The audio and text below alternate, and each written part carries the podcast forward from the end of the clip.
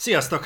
Szervusztok, üdvözlünk mindenkit. Kicsit ö, odébb megyek, hozzá közelebb, jó? Mit szólsz? Mi, mi lenne, ha arra mennél? Nem, a, kamer- a képhez próbálok igazodni. Hát úgy, mert így benne vagy. Ja, kap be. Weekleaf, aranyos vagy. Na, üdvözöllek titeket a 42. Reflektor felvételénél, vagy üdvözlünk. Itt van velem Balázs. Szia Balázs! És mi van, hogyha én nem üdvözlök mindenkit? Hát ez, szerintem senki nem fog meglepődni. Egyébként én is üdvözlök. Ismernek téged, nem lepődnek meg azon, hogy belegázolsz az emberek lelkébe. Egy, ez legutóbb is egész jól sikerült, Árpi, köszi szépen, aranyos vagy. Ö, azt hiszem, hogy a legutóbbi, a 41. reflektort, azt sokan megemlegették, mert ö, többen, többen, többek inger küszöbét sikerült kicsapni. Nem. Nem? Annyira nem volt? Nem. Figyelj, mi, azt gondolom, hogy mi egy remekbe szabott elemzést csináltunk a Batmanből. Szerintem is. Ezt visszatükröződik, mindenkinek erős véleménye volt róla. Igazából a kattintás számok számítanak, nem? Persze. De Hál' Istennek mindenkinek megmozgatta a fantáziáját, ami elhangzott. Ö, én bevallom őszintén, hogy egy idő után már nem követtem. Milyen visszajelzések jönnek. Ja, de- azt hittem a műsor. Nem, nem, nem, azt, egy, azt élő, élőben sem szoktam. Az, akkor már ketten vagy. Viszont, viszont az, a, az a, hogy van, tévképzetem, vagy saját magamat nyugtató kép ereszt egy gyökeret bennem, hogy szerintem ti szerettétek ezt a kibeszélős dolgot, úgyhogy a mostani adásra is készültünk ilyennel. Na várjál, mert közben van itt egy visszajelzés, hogy ezen állítsunk. Így jobb? Szerintem ez itt tök jó. Ennél jobb nem lesz szerintem. Ami, ami, ami probléma, az Dehogy nem content. lesz. Mint beszélj erről is egy kicsit. Na, srácok, az van egyébként, hogy megérkeztek az új ö, kis kütyük, az új mikrofonok. Nekem Ide egy, meg Balázsnak is ott van egy. Itt, itt, itt. Igen, tehát ez már megjött. Ez a része már rendben van a dolognak, úgyhogy belátható időn belül jelentős ugrás várható a, a reflektorok minőségében. Mielőtt valaki fellelkesül... Mármint a hangminőségben, nem a tartalomban. Ja, de a meséljen. Így hova fel. Hát igen, tudod, van az a, van az a magasság, ahova már az oxigén se jut el. Az annyi van, hogy ezek megérkeztek, viszont apró gond van a keverővel, úgyhogy azt pont ma küldtem vissza, és próbálok beszerezni egy másikat. Ezúttal ragad- ragadnám meg az alkalmat, hogy mindenkinek, aki Patreonon támogat minket, vagy Twitchen, vagy, vagy akármilyen formában megköszönjem azt, hogy, hogy segítettetek, mert ez nélkületek nem jött volna létre. Tehát így is ez a szett, ami megérkezett, és végül is nem került beüzemelésre. Ez egy ilyen 100 ezer forint környéki kiadás, és még benne van egy ilyen egy csere. Úgyhogy ez majd valószínűleg ez, ez, ez nőni fog. Tehát, Ja. de, De- ez már csak drágább lesz, de, de Minőség is megy majd fölfele. Ezt, ezt főleg szerintem azok fogják értékelni, akik a podcastet hallgatják, mert ö, tök jó ez a Yeti, meg használjuk már ezer éve, de ugye sokszor jele, jeleztétek, hogy főleg ennél a felállásnál, tehát mikor ketten vagyunk, akkor a hanggal szoktak lenni problémák, túl halkak vagyunk, túl hangosak, behaladszik a csámcsogás, stb. Ez, ez fejlődni fog. Még, A- még jobban behaladszik majd a csámcsogás. Meg a kutyaugatás, nyilván ezzel nem tudok mit kezdeni, azt majd a természet idővel megoldja, de gonosz vagy. De, de próbálkozunk, haladunk előre. Úgyhogy Így van. Úgyhogy köszi szépen mindenkinek. igen. Uh, Wolfside fotó, nagyon aranyos vagy. És akkor viszont repüljünk is rá szerintem a hírekre. Most nem fogunk filmekről beszélni, de ettől függetlenül... De fogunk. Fogunk? Sorozatról fogunk beszélni. Itt. Ja jó, majd ott. Hát már úgy értem, hogy, hogy kibeszélő jelleggel, mint a Batman, tehát nem hoztunk most olyan témát, Ja, ami, nem, nem, ami nem. olyan lenne. Viszont két kibeszélős témánk lesz. A következő film aztán majd a Morbius lesz, nem? Hm? De az a március vége, ha jól tudom. Ja. Talán. Az, utána a Strange, Tényleg a Doctor Strange is. Aha. úgyhogy majd ott. Kenobi? Mert megnéztük a Kenobit. Megnézted a Kenobit? Megnéztem a Kenobi trailert, bevallom őszintén, hogy kétszer néztem meg a Kenobi trailert, mert egy első alkalom az Elden Ring stream után néztem meg, de akkor már hullafáradt voltam, hogy hajnali kettő környékén, meg uh-huh. hát aki mutatta, az se volt már teljesen magánál. Úgyhogy láttam belőle, amennyit láttam. Aztán megnéztem még egyszer. Mesélj neked, mi volt a benyomásod? Nekem alapvetően tetszik, egy problémám van vele, hogy megint a Tatooine-on vagyunk. Tudom, hogy nem csak ott vagyunk, mert azért látszott rajta, hogy el fognak mozdulni másfelé is. Attól nem voltam túlságosan boldog, de nyilván valamilyen szinten ez elengedhetetlen. Viszont annak örültem, hogy úgy néz ki, hogy egy csomó elemet át fognak emelni az animációs filmekből. tehát az inkvizitorokat, meg azt az egész Meg történetvezetést. animált lesz az a vonat, ami ott ment a homok tetején. Ja, azt is például. Igen.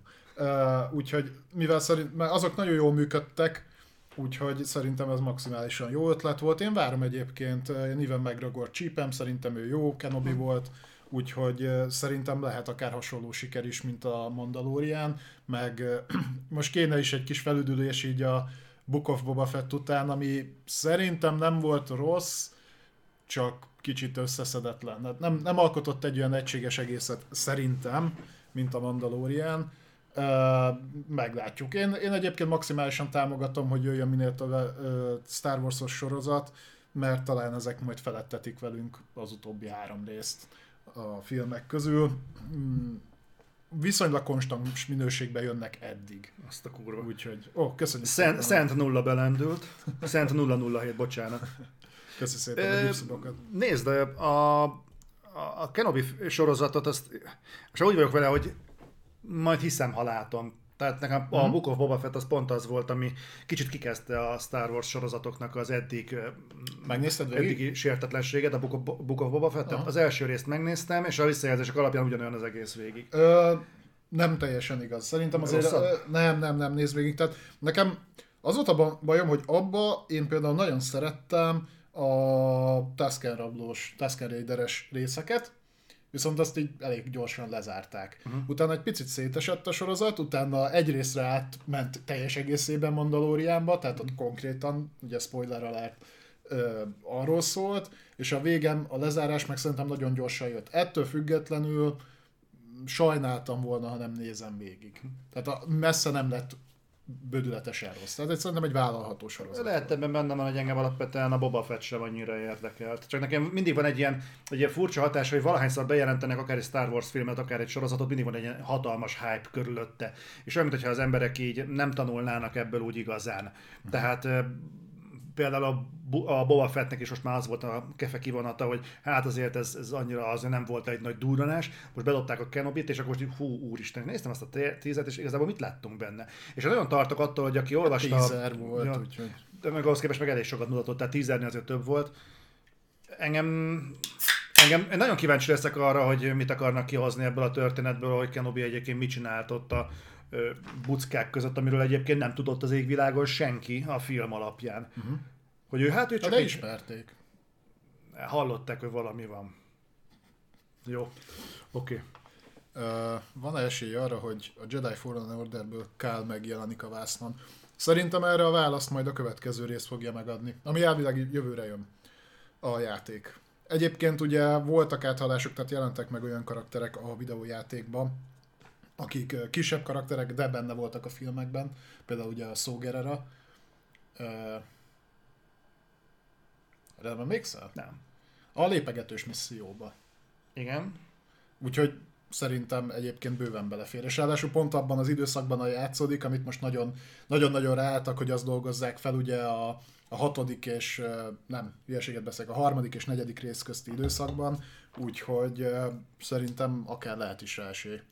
Nem tudom, hanem egyébként egy kicsit inflálva lett, kicsit, mindig ezt a kicsit teszem hozzá, senki ne érezze, hogy nagyon inzultálom. Nálam nagyon sokat erodálódott a Star Wars rajongás az elmúlt mondjuk tíz évben. Dolgoztak is rajta. Tehát eh, dolgoztak rajta, tehát eh, mm, nálam akkor realizálok, most, most már szerintem spoilerezhetek ennyit, hogy a Free Guy-nak a végén, aki, aki úgy gondolja, hogy még nem látta azok számára, tehát a, a Free Guy-nak a végén ott ugye megjelenik egy fénykard. És nálam a fénykard ez mindig egy ilyen szakrális dolog volt. Tehát, hogyha az, az, nálam mindig az volt a Star Wars ö, filmeknek az eszenciája, uh-huh. hogy úristen a fénykard párbaj, meg a küzdelem, meg, a, meg ezek a dolgok, nem a Stormtrooperek, meg a halálcsillag, meg a csillagromboló, meg az ilyenek, még csak nem is Darth Vader, hanem az, hogy, hogy egy fénykard párbajt láthatok. Na most, amikor egy fénykard megjelenik, és már semmit nem vált ki belőlem, az ég egy ott a világon semmit, akkor, akkor saját magamon döbbentem meg, hogy fú, basszus, mi történt? Tehát vagy velem van a probléma, vagy ezzel a filmmel van a probléma, vagy a Star wars van a probléma. És azért mondom ezt, ezt, az out of context példát, mint a Free Guide, uh-huh. mert és már le is veszem a spoilert, mert mert egy ilyen insertnek szerintem még ott is valamennyit működtetnie kellene. Tehát valamilyen rezgés számot be kéne indítania, még akkor, hogyha a film maga egyébként nem tetszik. Uh-huh. Úgyhogy én, én megkockáztatom azt, hogy nem a nem filmekkel van feltétlenül szervesen probléma, hanem velem. Tehát nekem ez... Én... Ezzel egyetértek. Ja, biztos, igen. Én vagyok defektes, nem az út dobál, tudod. Nem, hát nyilván szerintem sokakat kicsit lehozott az életről a legutóbbi három Star Wars rész, de azért mellette kaptunk szerintem elég sok olyan dolgot, ami viszont jól működött. Még, még a film. Például Horizon Forbidden West mondjuk annak nincsen Star Wars-os áthalása, de, de igen. De, ezt nem, de mellette kaptuk sok jó dolgot. Ez igaz. Live aranyos vagy, köszönöm. Sokat elmond arról a játékról, hogy te a teszt megírása után visszamentél vele játszani, és ilyen ritkán van azért. Nagyon, nagyon ritkán. Én szerintem ki fogom max... Nem merem megkockáztatni, hogy platinázni, mert szoktak lenni, tudod, a platinához te tudod a legjobban ilyen, ilyen dolgok, hogy teljesítsed, mit tudom én, három perc alatt azt a küldetést, amit mondjuk mit tudom, három perc húsz alá nem tudok vinni. Uh-huh. És, akkor az, és akkor csak frusztrált leszek, és csak idegesíteni fog. És most már eljutottam addig, hogy ami úgy érzem, hogy frusztrál, azzal, azzal nem akarok foglalkozni. Ez most micsoda? Na mindegy.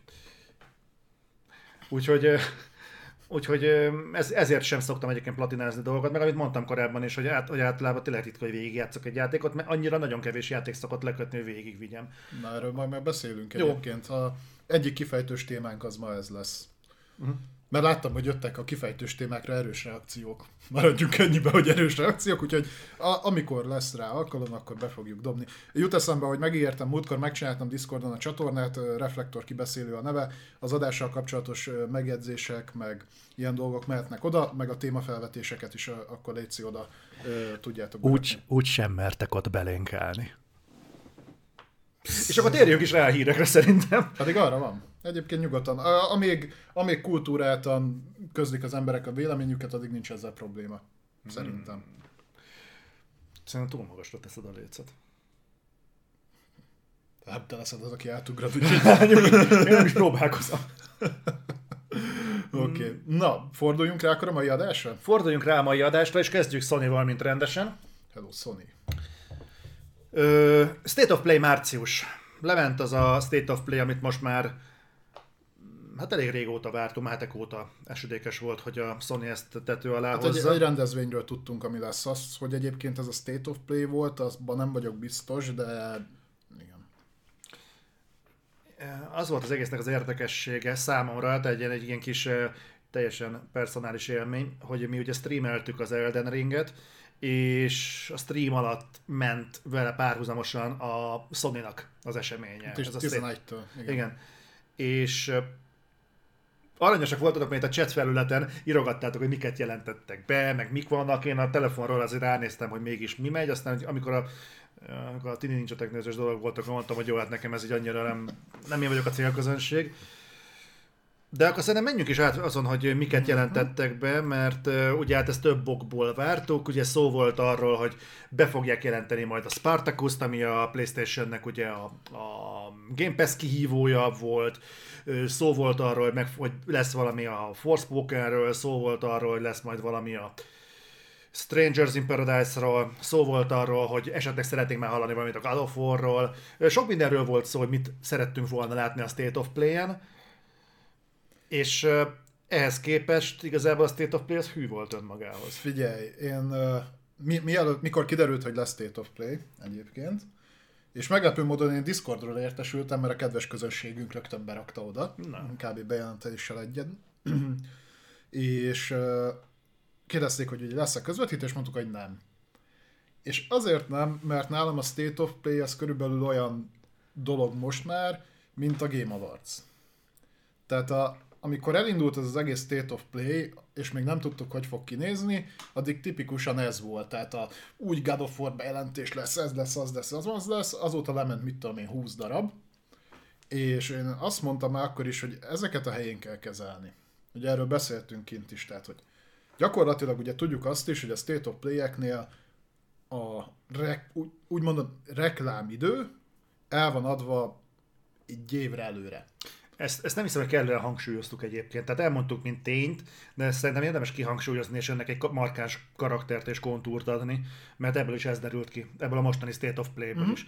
Tehát aki azt hiszi, hogy ez egy olyan esemény, mint az Xbox-nak az ID Xbox, vagy mondjuk az Electronic Arts-nak az EA Play, Tehát, hogy ott a saját brandjeit nyomja, és ez a, a Sony-nak egy markáns megjelenése, hogy nekik mondjuk hasonló, valami víziót társadalmak hozzá, mondjuk negyed évre, az elkövetkező negyed évre milyen játékokat akarnak kitenni a piacra, hasonló, mint a Nintendo Direct, az hozzám hasonlóan jó, hogy alapvető paradigmaváltáson átesik, mert nem erről van szó. Igen, tehát ezt rendbe kell tenni, és ezért mondtam, hogy úgy is kell viszonyulni a State of Play-hez. Na, látom, itt többen is ti is írjátok, hogy azt hallottátok vissza, vagy ti is azt tapasztaltátok, hogy unalmas volt, hogy nagy bejelentés, sony bejelentés az PlayStation showcase van.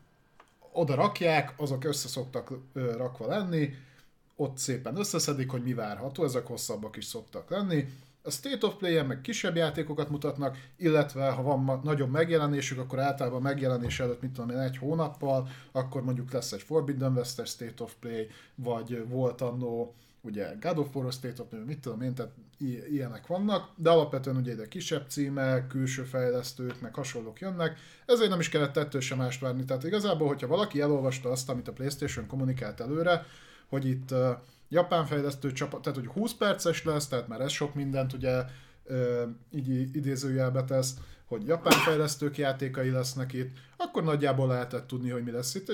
Mi találgattuk is Discordon, hogy, hogy mi lesz, mondtam, hogy szerintem a Ghostwire az biztos itt lesz, mert mindjárt itt a megjelenés. Hmm. Meg kell nézni a megjelenéseket, tehát Ghostwire lesz most, Strangers of Paradise lesz most, meg hasonló dolgok, és ezek is voltak. Volt persze ezen kívül még egy pár dolog, egyébként voltak szerintem viszonylag izgalmasabb dolgok is, de nyilván, hogyha valaki azt várta ettől, mint egy PlayStation showcase akkor megértem, hogy miért csalódott.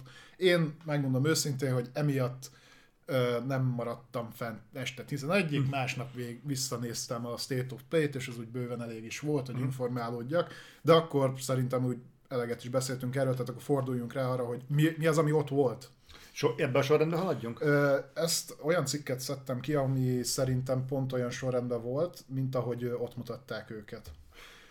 Jó, akkor viszont szépen gyorsan végigmegyünk rajta, mert azért lenne még hírünk ezen kívül is, mert aki néz, szerintem nem érdemes hogy 20 percnél többet beszélni, mert ők se beszéltek az összesről. Ha mindig ezt csinálod, nyugodtan beszéljünk annyit, amennyi jól esik. Akkor beszéljünk, hogy jól esik. Na, a Capcom bejelentett egy teljesen új IP-t, ez itt, kár, nem tudom, itt van egy komédiás, szerintem nincs itt komédiás, pedig szerintem ő örülne ennek, aki mondjuk húzamosabb ideje itt van a chat, a chat falon, észrevette, hogy időnként visszatérő téma nálunk a Dino Crisis. És uh, itt, itt fejtegettük is, hogy a Jurassic Park, meg nem tudja milyen uh, időszakába, miért nem támasztják fel a Dino Crisis-t? Uh-huh. Simán el lehetne adni. És um, amíg ezen, ezt latolgattuk, addig a Capcom kitalálta, hogy ő kiadja az Exa Primal-t, és ez egy, ez egy Antem. Ez egy antem. Igen, nekem is az jutott eszembe, hogy ez egy antem. Ez egy antem könt, köntösbe bújtatott vízszimuláció szerűen hömpögő dinoszauruszok a nagyvárosban. Nagyon fura a játék, Egyébként el tudom képzelni, hogy kóban jó lesz, tudod, mi az egy, egy, a nagy problémám ezzel? Én gyors elébe is vágok. Az utolsó dinoszauruszos játék, ami valami hasonló koncepció szerint működött, az a Extinction. Second Extinction Extinction. volt, és nekem nagyon-nagyon rossz szájízem van most így a hasonló jellegű dinoszauruszos akciójátékokkal, kóp akciójátékokkal. Ne legyen igazam, Azért a Capcomnak mostanában elég jó a, a alapjárása, úgyhogy bízom benne, hogy az Extra Primal is egyébként jobb lesz, mint ahogyan a trailer sugalja, de én jobban örültem volna egy Dino Crisis remake-nek. Igen, sokan így vannak ezzel itt a cseten is írjátok, és amennyire én tudom, vagy hallottam, de ez csak ilyen tényleg feltételekkel kell kezelni, hogy elvileg ez annak készült, tehát hogy ez elvileg egy Dino Crisis remake-nek készült, és úgy döntöttek a fejlesztése bizonyos időszakában, hogy jobban eladható egy ilyen live service-nek tűnő multiplayer alapú lövölde, ami végül az Exoprimer lett. Egyébként nem értem ebben a játékban, és sehol nem látom azt, hogy ez pontosan melyik ponton lett Dino Crisis-ből Exoprimal. Tehát olyan, mintha ez a kezdetektől fogva Exoprimalnek készült volna, mert nem, nem, nem, nem, nem, nem látom, tehát hogyha az alap Dino Crisis-t veszük, ahogy az a dzsungel környezetben, az, az, az szinte igazából egy Jurassic Park játék. Igen, az se Dino Crisis-nek készült, hanem Resident Evil-nek eredetileg. Igen, igen, igen. Tehát én nem látom, hogy ez, ez, ez hol lett volna.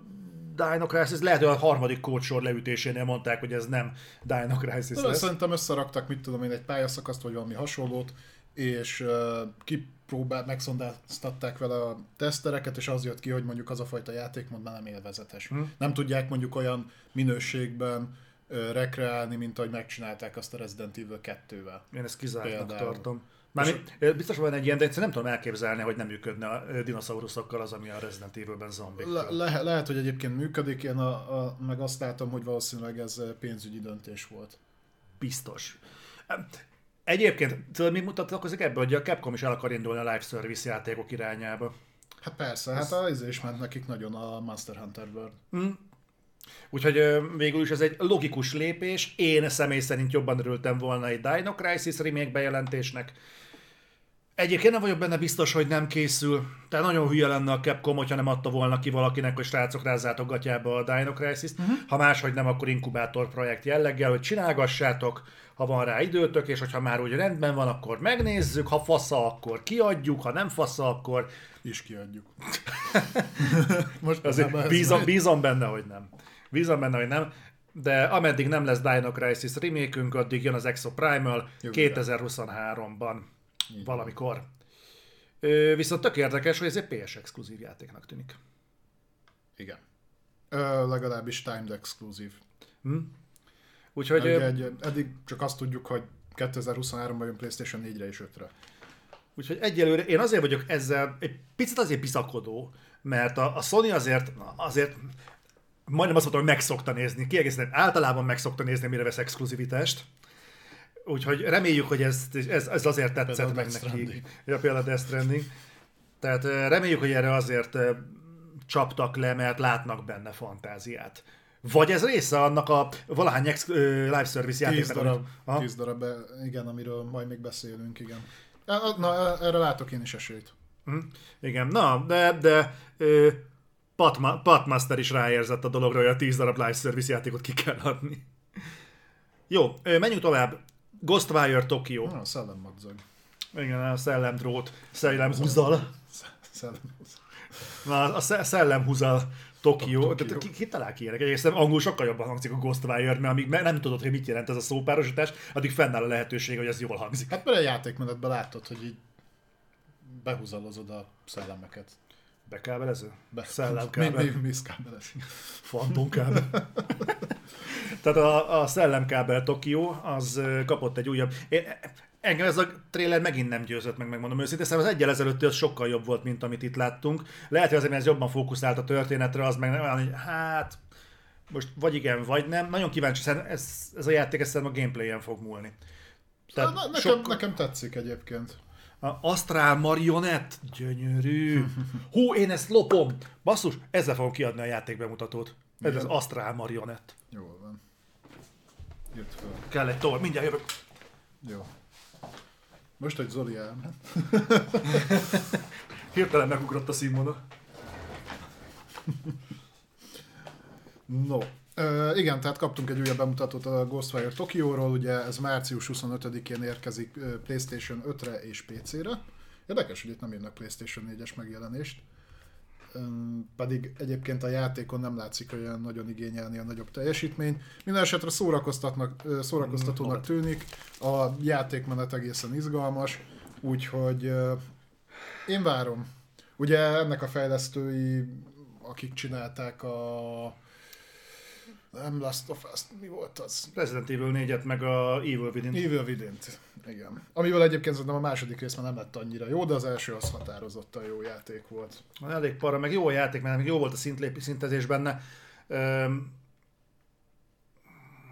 de nem én vagyok az, akinek a szíve Ghostwire Tokióra dobban.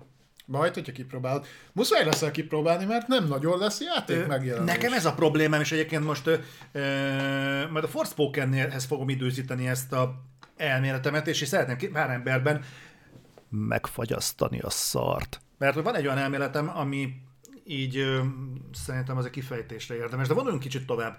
Ez, ö, hát ez a téged simogat. Jövő héten érkezik a Strangers of Paradise. uh, ugye Early Access-be akkor lesz elérhető. Ugye ez volt a másik tippünk, vagy tippem, hogy ez itt lesz.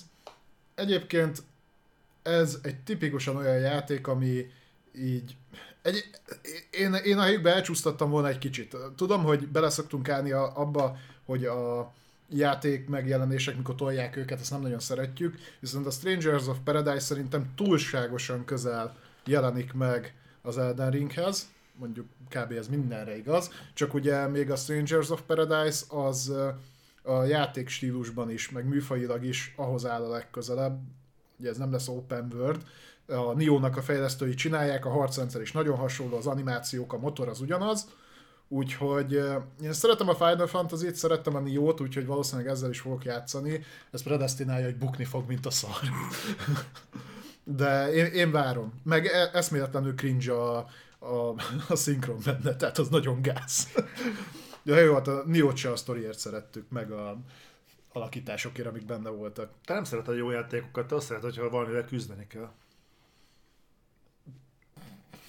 Na menjünk tovább. március, ezzel is muszáj lesz játszani. Március 15, amikor mi ünnepeljük a, a pre, dolgokat, akkor... Az az Early Access, de egyébként március 18-tól. És az multiplatform megjelenés, tehát mindenre is jön, kivéve Nintendo Switch-et. Uh-huh. Exoprimal nem lesz exkluzív, akkor miért írták, hogy ex- exkluzív lesz? Nem, az, nem írták, hogy exkluzív lesz, azt, azt írták, hogy mikor jelenik meg PlayStation 4-re, meg 5-re. Na, akkor menjünk tovább. Forspoken. Itt uh, annyi az érdekesség, hogy a, már jóval a State of Play előtt plegykálták, hogy csúszni fog a Forspoken, sőt már azt is plegykálták, Múlt hogy októberre. is. Igen, de akkor még csak plegyka volt. De már mi mondtuk, úgyhogy... Ja, mi mondtuk, jó. Tehát, ha mi mondtuk, az tény. az úgy volt. Mindig elfelejtem egyébként, hogy amit mi mondunk, az kőbe Ha nem mondtuk volna, akkor nem jelentették volna be. Megny- meg, megnyugodtak, hogy nem... Megnézték a reflektot, bazd meg, van még idő átírni. Ezek meg tudják. Lényeg az, hogy októberre el lett tolva, konkrétan október 11-re a Forspoken. És ide befűzném azt a gondolatot, ami amit szerintem érdemes egy kicsit csattogni. Tehát a Square Enix már tervez októberre. Fogunk beszélni egy másik játékról, ami szintén októberi targetet kapott. Tehát gyakorlatilag mondhatjuk azt, hogy azok a játékok, amik nem lettek mostanáig, nem kaptak megjelenést mostanáig a március és október közti időszakra, az valószínűleg nem fog megjelenni. Vagy nem tudunk. Jó esély. Na, nagyon meg lennék lepve, hogyha hirtelen előállna valaki azzal, hogy ja, majd én nyáron kiadok valamilyen játékot tisztán látszik, hogy nem látunk olyan játékokat, nem csak itt, hanem máshol se, hogy, hogy úgy nagyon mozgolódás lenne. Ha valamit bejelentenek mostanában, az inkább október, vagy azután 2023-ra is előbb jelentenek be játékot, Aha. mint hogy ö, október előttre. Én nekem nagyon az, hogy... Ó, én nagyon fosok attól, hogyha God of War-ról lerántják a leplet, és elkezdenek beszélni róla, akkor az az lesz, hogy október után. És ez, mert nem csak azt értem, hogy 2022, Július. az. Miért? A Last of Us 2 meg a Csúcsú is nyáron jött, június-júliusban. De azt nem tavasszal tudtad meg, hogy nyáron jön. Meglepetés lesz. Az. Egyébként tudja, hogy december, vagy november vége, december elejére fogják rakni a God of War. Ha idén megjelenik, akkor no, november szerintem. Akkor valószínűleg, de én egy kicsit azért volt már egy ilyen asszályos időszakunk, azt hiszem két évvel ezelőtt, amikor véget értek a fontosabb játék megjelenések olyan február környékén, és onnantól kezdve fél éven át nem jött semmi. És felmerül bennem a kérdés, hogy oké, okay, de miért nem lehetett széthúzni a februári játék megjelenéseket mondjuk kicsit szellősebbre? Jó, most saját magamhoz beszélek, meg így magam felé hajlik a kezem nyilván, de de miért kellett egymás egyén hátára pakolni ezeket a címeket? Miért nem lehetett mondjuk ezek az... mind csúsztak már. Emlékezz vissza, a Gran Turismo tavalyra volt beígérve, a Forbidden West tavalyra volt beígérve. Igen, de leesett volna bárkinek a gyűrű az ujjáról, hogyha azt mondják, hogy február helyett mondjuk március. Hát Vagy, igen, mert nem volt megjelenésük. De, de nem, nem februárra nem volt megjelenésük, hanem úgy, úgy általában nem. Hát most lesz egy fél éves hatalmas laufu, semmi probléma, nyilván meg lehet venni ezeket a játékokat egy uh-huh. hónappal később is, de azt pontosan tudjuk, hogy egy hónap után már akciózni szoktak játékokat, tehát azon már bukik mindenképp a kiadó. Hát a tehát, bukik. Igen, hát bukik. Tehát ö, én nem értem, hogy miért mentek bele egy teljesen felesleges versenybe a vásárló pénztárcájáért. Most mondok valami, például mondjuk a Dying Light 2 kijött volna áprilisban. Hallod? Igen. Még az is megvette volna, hallod, aki egyébként az Elden Ringre átsingózik, mert az Elden Ringet megveszi februárba, kipörgeti március végéig, és áprilisban amennyi pénze van, azt le fogja csapni mondjuk a Dying Light 2-ért, amennyiben a, nyilván, hogyha érdekli a játék. De még ha nem, akkor is megveszi, mert abban a hónapban nincsen más. Tehát szerintem ez egy, ez egy tök élhető dolog lett volna. Nem tudom, miért van egy ilyen rohadt sűrű hónapunk, amikor utána fél év nullánk lesz. Mondom, bármi történhet menet közben, de nekem például a Forspoken októberi bejelentése azt jelenti, hogy októberig nem sok mindenünk lesz. Ezelől kivé- kivétel lehet a Nintendo, de azt róla meg tudjuk, hogy hajlamosak. Azt téged annyira nem érint. Annyira nem. Nem tudom, múltkor néztük a megjelenéseket, de én nekem se rémlik. És tudod, mi a durva egyébként, hogy oké, ez most csúszott októberre. De ha meg azt nézed, hogy azok a játékok, amik meg oda voltak nagyjából lerakva, ilyen október, november, december, Starfield nem lesz idén, én ezt most aláírom. Mm. Hogy ez olyan, olyan patentátumot adtak neki, hogy ezt a Bethesda nem rakja addig össze. Mhm. Szerintem nagyjából. Nyáron az E3-om szerintem, amiről majd beszélünk, be fogják jelenteni, hogy azt elcsúsztatták. A Motorsport nem lesz idén. Majd beszélünk még ezekről. Igen, a... Ugye a Stalkert már tudjuk, hogy nem lesz idén. Scorn van még, Atomic Heart, De ezek nem olyan dolgok, amik megmozgatnak embereket.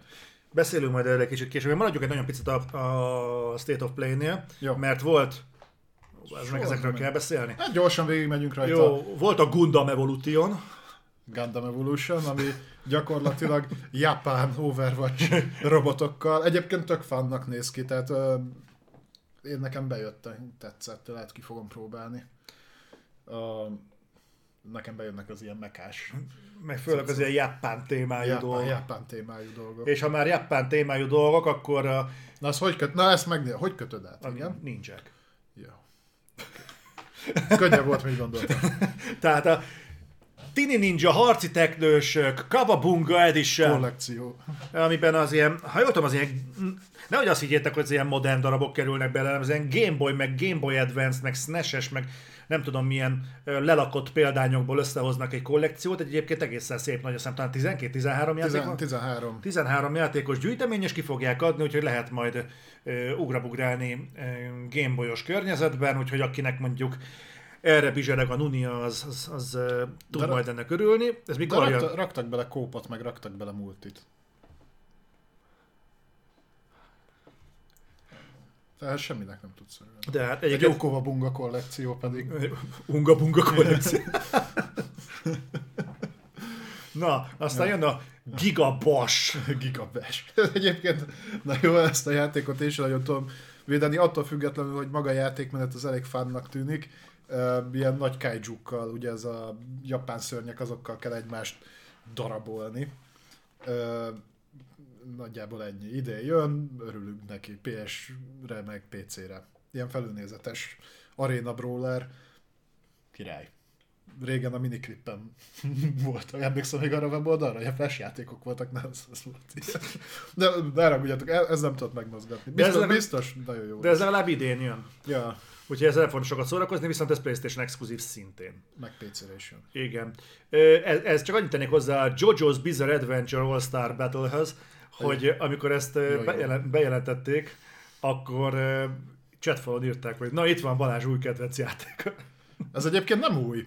Ez PS3-ra már annó megjelent, és ez gyakorlatilag annak a remake vagy nem remake, remaster, mert ahogy nézem a grafikához annyira nem nyúltak. Hozzáteszem a Jojo-nak elég, illetve a Jojo Jojónak elég egyedi látványvilága van, azt úgy viszonylag jól átvették, tehát ezzel a celsédes megjelenítéssel.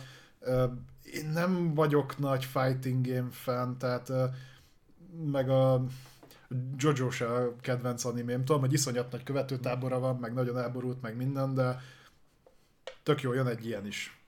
Úgyhogy lehet majd Zolit baszogatni vele. Le- Van benne ora-ora. Van, van benne, ora. Jó, oké. Na, aztán jön a meggyőződésem, ez Trektozomi, egyébként Trektozomi, Jomi. csak a, Vagy kvert, csak a kverti billentyűzetet felcserélték azért meg az Y-t. Csak az, Japán billentyűzet. ja, az, De ezt ne bántsad egyébként szerintem. nem bántom, csak Zomi szerintem, és nem Jomi. Track, track to Yomi.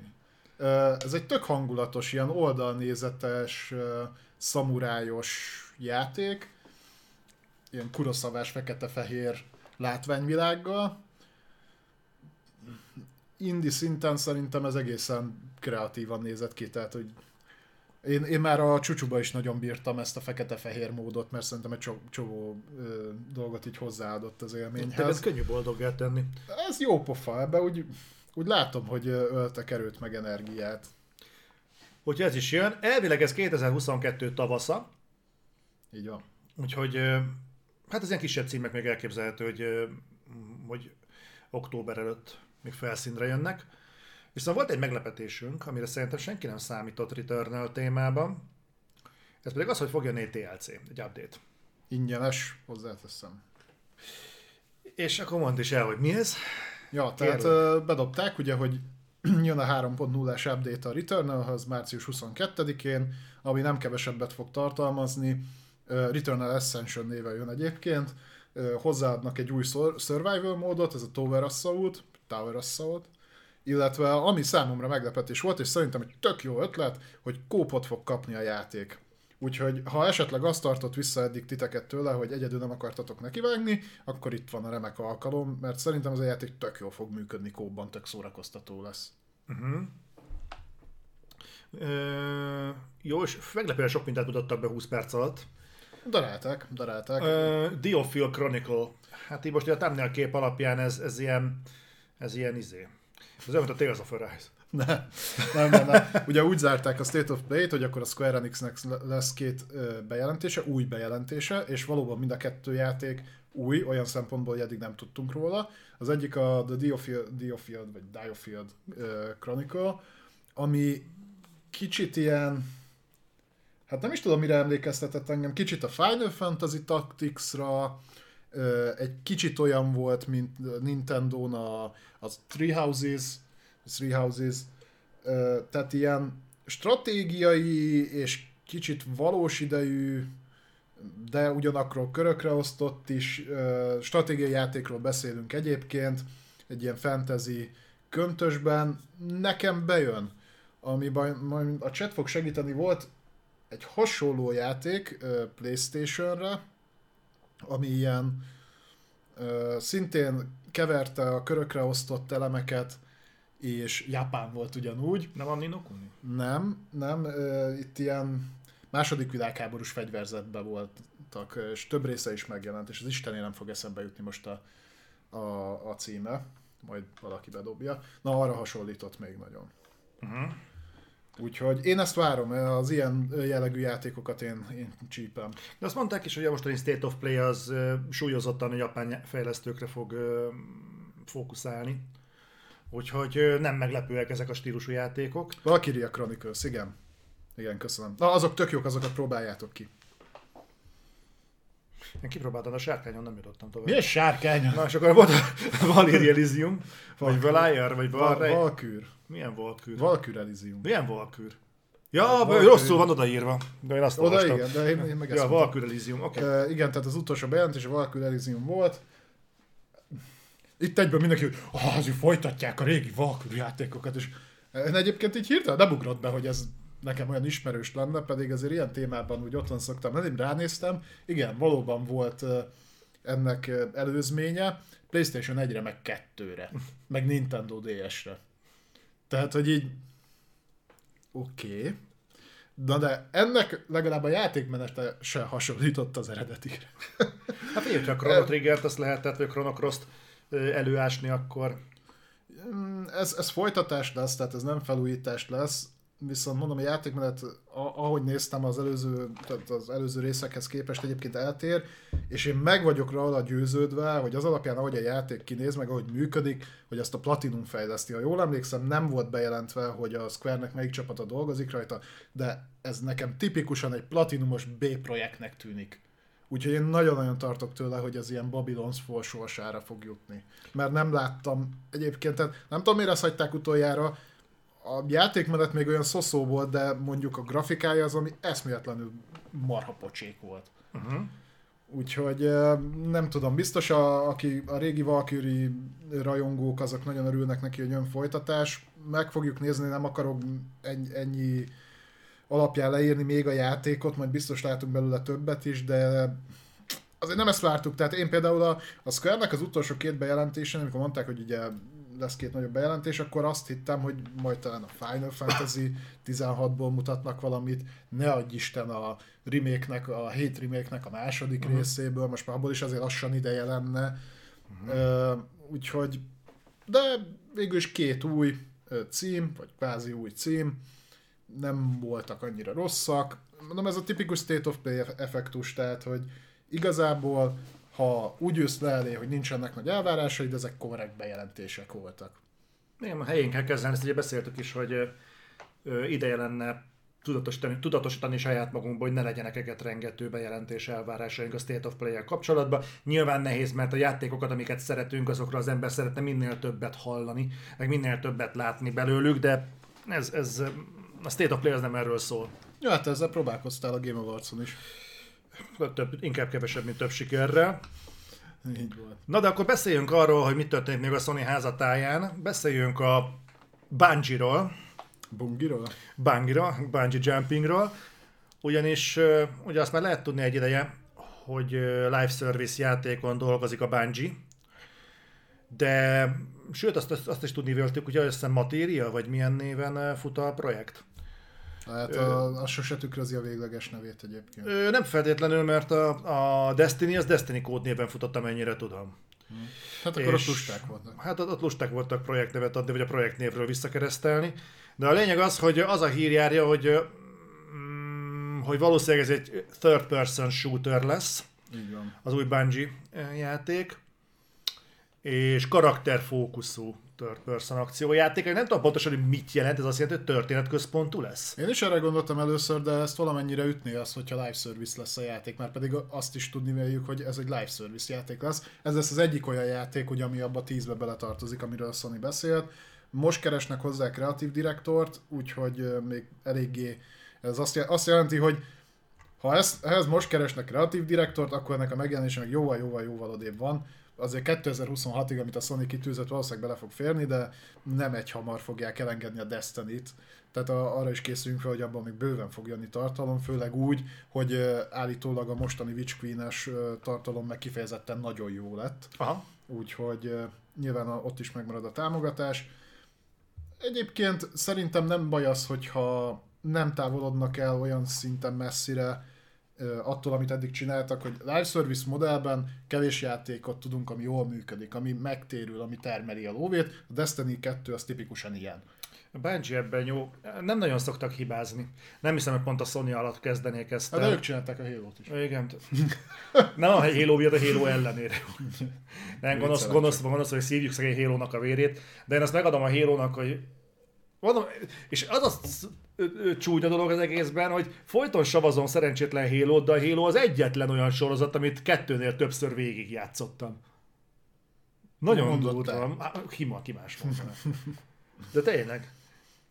És úgyhogy nem vagyok különösebben hélós, sőt. De egyébként megjátszatja magát. Ebben egyébként nagyon jó a Bungie, tehát nagyon jó gameplay tudnak csinálni. Hmm. Úgyhogy hát sztorit azt hát, hát olyat írnak, amihet, de egyébként de gameplayben jó. Tehát az, az, azt, azt én megadom nekik, hogy... Live service játéknál, hogyha jól működik mondjuk a gameplay, ugye tipikusan például a destiny akkor szerintem a sztorit azt ugye el tudod engedni. Tehát... Erről beszéltünk is valamikor, hogy a játéknak mennyire képzi szerves részét a történet, és ebben én megengedő voltam, hogy szerintem annyira nem. Tehát egy jó játékot tudsz élvezni történet nélkül is, ugye ez mondjuk filmnél nem működik. És egy jó történetet játék nélkül. De, de arra meg jó példa de gameplay a What, What Remains of Eden Fitch, ami gyakorlatilag csak történet, és a játék az csak a, egy, egy vizuális, oh. tehát egy megjelenítési közege. Ott a játékmenet egyébként a történetmesélésnek a része, tehát ott, hogyha nincs túl bonyolítva nyilván, de azért az, ami ott játékmenetleg benne van, az is az a történetnek is a szerves része. Ezt akartam kihozni, hogy... gyalogolsz? Nem, nem, nem az, hogy gyalogolsz, hanem például, én te játszottál vele? Nem. Tehát abban például van egy olyan rész, amikor csak mondok valamit, hogy hajókázni kell. Felülnézetből végig kell vinni egy kis hajót valahol a térképen. Uh-huh. De az a hajó olyan kikötőket érint a rajzban, ami a történetnek a része. Tehát úgy halad tovább a történet mesélése, hogy a kis hajó. És a hajó azért fontos, mert a gyerek, akiről éppen mesél, az hajókázott. Uh-huh. Vagy mondjuk a halszeletelőzem, hogy a gyerek az mindig el, elkalandozott, mindig valahova máshova képzelte magát a mesevilágba, és közben a halfeldolgozó üzembe, és akkor utána hogy szabadon hagyja a dolgot, hogy egyszer csak történt egy baleset, vajon mi történhetett? Uh-huh. És így nincsenek benne bonyolult dolgok, de azok viszont a történetmesélés szerves részei. Meg én mondom, ennek az evangelistája vagyok, aki nem játszotta What Remains of Edith finch sürgősen pótolja, kurva gyorsan pótolja. Csak azt akartam hogy mondani, hogy, hogy, hogy sztori nélkül lehet jó játékot csinálni, itt van például a Fortnite például. Ja, bár Te... annak van sztoria. Ja, nem tudom milyen, mert nem követem, de elvileg van de viszont jó gameplay, az, hogyha, hogyha van egy jó sztori, jó játék, amit viszont szar játszani, azt le fogod húzni a WC-n. Mert hiába baszod a történet. Ja, de, de ezt nem hagyom meg. De értem, amit mondasz egyébként. Egyet Biztos? Hát, próbálok tenni. Jó. Szóval TPS Bungie, TPS, tehát a Bungie TPS live service játékot dolgoz, de figyelek, mondjad kérlek, minden szabad. Jó, majd akkor én is kijátszom a Battery Remains of Eden Ja, tudom. Csak előtte megnézem a Konát. Koda. Akkor. Azt, azt meg főleg megnézem. Ja, kösz. Tényleg egyébként itt valahol els, valamelyik reflektorban talán kettővel ezelőtt elsütöttem, hogy megnéztétek a Kodát. A Kodát megnéztétek végül is? A Kodát? A Skodát. De komolyan megnéztétek? Valaki megnézte az unszolásomra? Senki? Na mindegy. Mindegy, én megpróbálom, próbálom itt tudod itt terjeszteni az igét, Tessék. meg hogy ó, Jack Cook megnézte, tetszett neki, Joker megnézte, de nem mondott semmit. Lehet, hogy senkit se érdekeltek oda. Én próbálom tudod így felnyitni az embereknek a szemét, de nem történik semmi. Hát Na, az, besz... az a baj, hogy nálam meg kialakult egy ilyen védőpazs, amivel lepattan a mondani valód, és akkor néha átjut valami, azt is mindig megbánom. Na, De egyébként... Beszéljünk, beszélj a Sly Cooper, azt úgyis szeretem. Beszélünk. Egész, egész sokszor beszélünk róla. Úgyhogy beszéljünk egy kicsit a Sly, Sly Cooper. Na, a Topinak is tetszettek, jó. Na, múlt héten is beszéltünk róla, most beszélünk megint, egy kis update, néhány dolog jött ezzel kapcsolatban. Egyrészt valaki kiszúrta, hogy megújították a Sly Cooper domaint, Na most ez önmagában nem jelent sokat, mert ugye ezek általában lejárnak, és ha nem a Konami vagy, akkor ezeket meg is hm. újítják. Úgyhogy ez még önmagában nem jelentene sokat, de jött több más szivárgás is, mi szerint még idén jön a bejelentés, állítólag nem is olyan sokára. Bocsánat, most jelent meg komédiás. Lemaradtál a Dino Crisis témáról. Bocsánat, folytat. Tehát még idén bejelentik ahol végre ki fog derülni, hogy egyébként reméket vagy folytatást kapunk, bár ahogy láttam a közösségnek a nagy többsége azért kampányol, hogy folytatást kapjunk. Én szerintem egyébként annyi embernek kimaradt a, az első pár részek, ugye még PlayStation 2-es korszakból, hogy nyugodtan jöhetne remake is. Én szerettem a Sly Coopereket. Azt se tudja, mi az. Tudom, hogy feladtad a sárkánynál. illetve most már tudni véljük a fejlesztőt is, ez pedig nem más lesz, mint a Pixel Opus, aki onnan lehet ismerős, hogy ők csinálták a Concrete Genie-t. A legendás Concrete Genie-t. Nem tudod melyik a Concrete Genie. Nem, nem értem híres Concrete Genie-t, mert hogy ne ismerném. Nincs meg az a játék? De, az, ne, az Playstation move volt, nem? Jól emlékszem? E, igen, igen, benne. Ez amikor festettél a falra, és akkor az úgy valóra vált, meg mit tudom én. Ja. Hát a Beton Genie, tudod. Tudom, a Beton Concrete Genie. Mindegy, ők egy kisebb stúdió, viszont a vizuáljuk az nagyon király. Tehát a Concrete Genie-vel is, hogyha játszott valaki, akkor az, az tudja, hogy... Meg, meg jó sztorit tudnak írni, vagy jó sztorit Betonkemény sztorit. Így van és elvileg besegít nekik a Sony Picture Animations is, mégpedig azért, mert hogy elvileg animációs sorozat is készül a, a slide-ból. Úgyhogy ennek is örülünk. Abszolút. Nagyon, Én mindenképpen. Nagyon örülök neki, hogy lesz új Sly Cooper. Úgy hiányzik, végre, hogy végre, végre bepótolhatod. Nagyon, ja, igen, mert ugye remake vagy folytatás, ez még nem egy eldöntött dolog. Igen, téged hogy... meg ugye... Neked mindenképp újdonság lesz. Te viccelsz? Tegnap leültem a Horizon Forbidden West-re, néztem, hogy én már itt tartok. Igen. Mm.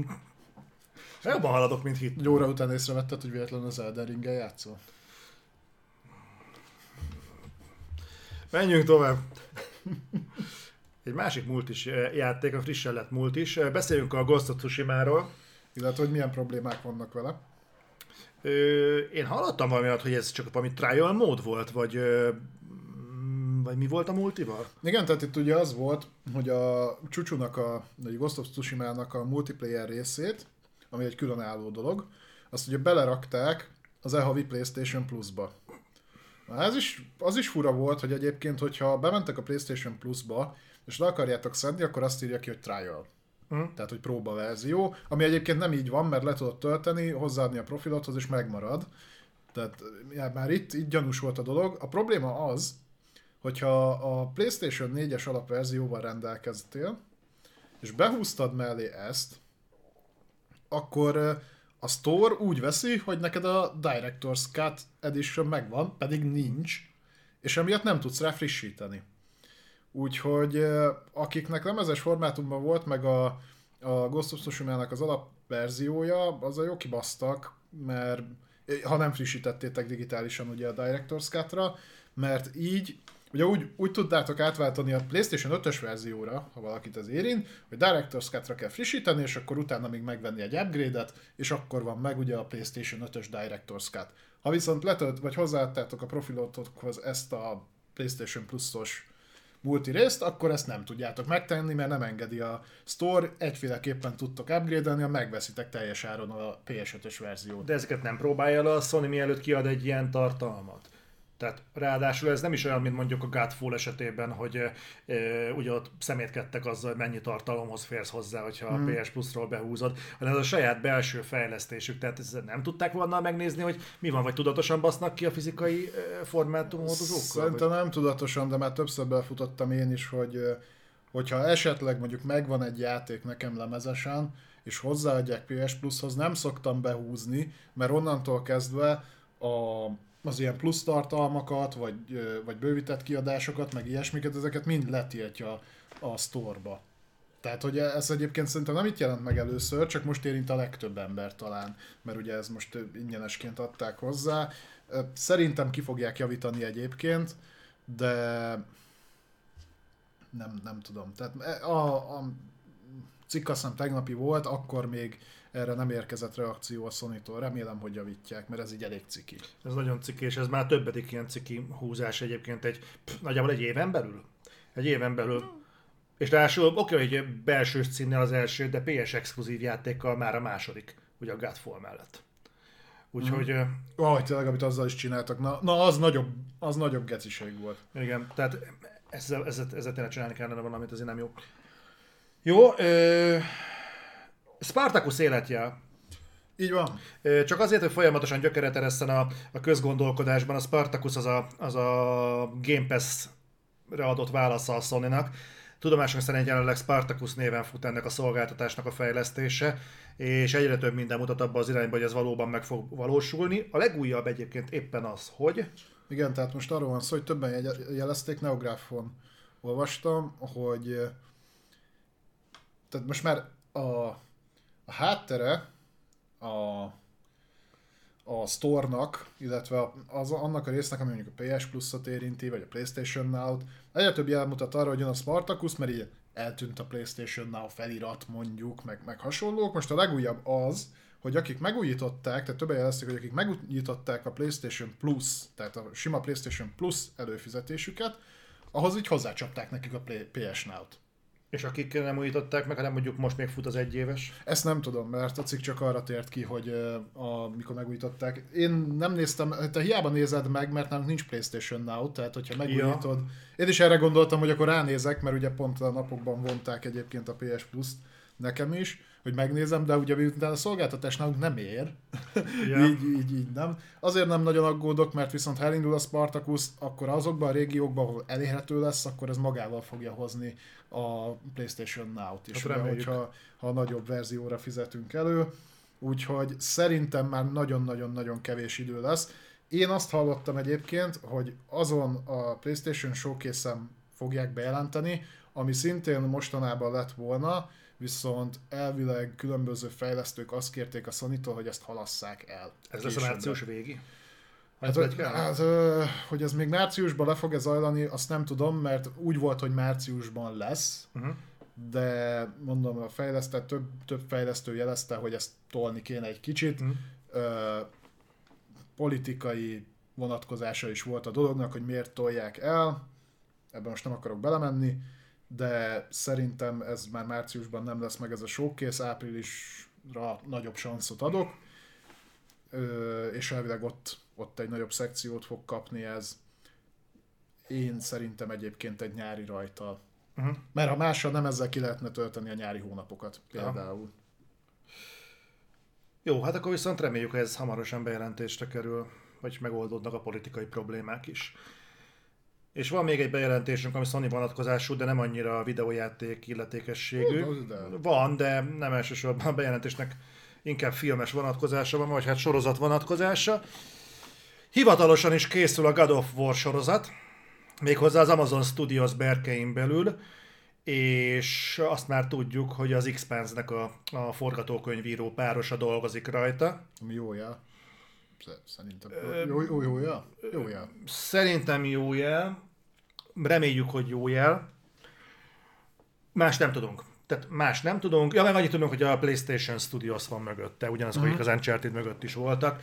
Tehát ez egyrészt azt is jelzi, véleményem szerint, hogy a PlayStation Studios nem csak a moziba kerülő alkotásokat fogja patronálni, hanem mindent, ami ki fog kerülni a házuk tájáról, vagy hát közel mindent, mert a Twisted Metal kapcsán nem hallottam egyébként, hogy ott lennének, De. de, valószínűleg ott is ott lesznek. De itt, itt határozottan. Érdekes egyébként, hogy a, a Jack Ryan, ki a góréja? Jim Ryan. Jim Ryan. Ja, Jack Ryan az más.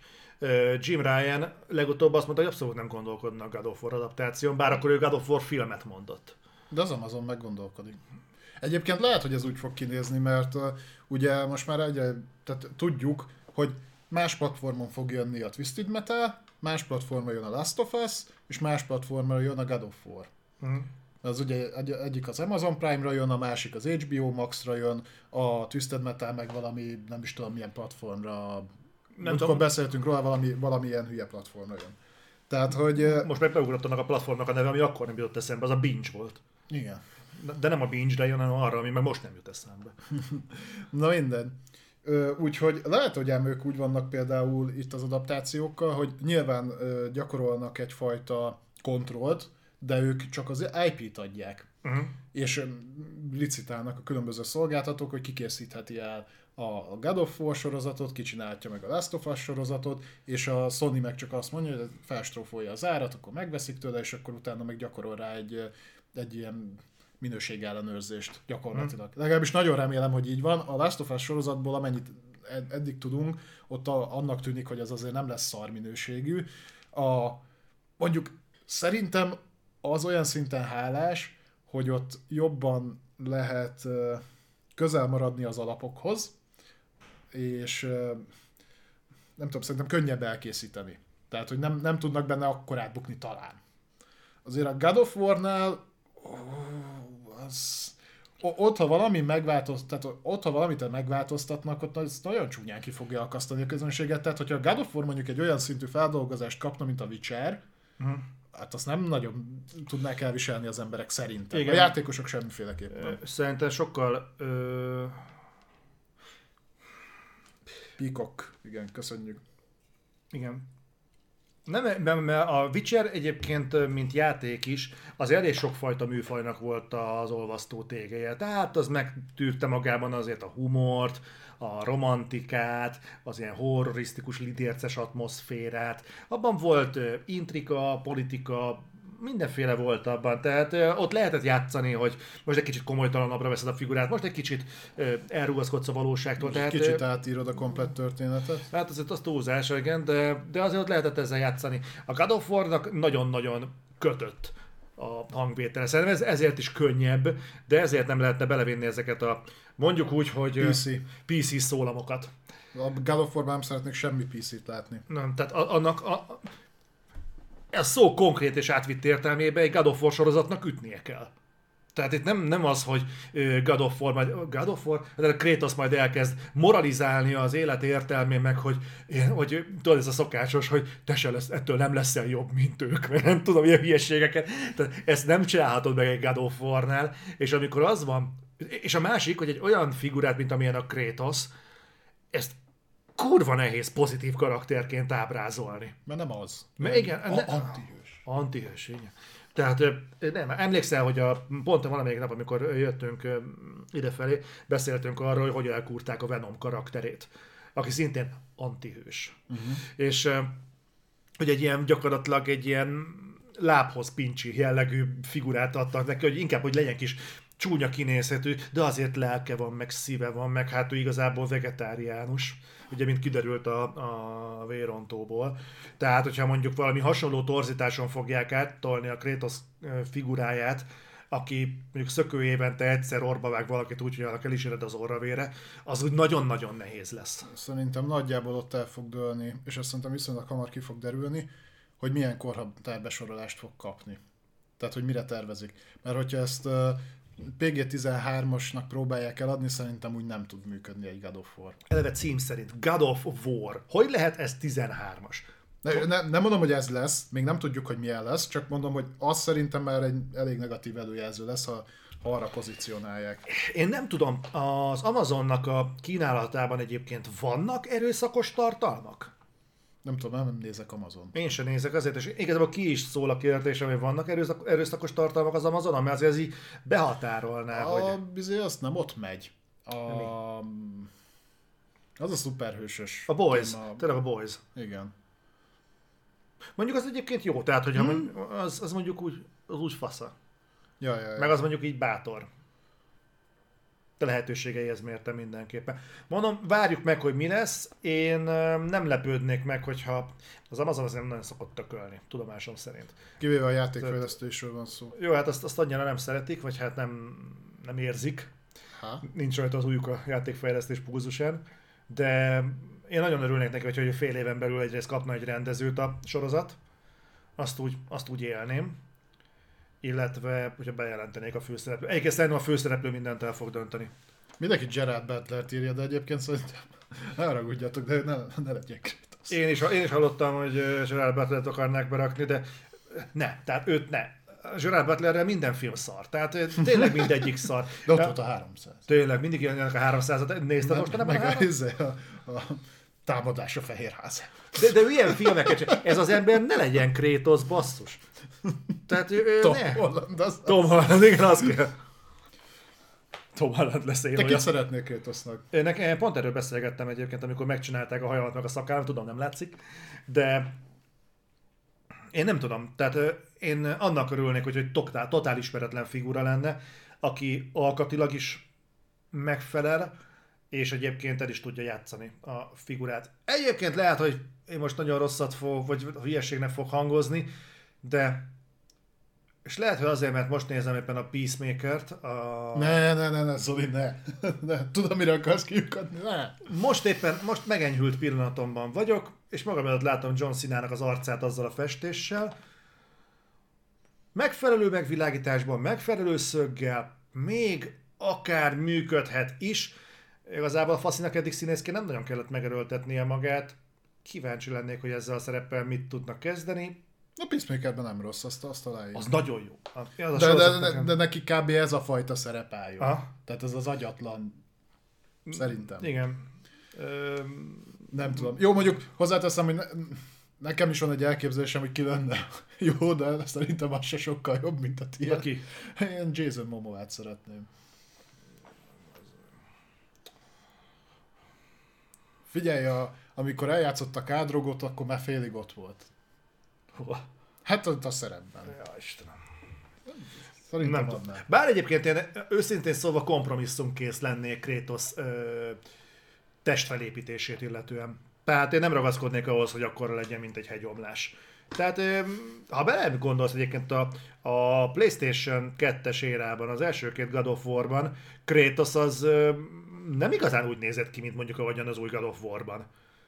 Tudom, mert volt a kettő között 20 év. Igen, de ott egy ilyen atlétább. Jó, de azért ott is volt. azért elég tagba szakadt volt már. Igen. Na mindegy, úgyhogy jelenleg tudjuk, hogy jön a God of War, én nagyon örülök neki. Uh-huh. Tényleg nagyon boldog vagyok. Egészen addig van, a Szena a főszereplőn fog eldőlni, hogy jó lesz-e vagy sem. Én per pillanat nem tudom elképzelni, hogy ki lehetne, úgy tényleg. Most pillanatnyilag mondom, Peacemaker lázban égek, vagy Peacekeeper lázban égek, nem tudom, mind, mindegy békeharcos lázban mm-hmm. égek, de Danny DeVito-ja. Úgyhogy majd meglátjuk. Ja, de várjuk, tehát én is, én is szeretném látni. Meg kíváncsi leszek, hogy honnan kezdik el feldolgozni a sztorit, szerintem tökre adná magát, hogy ugyan mindenkinek az MDK-ben a legutóbbi God of War ér, de nyilván ahhoz, uh, ahhoz, hogy oda eljussunk, azért kell tudni, hogy mi volt az előzmény, tehát a, a legelejétől. Csak ne az legyen, mint a Halo-nál, baszki, amikor mondták, hogy ez egy alternatív Ne, ne, ne, történet. azt, azt ne. Azt ne. De ez hogy tudod alternatívan feldolgozni, hogy ez meg, meg, azt megcsapni. Igen. Egész ez Olympuszt, Hogy Elmondjuk azt a sztorit, amit eddig még nem tudtatok. Tehát nem, ne, ne, ne, ne, ne, ne. Tehát ami nem úgy volt. ez, igen. Tehát ezt kérjük. Kérném szépen, vagy azt, amit 2018-ban csináltak, God of War-ként, De vagy ahhoz fel kell építeni a karaktert. De hogy szerintem ahhoz nem kell annyira. Tehát, bár de, de az, az folyamánya annak, amit láttunk, de szerintem az élvezhető enélkül is. Sokkal jobb, hogyha ismered a háttérsztorit, de egyiket élvezhető anélkül is. Mondjuk sorozatban nem tudom, mennyire lehetne átültetni azt, hogy egyébként ő megcsapta az olimposzi isteneket. Szóval ő van, és most, most, most, most csesztetik a norvég istenek. Tudod, miért kéne korábbról kezdeni? Mert Meg hogyha ha a mostanival kezdesz, és mostanit akarod feldolgozni, akkor nagyon gyorsan a sztori végére érsz. Igen. Tehát, hogyha mondjuk több évadosra tervezed a dolgot, és gondolom arra tervezik, nyilván az első évadnak a sikere fogja majd megmondani, hogy folytatást kap-e, akkor egyszerűbb az elejétől kezdeni. Mert akár a görög részt is kihúzhatod két-három-négy évadra. Ilyen megfontolásból egyébként mindenképp jó lenne. Főleg úgy, hogy utána, ha nem akarnak nagyon a maszkokkal baszakodni, akkor még benne van az is, hogy ö, színészt váltanak az öreg Kratosra. Hát igazából három, legalább három God of War anyaguk van ahhoz, hogy sorozatot csináljanak. Hát, sőt, több, mert ott vannak a PlayStation, PSP-s címek. Ezért is. mondtam, hogy legalább három. Ja igen, úgy igen, igen, igen, igen. Nem figyelsz eléggé rám. Hál' Istennek. Azért vagyok még épp elmélyű többé-kevésbé. Na és akkor most... és akkor jöjjön egy olyan téma, amit nagyon szerettek, és már többen, kér, tudod, többen kérdeztétek. Önök kérték. Legyen egy kibeszélő témánk, mit szóltok hozzá így a sony blokknak a végére. Így van. Ebből lesz ma kettő egyébként, az egyik most, a másik pedig a nintendo rész után. Így igaz. Csak azért legyen min rugózni. Ezt a topikot ezt most Balázs hozta, és egy baromi érdekes tendenciára hívja fel a figyelmet. Próbáljátok megkövetni minket. Figyeljétek a kezemet, mert csalok. Ja, de én jó mondom. Tehát uh, igazából a, a témát az, azt, az vetette föl, hogy uh, vagy nem kiszivárogtak, hanem gyakorlatilag megnéztem, uh, lehoztak egy cikket, ahol megmutatták, hogy a Forbidden Westnek, ami ugye most a, talán az egyik legnagyobb Playstation-os megjelenés volt, és open world játék, uh, hogy állnak a trófeái, tehát kifejezte be, kiplatinázta ki, stb. És ezzel kapcsolatban vetődött fel egy pár gondolat bennem, amit szerintem most így kibeszélünk Zolival.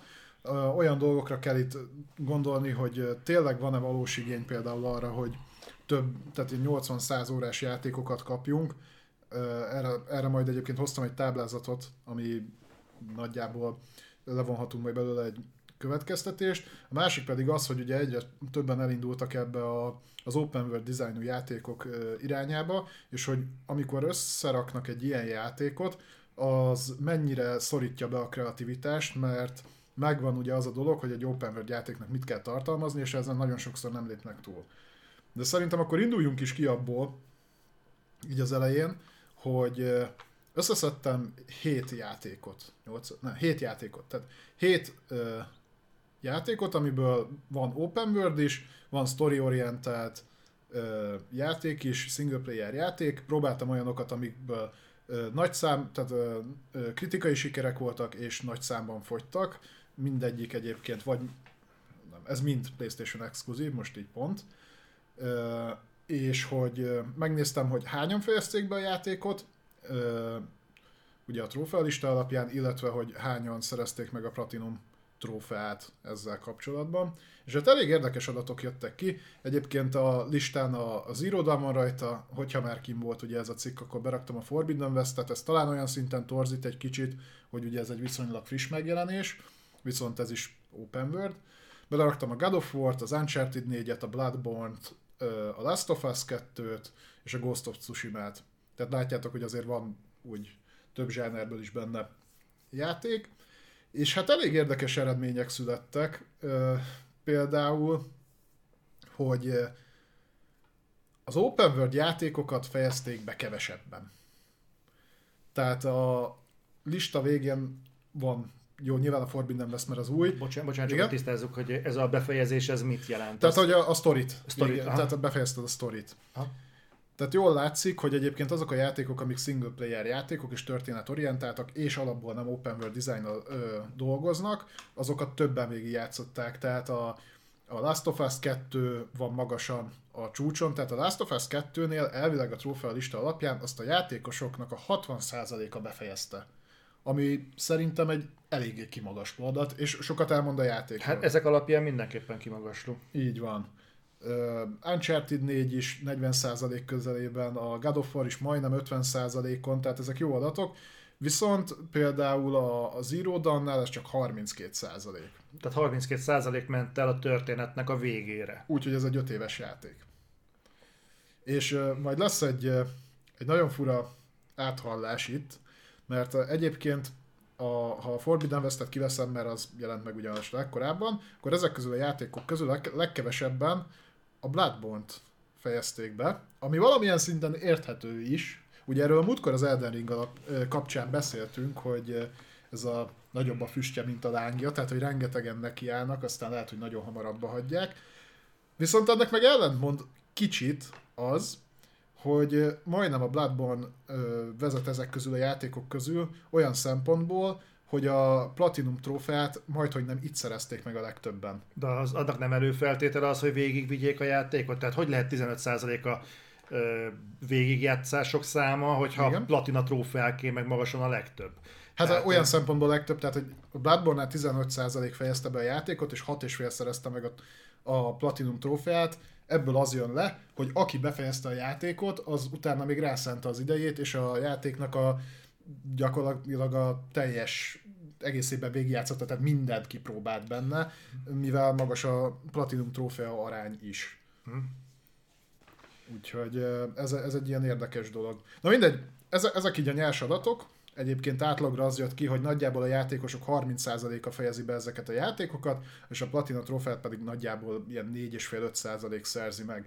Most ehhez viszonyítva kérdezném tőled, hogy valóban kell-e az, mert ugye ezzel szoktak jönni az emberek, hogy mondjuk a kodnál van egy 4-6 órás kampány, vagy 8 órás, uh-huh hogy az nem jó, hanem mindenképpen kell, hogy egy játék elé le tud gyűlni legalább 50, 60, 70, 80, 100 órát. Semmi esetre sem. Tudod, mi az, ami nekem ebből a statisztikából kitűnik? Hogy mondhatnánk azt, hogy a, a Forbidden Westnek a 13,3%-os végigjátszási értéke, azt torzítja mondjuk az, hogy februárban jelent meg, amikor sok minden, meg aki megvette a Forbidden West-et, az lehet, hogy most éppen Elden ringezik, uh-huh. viszont a Zero Dawn-nak a százalékából kiderül, hogy ez az érvelés nem életszerű. Tehát, hogyha valóban léteznének ilyen emberek, akik csak azért nem játszák végig a Forbidden West-et, és tömegével lennének ilyenek, mert most éppen kijött az Elden Ring, és éppen akkor most azzal játszanak, akkor számottevő, ennél sokkal nagyobb különbségnek kéne lennie mondjuk a Zero Dawn esetében, mert ezek a játékosok, ezek a Horizon rajongók egyébként tömegével kellett volna rászabaduljanak a Zero Dawn-ra, legalább akkor, amikor mondjuk egy inségesebb időszak volt. Egyfelől, másfelől én nem nagyon látom magam előtt azt az embert, aki megjelenéskor elkezd megvenni mindenféle játékot azért, hogy utána mindet félretegye egy és egyel kezdjen el játszani. Tehát akkor már nem az a logikusabb, hogy azt mondod, hogy azt a játékot veszed meg ö, megjelenéskor, ami nagyon érdekel, és ha azzal végeztél, akkor majd itt behúzod a másikat. Mert ráérsz, addig talán még leviszik az árát, vagy nem tudom én mit, én értem, hogy mi alapján mondják azt, és minek a védelmében mondják azt, hogy jó, hát a Horizon Forbidden West végigjátszó, így csak azért nincsen mondjuk 32%-on a Forbidden Westnek a végigjátszási aránya, mint az Zero Dawn-nál, mert az a, mennyi a különbség, majdnem 20%-nyi különbség, az most éppen Elden ringezik. Hát meg mert viszonylag friss a megjelenés. Tehát szerintem nem. Egyébként hozzátenném, hogy és itt most nézzétek a kezemet, mert csalok, jöttem hazafelé és tudtam akkor már, hogy erről lesz szó. Uh-huh. És nézegettem ezt, azt, azt a körülbelül milyen játék megjelenések vannak, és én ugye tologatom szépen a, a Forbidden West-et, uh-huh. és tételezzük fel, hogy a hogy azért a, aki megvette a Forbidden West-et, az azért nem mindenki krőzus. És azért az is egy open world játék. Tételező fel nem mindenki ült fel a hype vonatra az Elden Ring esetében, hanem azért játszogatnak az emberek. Na most én most oldottam ki, egyébként pont a mai napon, a Tizek szárnyán repültél nevű trófeát. Ez... Mario Kartban? Ö, igen. És ez azt jelent, ez, ez konkrétan egy ritka trófea, 18,1%-a a játékosoknak oldotta ki. Ez egy story küldetés, és a játék vége előtt egy órával van. Rákerestem Youtube-on, hogy mennyi idő, milyen hosszú egy walkthrough, úgy általában ebből uh-huh. a játékból. Nincs 10 óra. Hát ezt azért... Hát ha végigpörgeted a sztori küldetéseket, szerintem még az is több, mint 10 óra. Na, 10 órás a videó, elejétől a végéig. Érdekes. És abban benne van, hogy e, felszerelést vesz, elosztja a pontokat, nem hal meg soha senkinek. Egyébként hozzátenném, hogy ne, én szeretem a nehéz játékokat, és nem tartom annak a Forbidden West-et, de az nem is könnyű játék, tehát szerintem már most sokkal többször meghaltam benne, mint az íródamba, úgyhogy nem a legkönnyebb fokozaton játszom, hanem azt hiszem ilyen normálon. Az négy vagy öt fokozaton a harmadikon játszom talán. Uh-huh. Őszintén, én azt akartam csak ebből az egészből Igen. kihozni, tehát, hogy én ezt elutasítom azt a, azt a álláspontot, hogy azért nem haladtak többen a Forbidden Westben, mert azok éppen Elden Ringeznek. Csak erre akartam, szerintem ez nem, ez nem egy életképes uh-huh. érv. Biztos van egy elhanyagolható százalék, akinál ez megáll, de tömegével biztos, hogy nem így van. Től szerintem ez mit mutat? Egyébként szerintem a, a, a végigjátszási hajlandóságot. Tehát ez konkrétan azt mutatja, hogy amit az emberek egyébként nem különös, egy, egy ponton abba hagyják. Az Uncharted 4-et hogy tudja valaki abba hagyni 38, tehát hogy tudja az emberek 38,6%-a abba hagyni? Az azt jelenti, hogy három nem, ember... Nem, nem befejezni. Befejezni, igen. Tehát az azt jelenti, hogy három emberből egy fejezi be. Igen. Igen. Az Uncharted 4-et. Tehát, hogyha megveszed az Uncharted-et, tudod, mit vettél. Tehát ez nem okozhatott egy meglepetést. Story-driven játék, de ha nem is tudod, mi az az Uncharted, akkor is azt mondjuk a portfóliója alapján tudnak kell ezek story-driven open world játék, vagy közel open world játékok lesznek. Az mhm. Uncharted kb. annyira open world, mint a Last of Us 2 egyébként. De még de, sem. De, de azért én, én ezt nem nem teljesen értem. És tudod mi? Ha most játékfejlesztő lennék, és megnézném ezeket a számokat, én azért baromira el lennék keseredve. Hát gondolj bele, hogy telenyomod kontenttel a játékodat.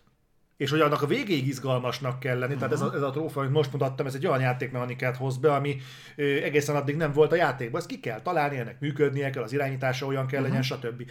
És a, sokan nem is fogják látni, el se fognak jutni addig. Uh-huh. Tehát ö, én, én nem csodálkoznék azon, hogyha ezt a statot, ha meglátja a Sony, akkor azt mondja, hogy hogy hát lehet, hogy a live service játékokra kéne inkább fektetni a hangsúlyt, mert például a Zero Dawn esetében, és rettentően szélsőséges sark, nem, annyira nem szélsőséges sarkítása, nagyon lecsupaszítva mondom, a Zero Dawn-nak az utolsó kétharmadát kivághatta. Vagy a, hát, ha ezt arányosítjuk a játéknak a, a, a hosszára is, mondjuk a kétharmadát ki lehetett volna szedni. Igen, tehát a, az azért látszik ebből a listából, egyébként majd Discordra ki fogom ö, rakni. Ez nem egy ilyen hivatalos lista, ezt én szedtem össze a PSN Trophiesról, hogy egyébként a legnagyobb arányban még mindig azokat a játékokat viszik végig, ami story-driven, tehát a, a, a tipikus sony játékokat. God of War van az elején, Last of Us van az elején, még az Uncharted is viszonylag jó helyen áll ezzel a 38%-kal. Viszont ez, ez ugye visszatér az a kérdés, hogy egy open world játékba mi a tökömnek rakunk bele, az oké, hogy csinálunk egy nagy pályát, uh-huh. de ugye azt valahogy fel kell tölteni tartalommal. De mivel ragaszkodnod kell ahhoz, hogy beleférjen egy adott költségvetésbe, ezért nem tudod ö, olyan szinten telirakni tartalommal, hogy a, mindenhol valami nagyon nagyon-nagyon olyan küldetés legyen, amiben egy bele tudod magad élni, ami tök jó, amiben tök jók karakterek, mert, mert időre kell elkészíteni, x összegből kell elkészíteni, viszont emi, emiatt mi marad, hogy telirakott fecskesztekkel, tehát ez a menj el, öld meg, hozd vissza, tornyot mászol el a Far Cry, meg, meg ezek a dolgok, és ezeket mi szoktuk is szidni, de egyébként úgy látszik, hogy a legtöbb játékos meg leszarja. Tehát, hogy kicsit ilyen fordítva működik egy dolog, a, a dolog, hogy most már ezektől lesz open world designú egy játék, és szerintem, ha ezeket így kivennék. A statisztika szerint nem módosítana semmin. Tehát ha nagy büdös puszta lenne ott ugyanúgy, akkor is valószínűleg ugyanez, ugyanennyien játszanák végig. Érdekes lenne látni, hogy milyen, milyen statisztikát villant például a Death Stranding.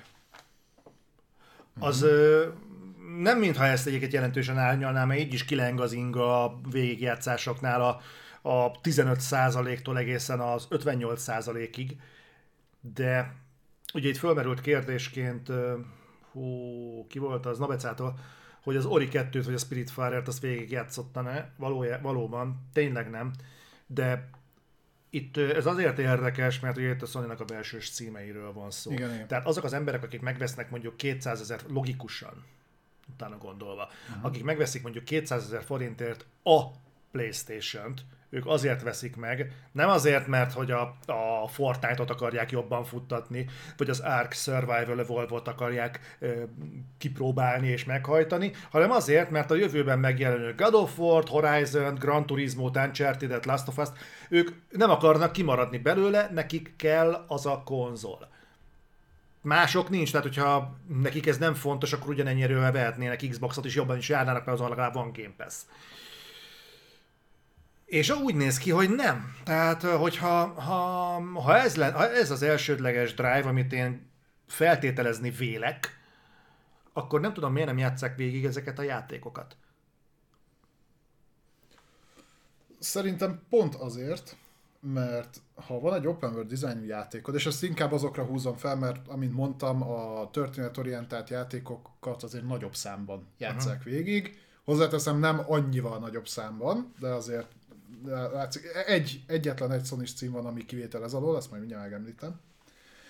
Ö, hogy maga a design ezzel, tehát írhatsz te bármilyen jó sztorit, tehát kicsit vissz, visszafele is működik, tehát írhatsz te bármilyen jó sztorit.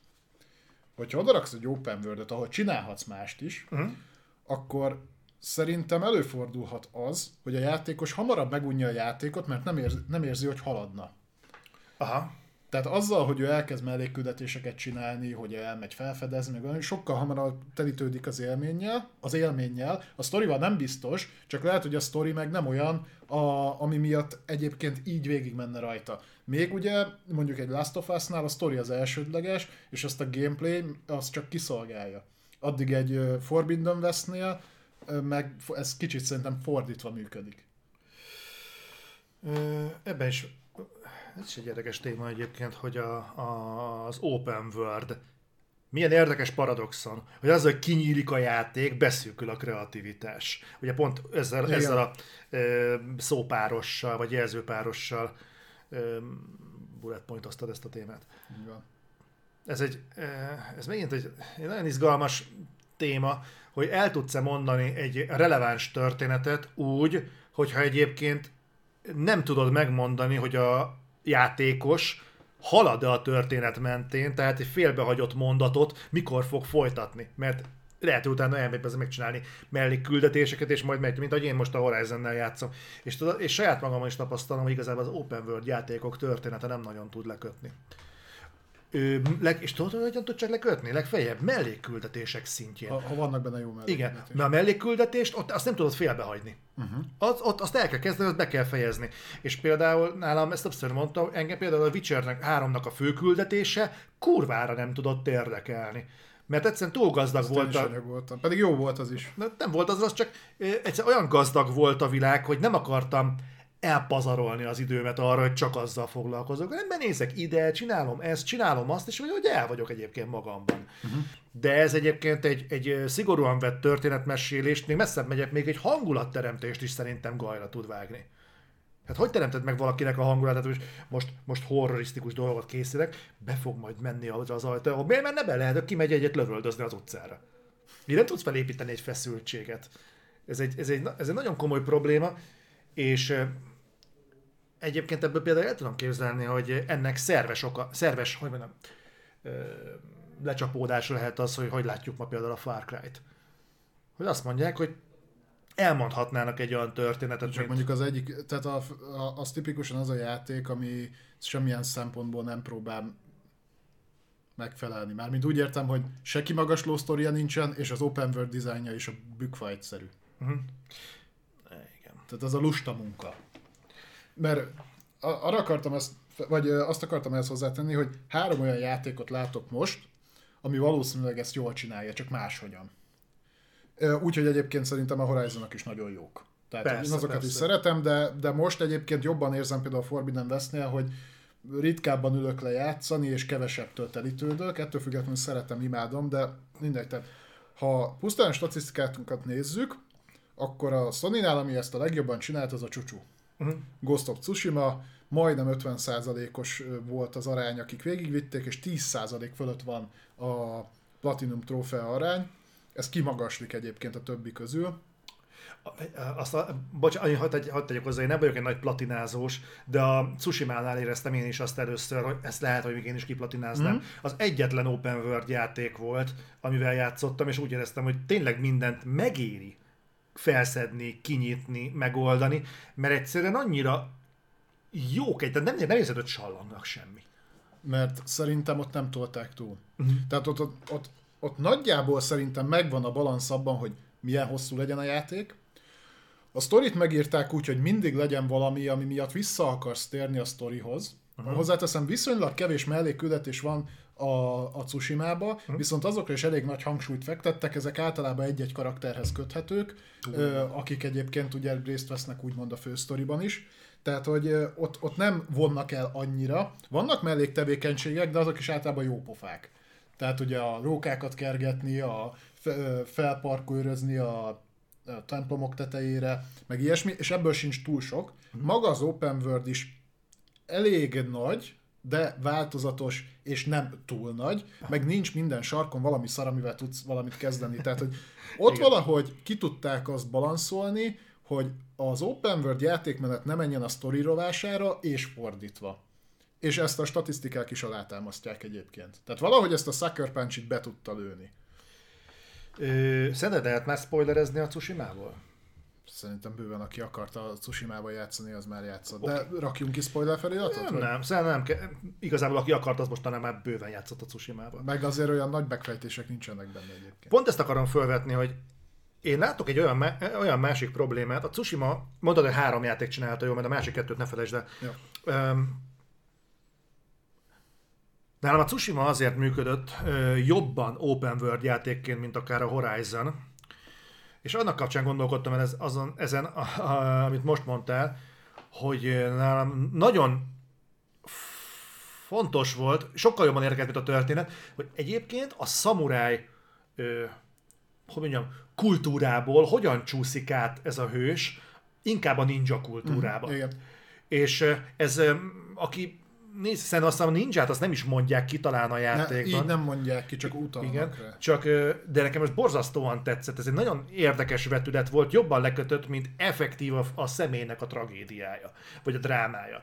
És itt visszakanyarodnék arra, hogy szerintem itt van egy olyan probléma, de ez nem csak az open world játékoknál, hanem messzebbről nézve más játéknak is a problémája, hogyha téged effektív a konkrét történet nem köt le, hogyha nem talál elég izgalmasnak mondjuk a főszereplőt, vagy a vele történő ö, drámát, és az nem tud bevonzani, akkor bukod, akkor nem fog érdekelni a történet. És lehet, hogy ezért van egy ilyen, ilyen, ilyen, ilyen úgymond B-vonal ezekben a ezekben a világokban, hogyha nem is köt le mondjuk annyira Aloy története, mert azért, hogy őszintén szóval a Forbidden vesznek a sztoria, így a vége felé azért úgy elég rendesen hülyére van tekerve, tehát az, az meg, megint szerintem egy ilyen három órával hosszabb a játék, mint kellene, de de mégis a környezet, amit mögé tesznek, az továbbra is kurva jó.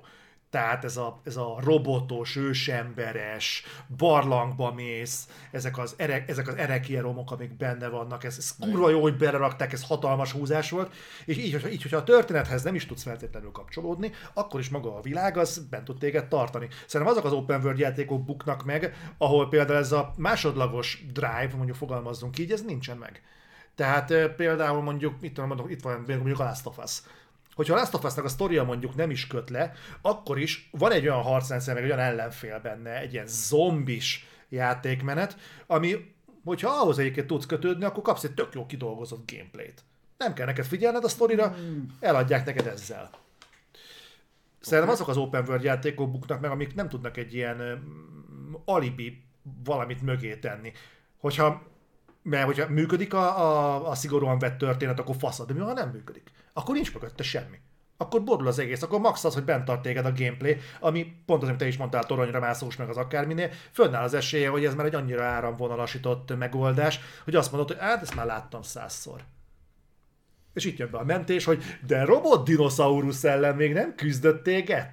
És Na, akkor, ez, ó, ez, igen, igen, tehát ez kreatív, tehát e- ezt én is azt mondom, hogy az ilyen dolgok azok tudnak bent tartani a játékba, ugyanakkor én is látom, hogy a 32. ö, Hunter vagy vadász kihívás után már tököm tele van a Forbidden Westbe is, hogy most három másodperccel lecsúsztam valamiről. Azokat nem is csináltam meg. Én, én nyilván én a platinára megyek, de ö, ott, ott is érzem, de ott azért van bőven, ami bent tartson. Hozzáteszem, hogy szerintem a csúcsúnál ez jobban működött.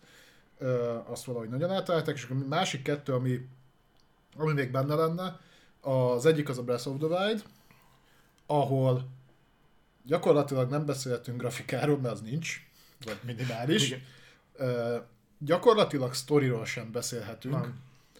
De ugyanakkor ezeknek nem érzed a hiányát, és, és egyébként maga az open world dizájnja is elég egyszerű, viszont az, ahogy a különböző játékmeneti elemeket, a, a gravitációval való játszadozást, a, a reakció, tehát ahogy reagálnak egymással a dolgok, meg ezeket, ezt olyan jól csinálták, hogy, hogy ott, ott csak a gameplay tart bent. Tehát én nem találkoztam még olyan emberrel, aki mondjuk a Breath of the Wild-ot a story miatt játszotta volna. Nincs Mert semmi. egyébként tudsz olyat csinálni, hogy a- az elején, mikor kész a barlang, akkor elmész a játék végére, és végigjátszol. Tudod, hogy tudom, hogy nem ennyire egyszerű, de hogy elvileg ugye ez van. Megletem. Hanem ott beraknak egy ilyen nagy nyitott világba, és akkor adnak egy csomó eszközt a kezedbe, amivel tudod azt manipulálni, és te ezzel játszol. Mhm. Tehát mint egy, egy sandbox, Tudok gyakorlatilag. igen, Tehát te is mondtad, hogy mit tudom én, nem haladtál sztoriban, mert korokokat kerestél. Igen. Na, tehát ott, ott megint egy valamire rámentek, ezt belerakták egy ilyen open world designba, viszont az az egy valami annyira-annyira jól működött, hogy egyöntetően majdnem mindenki azt mondja rá, hogy az egyik legkiválóbb open world játék, úgy, hogy egyébként az előtte való zárdák csőjátékok voltak. Igen. Tudom, hogy lehetett elmenni sok helyre, meg de, de viszonylag ilyen lineáris volt. Én a értem, amit mondasz. Egyébként érdekes, most felvetek egy, egy kérdést, és remélem, hogy jól fogom megfogalmazni. Amikor arról beszélünk, hogy az open world játékok rettentően uniformizálódnak, ugye, hogy toronyba mászás, egyébként ez az Eldában is így volt. Van- van benne ilyen. Tehát, hogy a toronyba mész, és onnan derített fel a dolgokat, ami mondjuk ilyen, ilyen toronymászós fasság mondjuk a, a Far Cry-ban, vagy toronymászós, vagy hosszú nyakmászás a, a Horizon-ben, vagy ugye szintén toronymászás az Eldában. Meg ez a kollekta, kollektaton szemléletmód. Igazából szépen lassan beszélhetünk az open worldről, mint játékmechanikáról. Tehát ez már nem csak annyi, hogy kinyitsz egy világot. Most már nem csak annyi, hogy mondjuk sandbox, hanem hogy ez konkrétan már magában hordoz egy játékmechanikát is, amihez hozzátehetsz, amiből elvehetsz, de szépen lassan ez most már olyan kötött szabályokkal működik, amit ö, vagy tudatosan, vagy tudat alatt, de nem tágítanak. Innentől Hát kezdve, amikor open world játékot csinálsz, akkor már nem annyira lesz, hogy hú, akkor egy nyílt világban fogsz mászkálni, hanem az lesz, hogy abban tudod, hogy lesznek ilyen tornyos missziók, lesznek mondjuk ládák elszórva, meg mellékküldetések, Loot. loot, minden ilyesmi. És ezt hozzáteszem egyébként, nem feltétlenül probléma. Én kicsit, kicsit szarul élem meg, de igazából nem azért, mert fáj, hanem azért, mert úgy érzem, hogy így, így beszűkült a tér. Ahhoz képest, hogy érted, kinyíltak a lehetőségek, és ezt arra használják, hogy akkor szétdobálunk dolgokat, és szer, hozz vissza. Igen, igen, tehát na, na ez jön az, hogy akkor most már azért haragszom, hogyha csak ennyit nyújt egy játék, mert ez már egy adott dolog, tehát hogy tudjuk, hogy egy open world játékban mi lesz benne. Örülünk neki, hogy megint ugyanaz? Nem, épp ezért kell valamivel kitűnni. Aha. És akkor, akkor jönnek a különböző megfejtések, ugye, mint például a Csúcsúnál, mint a Breath és mint a legújabb megjelenésnél, ami szerintem nagyon jól csinálja, amit csinál meglepő módon, az az Elden Ring. Hm? Ahol szintén megint az látszik, hogy és majd emiatt kapok utólag, hogy az Elden Ringet senki nem, vagy nagyon kevesen játszák a sztori miatt. Illetve módosítok ezen, az összes Souls-like játéknak, vagy Souls játéknak ilyen hülye kriptikus belemagyarázó sztoria van, és tudom, hogy ezt R.R. Martin írta, meg én is már utána néztem, hogy nagyjából miről szól, de azt te így nem fogod lekövetni, tehát, hogy De igen, a, de hogy ezt meg ezért szeretik, hogy ú, hát a kunyek kurva jó sztori, ezt elolvasom az utolsó kő hátulját is, mert az bevezet három új karaktert. Nem ezért játszák. A játékmechanika miatt játszák, amit valamilyen úton módon kurva jól tudtak implementálni egy nyílt világra. Hozzáteszem, hogy az Elden Ringbe a, a nyílt világ nagyon nagy, tehát kicsit, kicsit ö, azoknak, amit eddig állítottam, hogy a nagy ö, ság az megöli, csak ott azt látni kell, hogy az összes Souls játéknál azt úgy építették fel, hogy azok is nagyon-nagyon-nagyon sok területtel dolgoztak, úgymond csőjátékhoz képest, rengeteg terület volt benne, ezek viszonylag nagyobb területek voltak, és átjárhatók voltak, tehát innen egy úgymond logikus lépés volt ez a teljesen open world design, és itt el tudták azt érni, hogy te keressed, tehát hogy vágyjál arra, hogy eljuss egy új területre, és felfedezd. Mert mindig ez is az élmény része volt, a souls játékoknak az élménye volt, hogy hú, mi, mi lehet ott, mi, mi, hogy megtalálom-e azt a titkos helyet, és, és ezek a dolgok, és benne maradt a ö, Souls mechanika, a, a harcrendszer, ami meg megint elviszi a hátán az egészet. Ezt ki kellett csiszolni, de tény, hogy a, itt kicsit azért más, mert ez nem egy olyan széria, ami open world-nek készült, ez egy olyan széria, aminek szerintem természetes velejárója volt, hogy egyszer eljut erre a szintre. Uh-huh. Ugye a Dark Souls 2 uh, nél én már beszéltem erről, hogy ezt már régóta szerették volna. Nem baj, hogy most jutottak el ide, mert nagyon jól mutatja például, hogy mostanra forrott ki annyira, hogy, hogy igen, hogy élvezzék az emberek. És ne akadjanak fenn egyébként egy csomó hülyeségen, amiről majd később beszélünk. Jó, hát én látom, látom ezt a... Érdekes, volt egy cikk ugye erről, az Elden Ringet is, valaki megnézte hasonlóan, mint a, a, a, a ennek a cuccnak a Horizon Forbidden West esetében. Milyen érdekes, mind a kettő open world játék, mind a kettő nehéz játék, nem, nem, nyilván nem egyformán nehéz játék, és elkezdték ezeket nézegetni, és az Elden Ringnél most az jött ki, amit mi múlt héten nézegettünk a Reflektorba, hogy baromi kevesen jutnak túl az első bosszom. De, de azt, azt néztük, hogy azt, azt még nagyon sokan megcsinálták. Igen, most az új cikknél már az jött ki, hogy egyébként kurva kevesen. Aha. Tehát valószínűleg nőtt akkor át ez a bázis, hogy a akkori 60 valahány százalék most már 50 százaléknak minősül, és ezért szépen lassan megválaszoljám, hogy mitől olyan népszerű az Elden Ring, de erről majd beszélünk, ha odaérünk az Elden Ringhez. Igazából ennek a mostani témának szerintem a, a, a maradandó része az az lenne, amihez remélem, hogy hozzá fogtok szólni sokan, és remélem ezúttal jobban sikerül majd kerülni a személyeskedés, mint a legutóbbi esetében, hogy, hogy ti min, minek tudjátok azt be, vagy minek gondoljátok, hogy mitől lehet az, hogy egy, egy platformra érkező exkluzív játékot tömegesen nem játszanak végig az emberek. És nem arról van szó, hogy egy egy hónapja vagy fél hónapja megjelent játékot, hanem mondjuk akár még a Bloodborne-t is. Hallod? 15,7 százalék. Ez egy Souls játék, De mondjuk azt tegyük hozzá. 15,7, 2 millió ment el a, a Bloodborne-ból. Ugye ezt 2021-es mm-hmm. cikkből néztük meg, hogy 2 millió. Tehát ez azt jelenti, hogy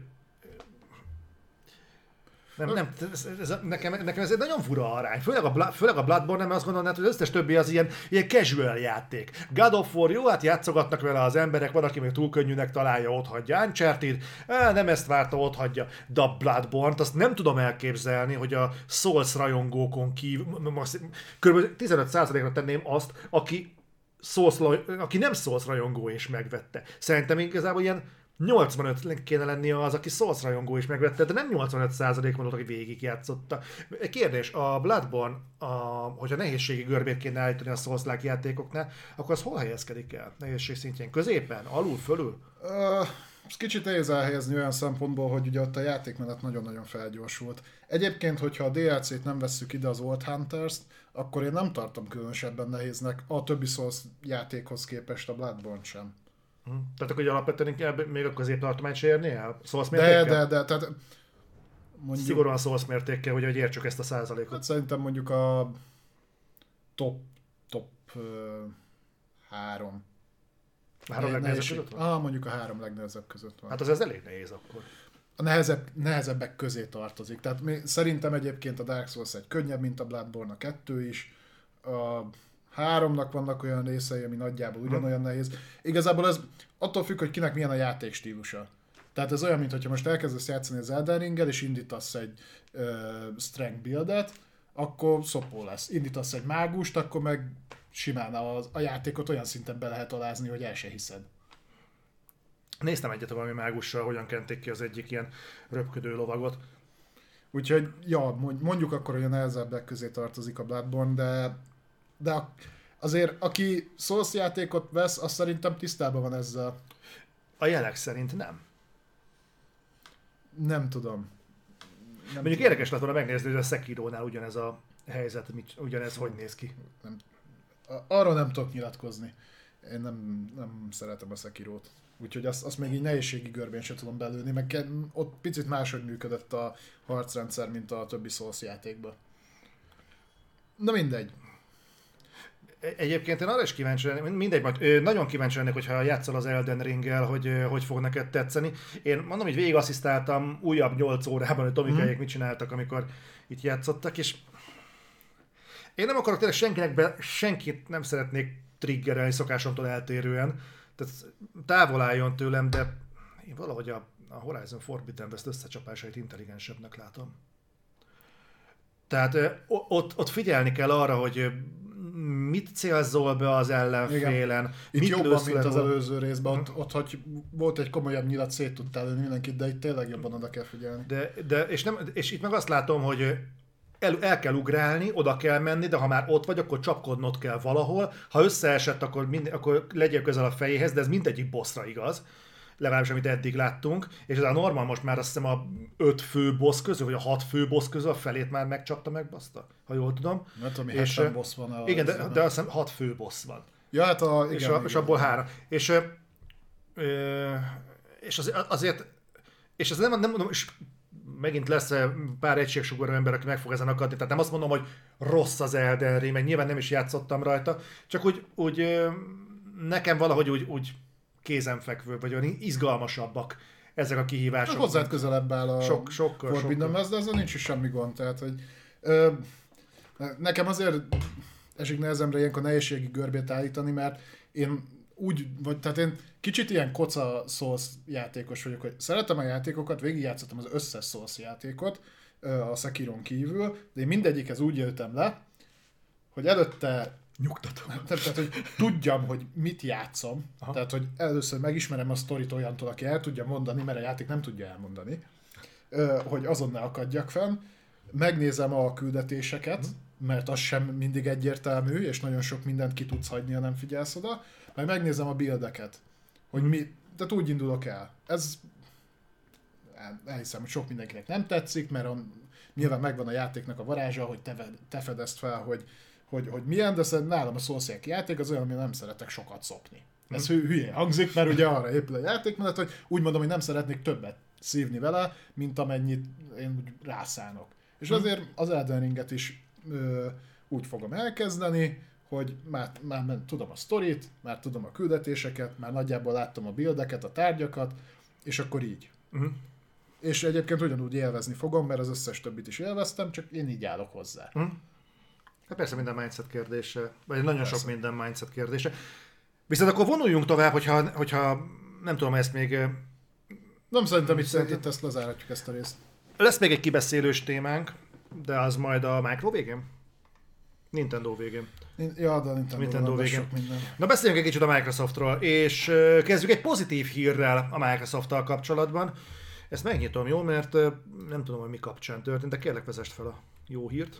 Igen, megkoronazták a Microsoftot, ugyanis a Microsoft vitte el a 2021-es évre a Metacritic-től az év kiadója díjat amit a Meta úgy állít össze, hogy megnézi, hogy milyen játékokat adtak ki az adott évben, az adott kiadók, milyen meglepő, és súlyozza, tehát, hogy külön pontozza azt, hogyha valami 90% fölött volt, vagy 80% fölött volt, külön pontozza azt, hogy hány százaléka a kiadott játékoknak ö, volt a good, vagy perfect, vagy, vagy hasonló dolgokba, és ö, ebből az egészből azt hozták ki, hogy a tavalyi évet a Microsoft vitte el ö, méghozzá elég sokkal, ha jól láttam. Uh-huh. ide nem raktam még be, egy, még egy, nem, a másik linket nem raktam be. A meta, metának, a Metacriticnek az oldalán egyébként megtaláljátok, hogy pontosan ez a hogy nézett ki ez a pontozási rendszer. Én meglepődtem egy kicsit, megmondom őszintén. Azon is, hogy ők nyertek, illetve még jobban azon, hogy egyedül elvileg a Microsoftnak itt az első pár helyzet közül volt több olyan címe is tavaly, ami 90% fölött volt metán. Én most megint a rossz ember leszek, jó? Tehát csak, hogy belálljak még egy pozitív hírbe is. Ö, azért itt... Fel, hogy ez egy pozitív. Igen, ez egy abszolút egy pozitív hír. Tehát ugye itt a Forza Horizon 5-ről beszélünk, a Psychonauts 2-ről, meg a Flight Simulatorról. Ezek kaptak többet, mint 90%. Igen, igen, igen. Tehát nyilván ezek is húzták fölfelé uh-huh. ezt az átlagot. És azért őszintén szólva, Psychonauts 2 én senkivel nem fogok ezzel birokra menni, hogyha akarjátok egy jó, egy jó pofa sör mellett majd az OVS-sel, ami hamarosan lesz. Az OVS-en majd megbeszéljük, majd gyertek minél többen, de hát Xenob Psychonauts 2 kurvára túl van értékelve. Ez egy, ez egy nagyon-nagyon túlértékelt játék. A Flight Simulator istentelen kurva jó játék, de hát az egy annyira réteg játék körülbelül, mint, ha, mint, az, mint a souls játékok körülbelül egyébként a, nagyjából annyira bonyolult is. Tehát tényleg, tehát mire felszállsz, meg főleg mire leszáll, mert leszállni egyszerűbb. Attól függ, beállíthatod a nehézséget, tehát le lehet árkérdésíteni egyébként. Igen, én ezt, én ezt szórakoztam ilyen, tudod, én ez eszenciális élményre hajtok. Itt az a játék, amin azt érzem, hogy tényleg mondjuk megérdemelten kapta ezt a magas értékelést, az a, az a Horizon 5. Az tényleg az. Tehát a másik kettő, tehát ez érdekes, hogy ilyen, ilyen majdnem subzsáner szintben alkotni valami fontosat, vagy mondjuk a mainstreamben kiemelkedőt alkotni, szerintem azért nem kéne, hogy hasonló súlya lessen alatban. Tehát én annak sem örülnék, hogyha a Sony mondjuk azért a Sony értékelése azért szökne szárba, mert azt mondják, hogy hát olyan nagyon nagy megjelenik God of War nem volt, meg nem tudom, de, de az meg azért a Kena, az azért odabaszott elég rendesen, tehát ő azért kiadója. És azért ez így tudod olyan, hogy hát ez a, ez a Ken ez egy olyan szintű játék, amit azért nem szorult a sony a kiadására, tehát ez meg tudott volna jelenni a Sony-tól függetlenül is. Abban nem vagyok biztos, hogy ekkora, tehát hogy a promóció jót tett neki abszolút, mert egyébként eltűnt volna szerintem az indie játékok tömegébe, hogyha ez nem kap State of Play-es megjelenéseket, meg showcase megjelenéseket, és kell lett volna érte, mert a Canon nagyon jó volt. Hát igen, de azt, azt láttad, hogy már volt valaki, aki nem értette, hogy miért gondoljuk azt, hogyha egy játék megjelenik a Microsoftnak a színpadán, akkor miért hisztük azt, hogy ezt a Microsoft ö, szponzorálta pénzzel. Oké. Okay. Nem tudod mindenkinek a lelkét megváltani. Jó, itt egyébként erre nagyon sok Twitter reakció jött egyébként. Igen? És, nem én voltam.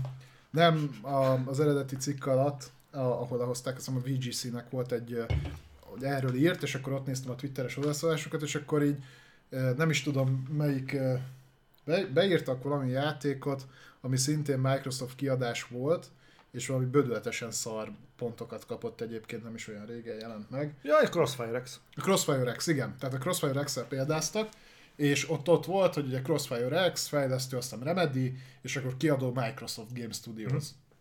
És akkor erre visszajöttek, hogy igen, hát akkor nézd meg ott a Babylon's Fall. Igen nem, a Babylon's Fall exkluzív, csak a Babylon's Fall-t a Square Enix adta ki, nem pedig a Sony.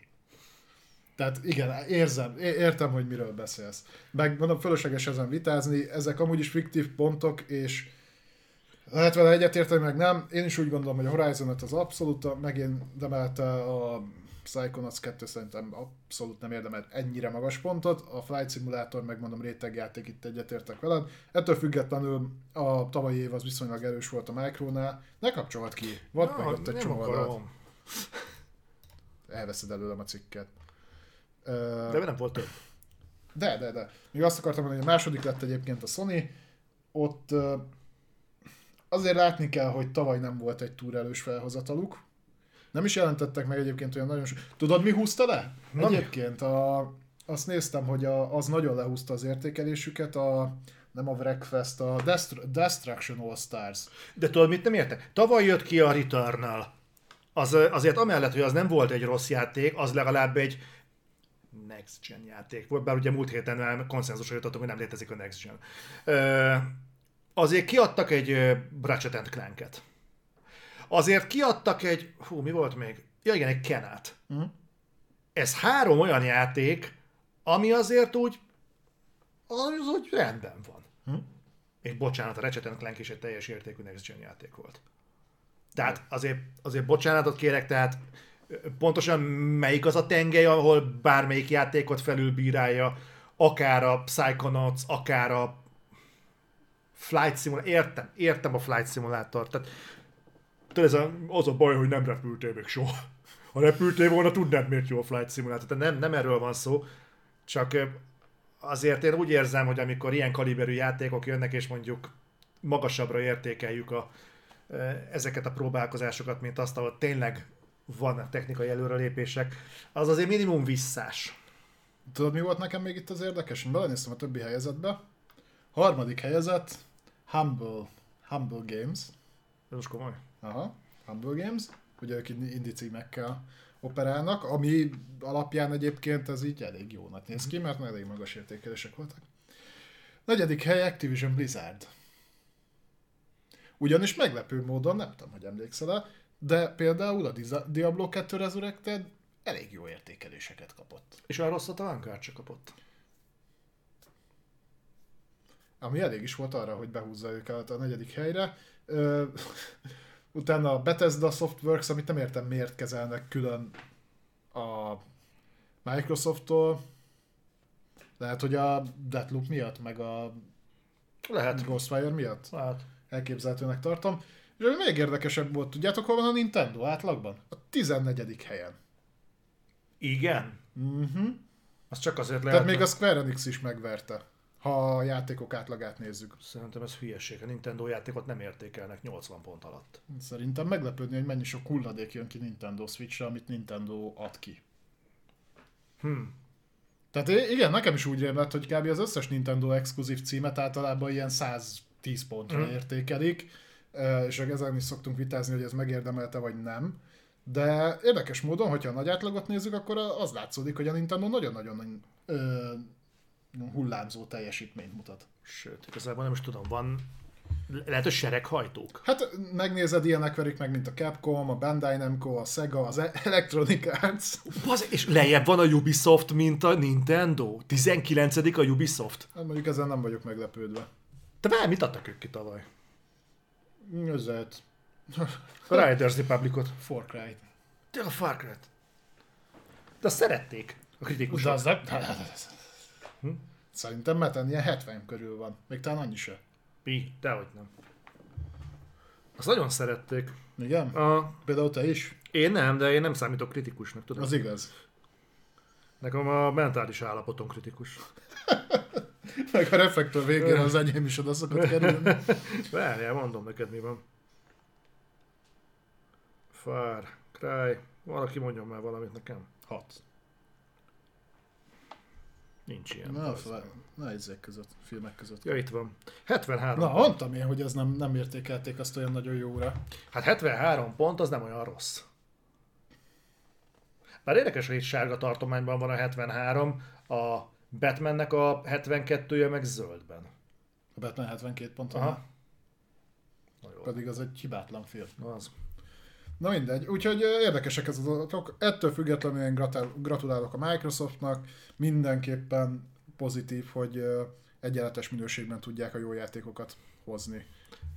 Igen, Az, hogy most 80 vagy 90 pontos ez a része, ez meg igazából már csak szőrszál hasogatás, mert mind a, mindegyik abban a kategóriában már bőven a jóba tartozik. Igen. Mindenféleképpen egyébként ez egy... Figyelj, tehát persze az ember időnként úgy húzza a száját, de egyébként nem rosszak ezek a, tehát nem rosszak ezek a játékok. Igazából itt a kritikák azok, amik így szerintem túl hektikusan ingadoznak. Tehát nyilván a Psychonaut sem egy, egy rossz játék, csak csak nem annyira jó szerintem, mint amennyire itt most itt felhúzzák, hogy ilyen... Mondjuk szerintem nem abból volt az, amiből tipikusan felület reprezentálva, mert valami marha kevesen csináltak belőle egyáltalán tesztet. Na, ezt most, ezt most megnézem.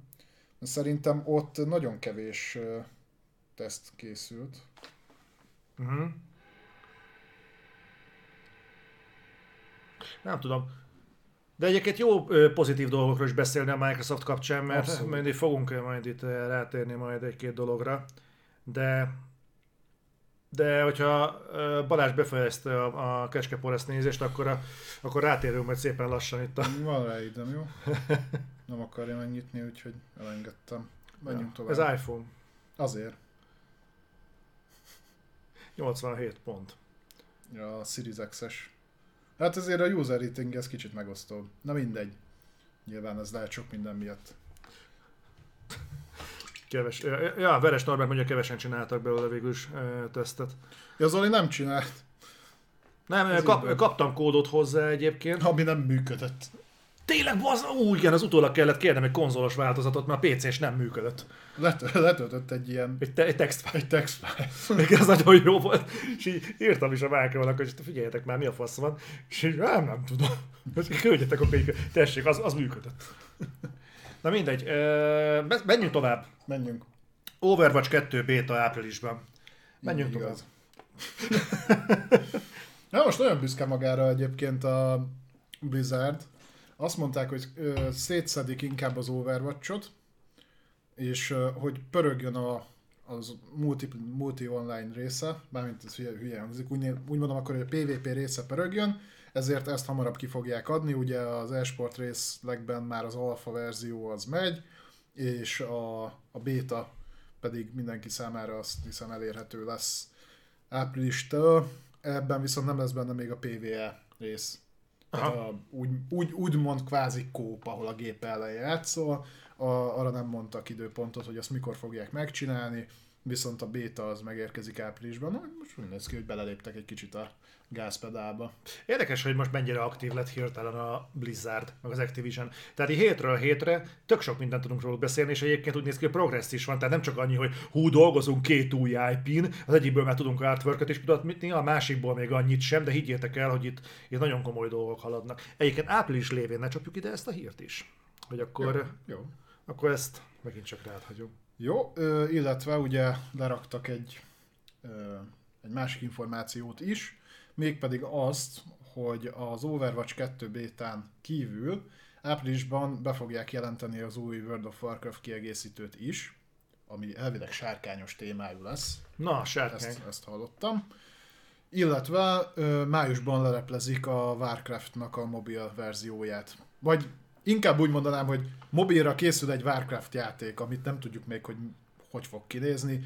Ha engem kérdeztek, szerintem valami mikrotranszakcióba bekúrt dologot kell elképzelni, és sajnos csak ennyit nézek ki belőlük. Milyen érdekes, hogy lehet, hogy egyébként az a projekt, tehát a Warcraftos mobil projekt, amit most fognak bejelenteni, esetleg hamarabb kész lesz, mint a Diablo Immortal, vagy mi az Isten? A hát az, Diablo? Az egy elég érdekes fejlemény lenne. Nem tudom, egyébként a Diablo 4-re mondhatjuk, hogy Development Hell beragadt? Nem, mert a múltkor is megkaptuk, hogy de abból már van gameplay, meg minden, és itt van, és mindjárt megjelenik. Ja, akkor nem Development Hellben van. Jó, akkor rendesen fel. Nem, nem, fél, nem fogok kapitulálni a hülyeség előtt. De mi, miért most... kérek bocsánatot azért, mert mások hülyeséget hordanak össze? De a Diablo 4-ről azóta sem nagyon beszélnek egyébként. Nem. Úgyhogy Mindegy, úgyhogy dolgozgatnak. Development Dol- hell. Tiszta fiú. úgyhogy most lesz bejelenteni valójuk bőven. Én nem tudom egyébként, hogy nem, nem, nem érzem azt most, mint mondjuk 3-4 WoW kiegészítővel ezelőtt, hogy olyan nagyon mozgatná a közösséget, hogy hogy fogják folytatni.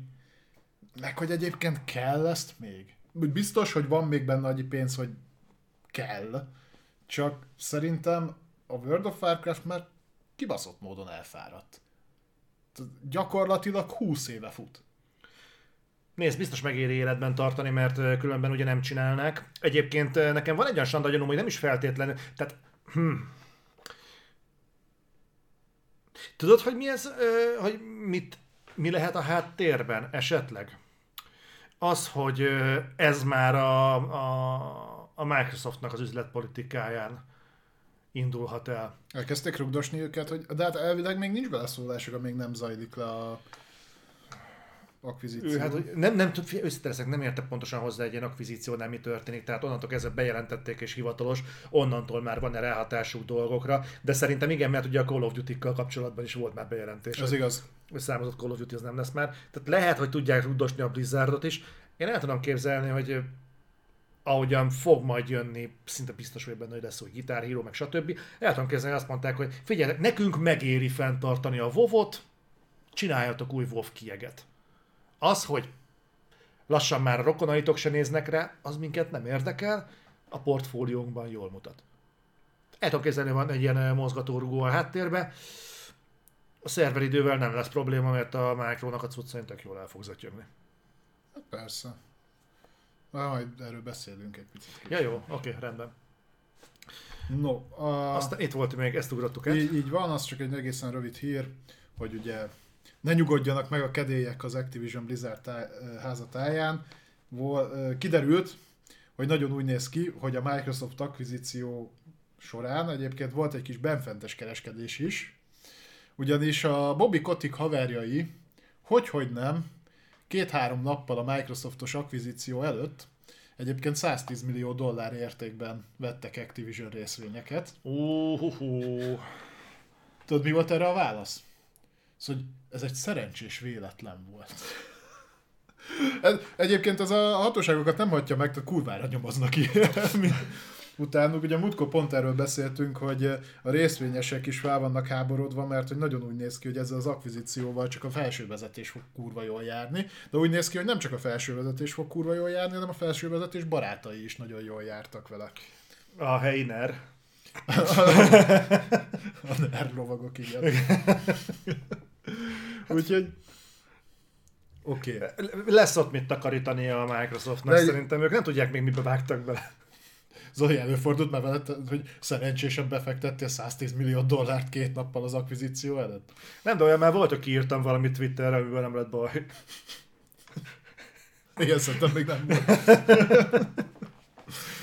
ja, úgyhogy ott, ott is történtek még a dolgok, meg még fognak is, amíg nem zajlik a teljes akvizíció. Bobiék odabasztak elég rendesen. Szerencsétlen, de gondolj igazából a Micro erről nem nyilatkozik. Tehát uh, egyébként lehet, hogy van egy ilyen, ilyen hogy mondjam, megosztott közte, közteherviselés, nem tudom. Tehát ő azt mondják, hogy figyeljetek, kommunikáljatok jó dolgokat, ezt rátok hagyjuk. Bobi, te meg intéz már a fasságaidat, mert még mert tisztán kéne el. Ah, tudod, mi lehet ez? Szerintem a határidő jövő június vagy május, nem tudom, hogy lesz az Jövő egész. június, azt hiszem vége. Szerintem ott az annak a határideje, hogy tisztán átveszik a céget.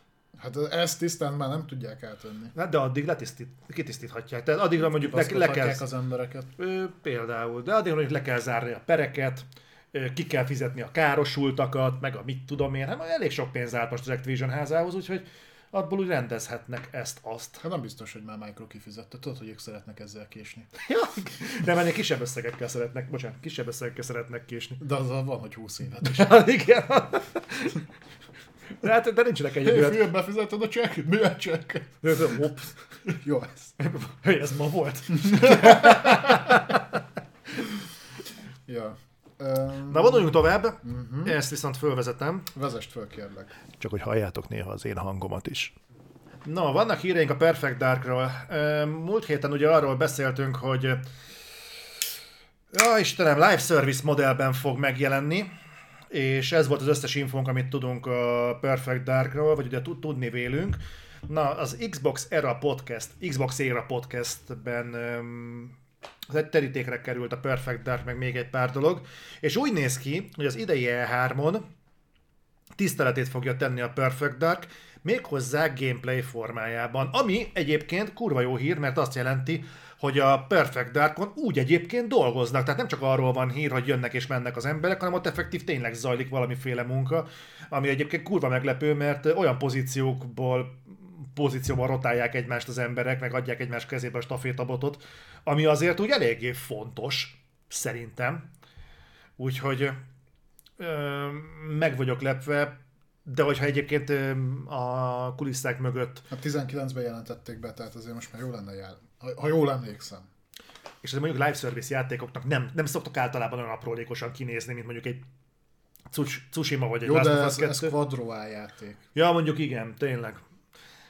Jó, tehát Ez a kurva drága. nagyon lelkesen nézhetünk az E3 elé. Ebben az értelemben, ugyanis kiderült még egy-két apróság az E3-ról, meg a Microsoftról, hogy szintén kiviszik az E3-ra az idénre plegykált Redfall-t, ugye, ami, Amiről a, már tudjuk, hogy csúszik. ami hát sejtjük, De már, már egyszer tudtuk, hogy csúszik, de most úgy néz ki, hogy ahhoz képest is lehet még fog. igen, és ki fogják vinni a Forza Motorsport 8-at, és a durva az, hogy, ez, hogy, az, hogy a podcastben azt mondták, hogy ez a három játék, tehát a Perfect Dark, a Redfall, illetve a Forza Motorsport 8, ezek 2023-as szti- ö, címek. És, vagy még mellé tettek, hogy de nem biztos, hogy megjelennek akkor, mert könnyen elképzelhető, hogy ezek egy része csúszni fog 24-re. Kiadja. Őszintén szólva, ami, hogyha most, aki nem új a videójátékok világában, és nem most csöppent bele, nem az elmúlt egy-két évben, hanem már végig asszisztált ezt-azt, az valószínűleg tudja, hogy a játékiparban a plegykák 99%-a igaz. Nagyon-nagyon Ami meg itt hangzik el, annak meg még nagyobb az esélye.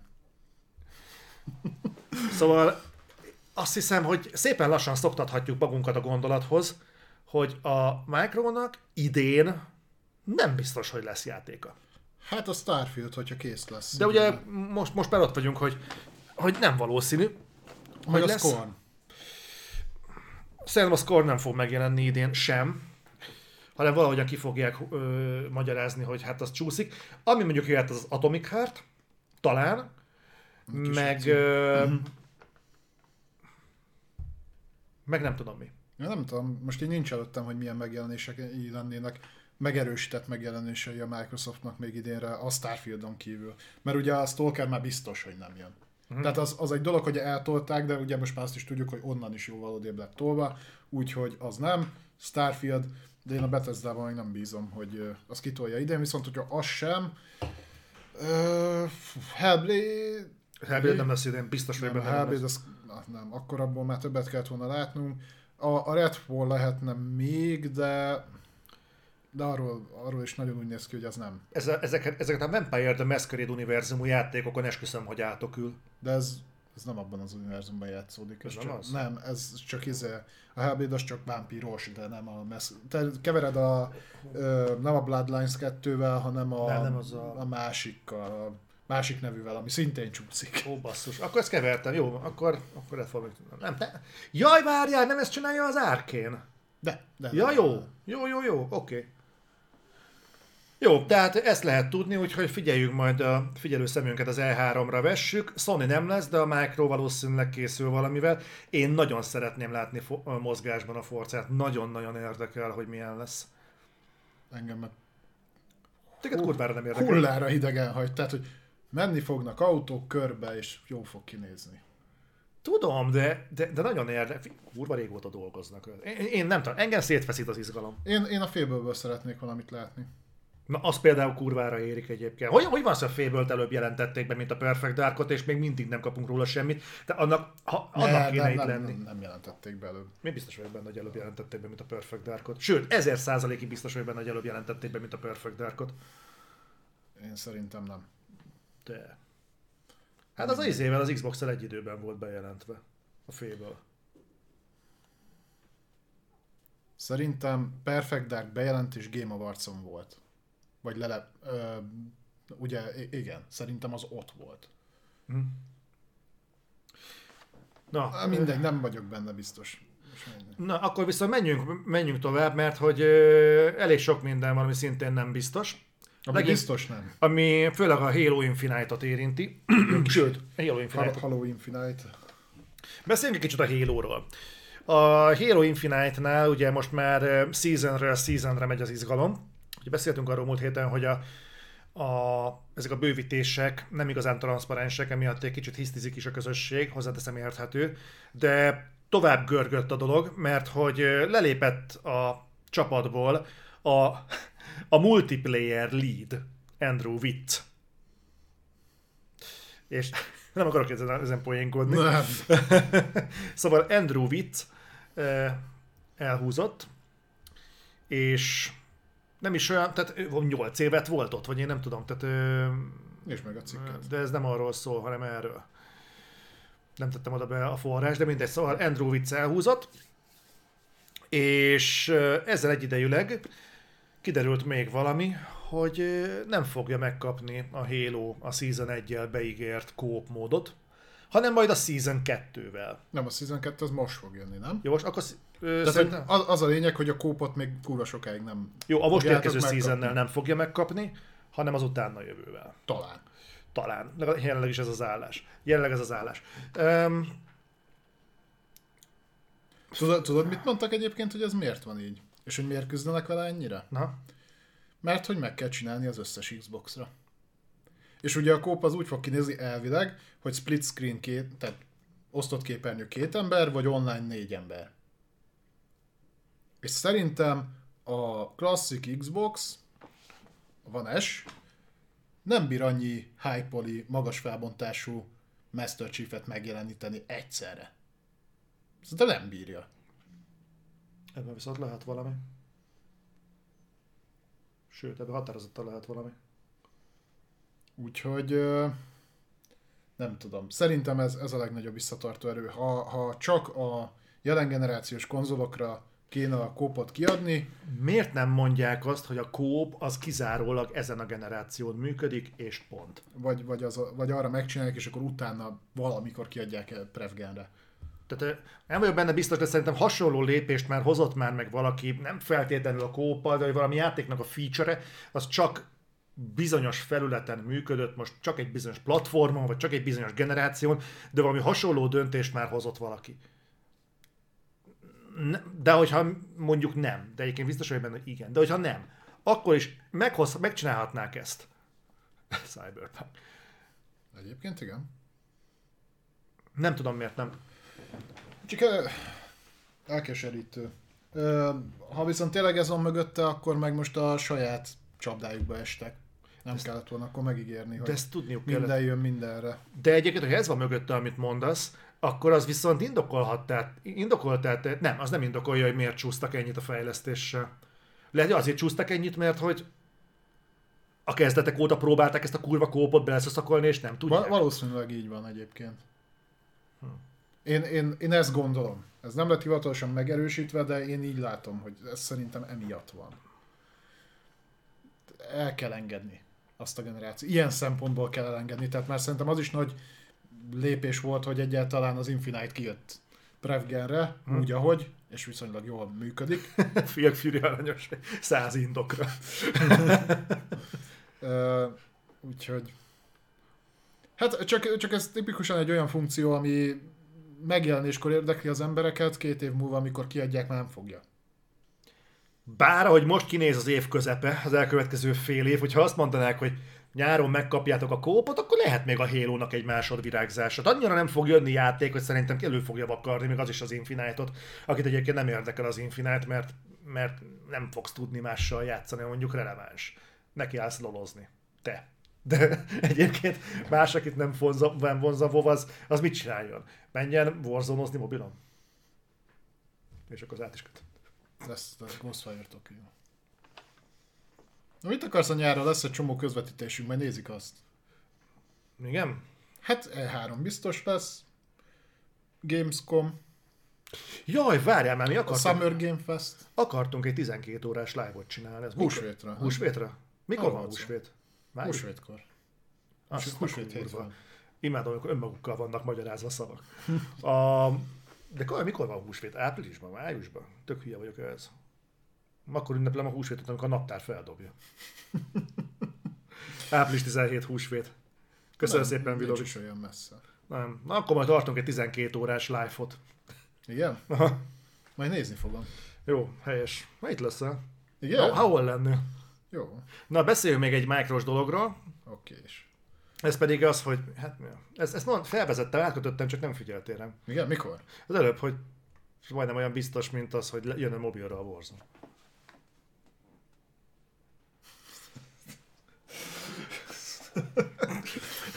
Érkezik mobiltelefonokra majd egyszer a Code Warzone, Már a fejlesztés egyébként zajlik, de még bőven keresnek embereket a projekthez. Egyébként nekem kicsit fáj a szívem, mert amit kiraktak képet, hogy kidolgozik rajta, azon az látszik, hogy a Binox dolgozik rajta.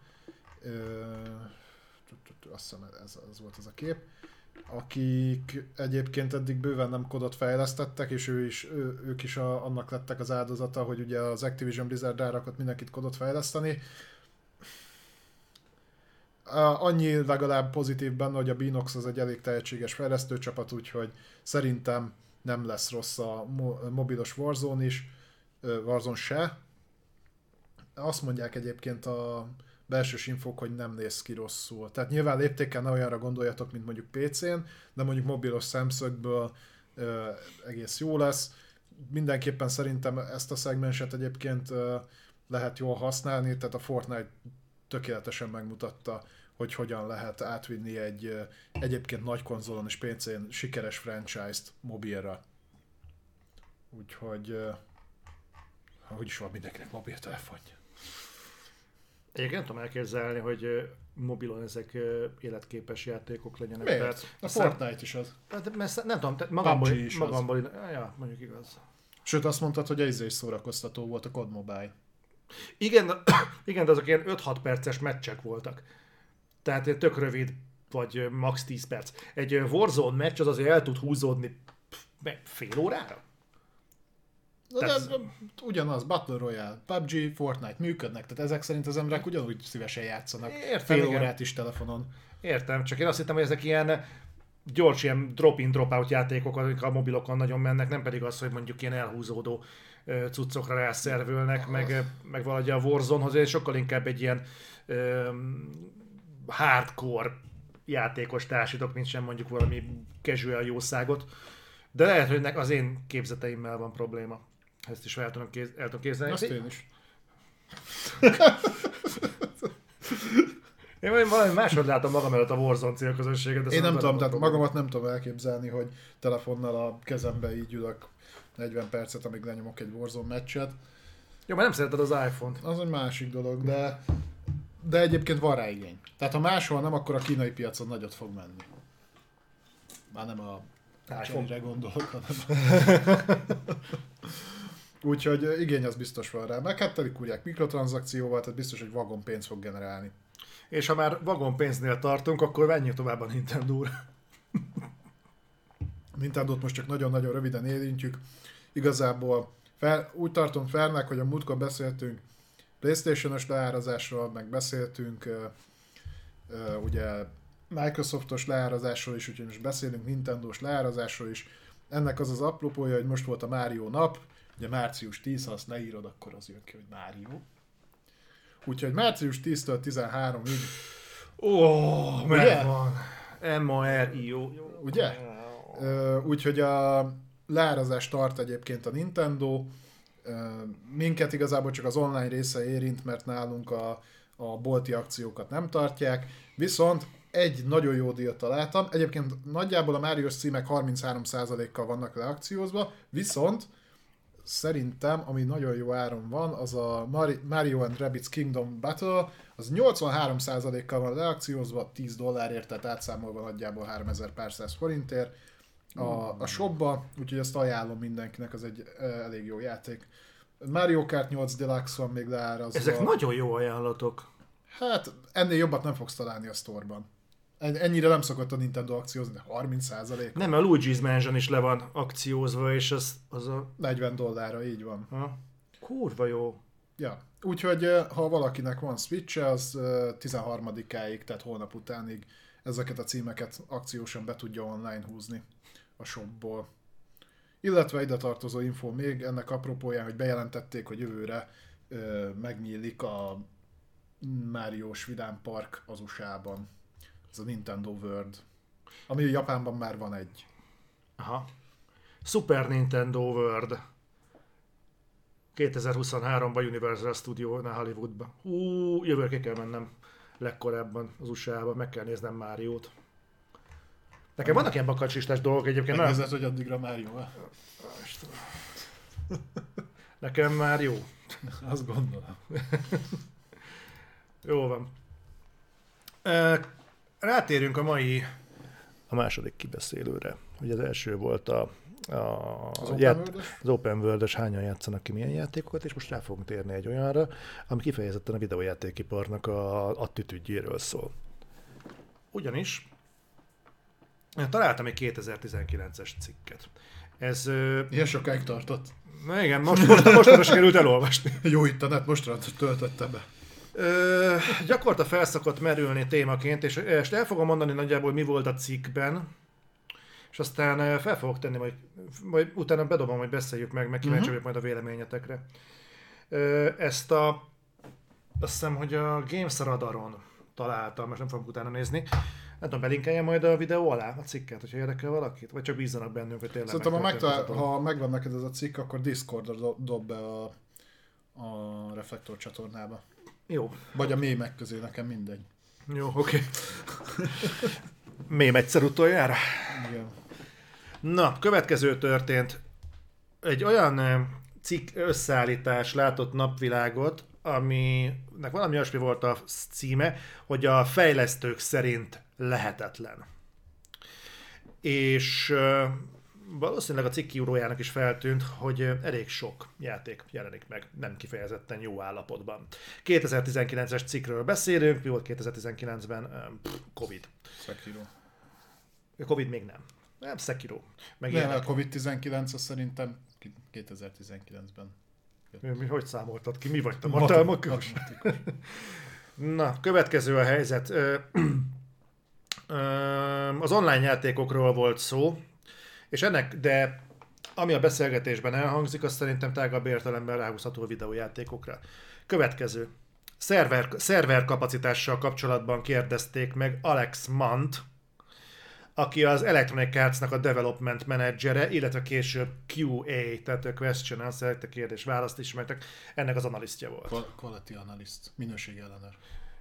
Ez Q&A volt szerintem. Na mindegy. Meg lehet.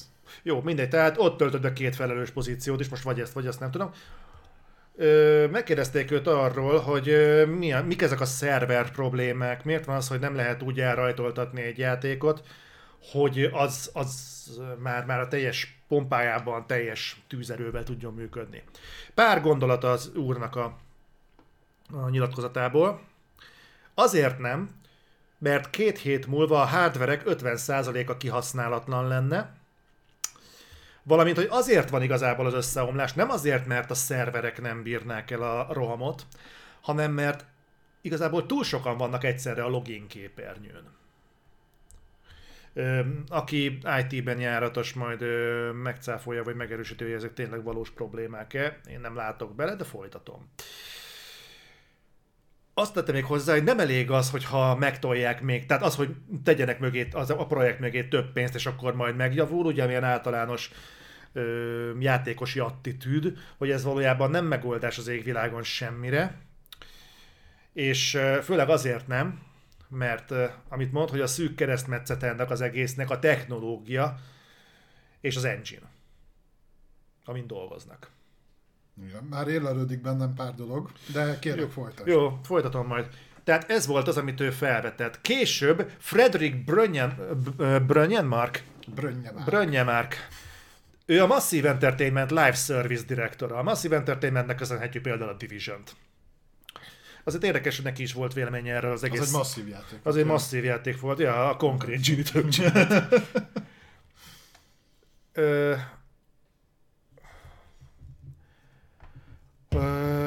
Hogy van?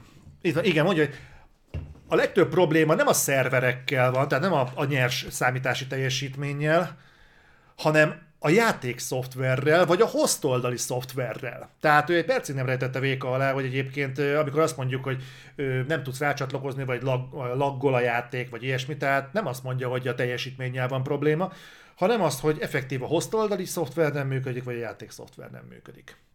Ebbe becsatlakozott Frank Sanchez, a BioWare community reprezentatívja. Ugye ő az, aki kifelé tartja a... Ez, a- Ezek a játékiparban ők nagyon, nagyon Igen. jól szoktak működni. Igen. Intelligensen kommunikálni. Bocsánat, ő még nem is csatlakozott be. Ez volt a szerveres rész. Ez volt az, amikor a szerverről beszéltek. Jött a következő topik, amin annyi volt, hogy minden launch más. Tehát minden megjelenés más. Itt jött be, Fra- itt jött be kedves Frankunk a BioWare-től, mondta, hogy minden launch más. Még ha a két játékot ugyanabban a motorban is készítik, még ha ugyanaz is a műfaj, a folyamat más. Nem mondhatod, hogy ha ennél a játéknál ment, ott miért nem, mert minden játékban sok minden egyedi. Lefordítva nekem ez azt jelenti, hogy ha mondjuk van egy valamelyik képzeletbeli csapat, aki eddig Halo-t csinált, és neki a Halo motorjában el kéne készítenie mondjuk a Killzone-t, mm. akkor nem várható el tőle, hogy az abban az engine-ben szerzett tudását egy ugyanolyan zsánerű játékba átvigye, hiszen minden más. De folytatom. Szintén Frank Sanchez, mostantól csak Frank, Frank Sanchez fogom idézni. Ugye a live service játékokról beszélünk. Azt mondja, nincs szimuláció az élőre. Tehát amikor kimegy egy játék live-ba, egy online játék. Azt mondja, idézem szintén, nem tudsz tervezni az élőre. Egyszerűen lehetetlen. Nem helyettesíthető. Láttam már mindenféle belsős stressztesztet, nincs szimuláció az élőre.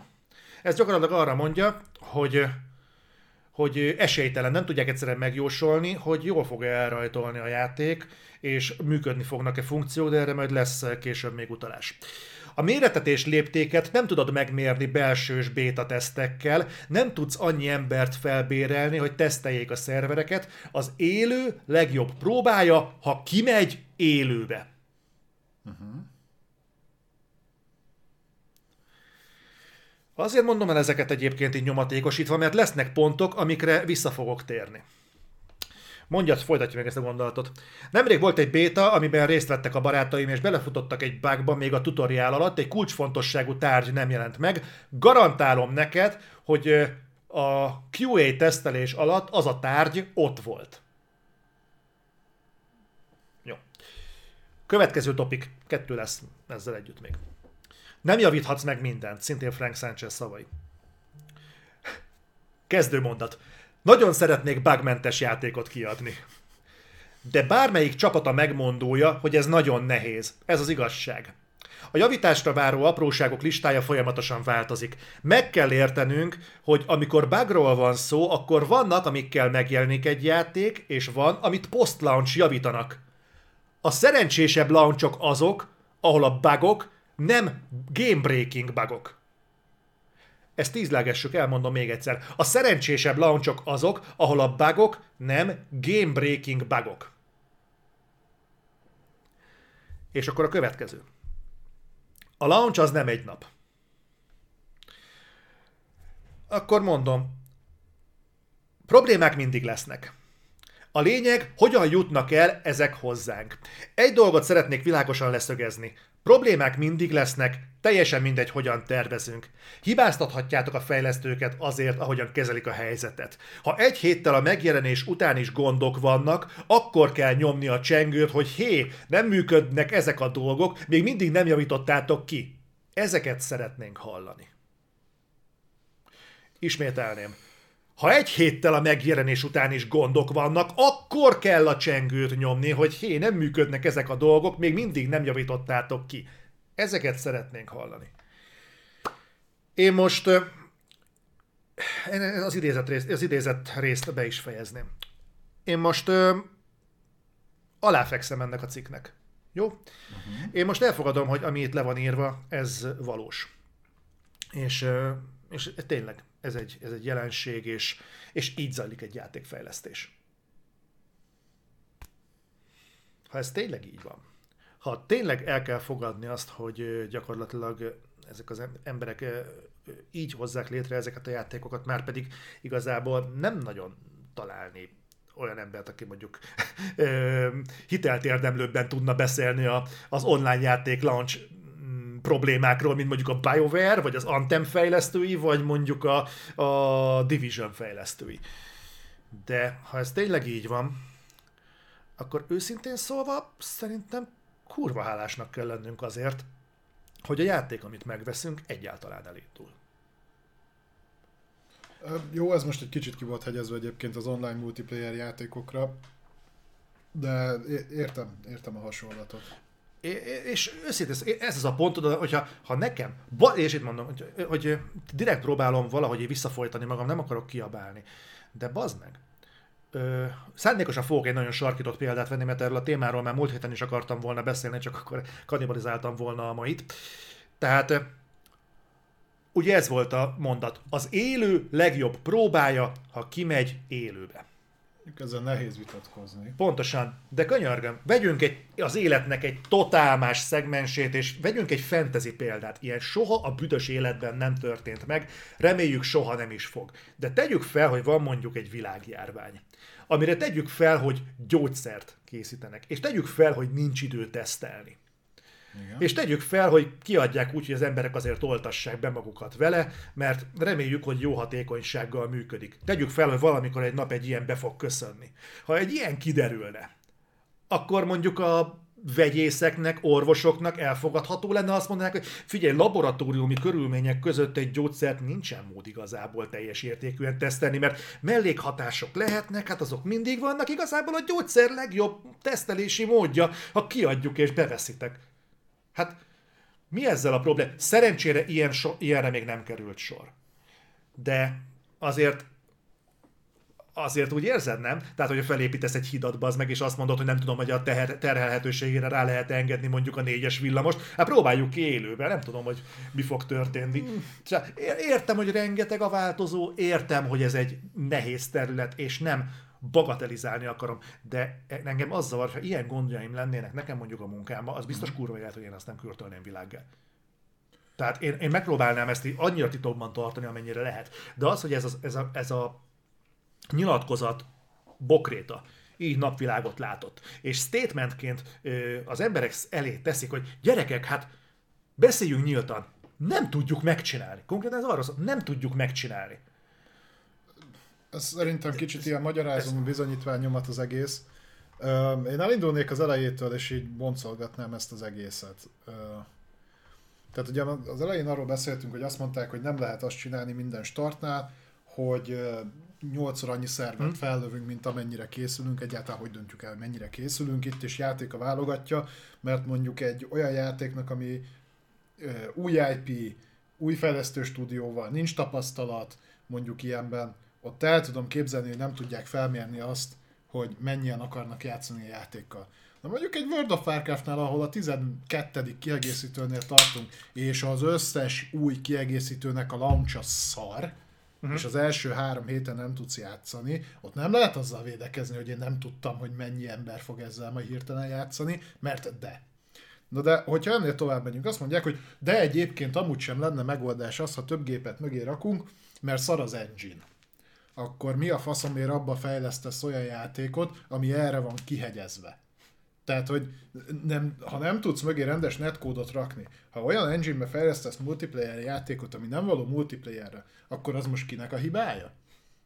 És akkor azt a részt megértem, hogy nem fognak nyolcszor akkora szerverparkot mögé rakni, csak ez már nem a 90-es évek, ahol ez úgy nézett ki, hogy elrajtolt az Ultima Online, volt 10 szerver, és hogyha be kellett üzemelni egy 11-et, akkor igen, akkor be kellett menni, mit tudom én, a szerverterembe, berakni még egy hm. rekket, azt felhúzni, mit tudom én, hanem ez most már körülbelül úgy néz ki, hogyha be van állítva, hogy mondjuk normálisan lehessen skálázni ezt a dolgot, akkor így automatikusan fellő a felhőbe, amit tudom, hogy az is valahol egy akármi, hm. fellő egy új VM-et, ráhúzza az imidzset, és mondjuk 15 perc múlva ott az új szerver. A beállítások megvannak, minden megvan, és át kell nevezni. Valószínűleg foglalkoztak ezzel, mert azt mondta az űrge, hogy látott már számos stressztesztet, valószínűleg próbálkoztak ilyenekkel. Állítólag ez nem egy ö, jó mérési oldal.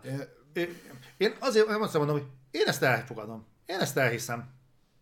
Tehát tudod mit? Legyen így. De akkor pontos, miért nem állnak át ezek a játékok ingyenes free-to-play-re, és mondják azt, hogy akkor legyen ingame mikrotranszakciós rendszer, és akkor majd tudom, hogy nem a fejlesztő fogja eldönteni. Tudom, hogy ez a modell ez valahogy de hogy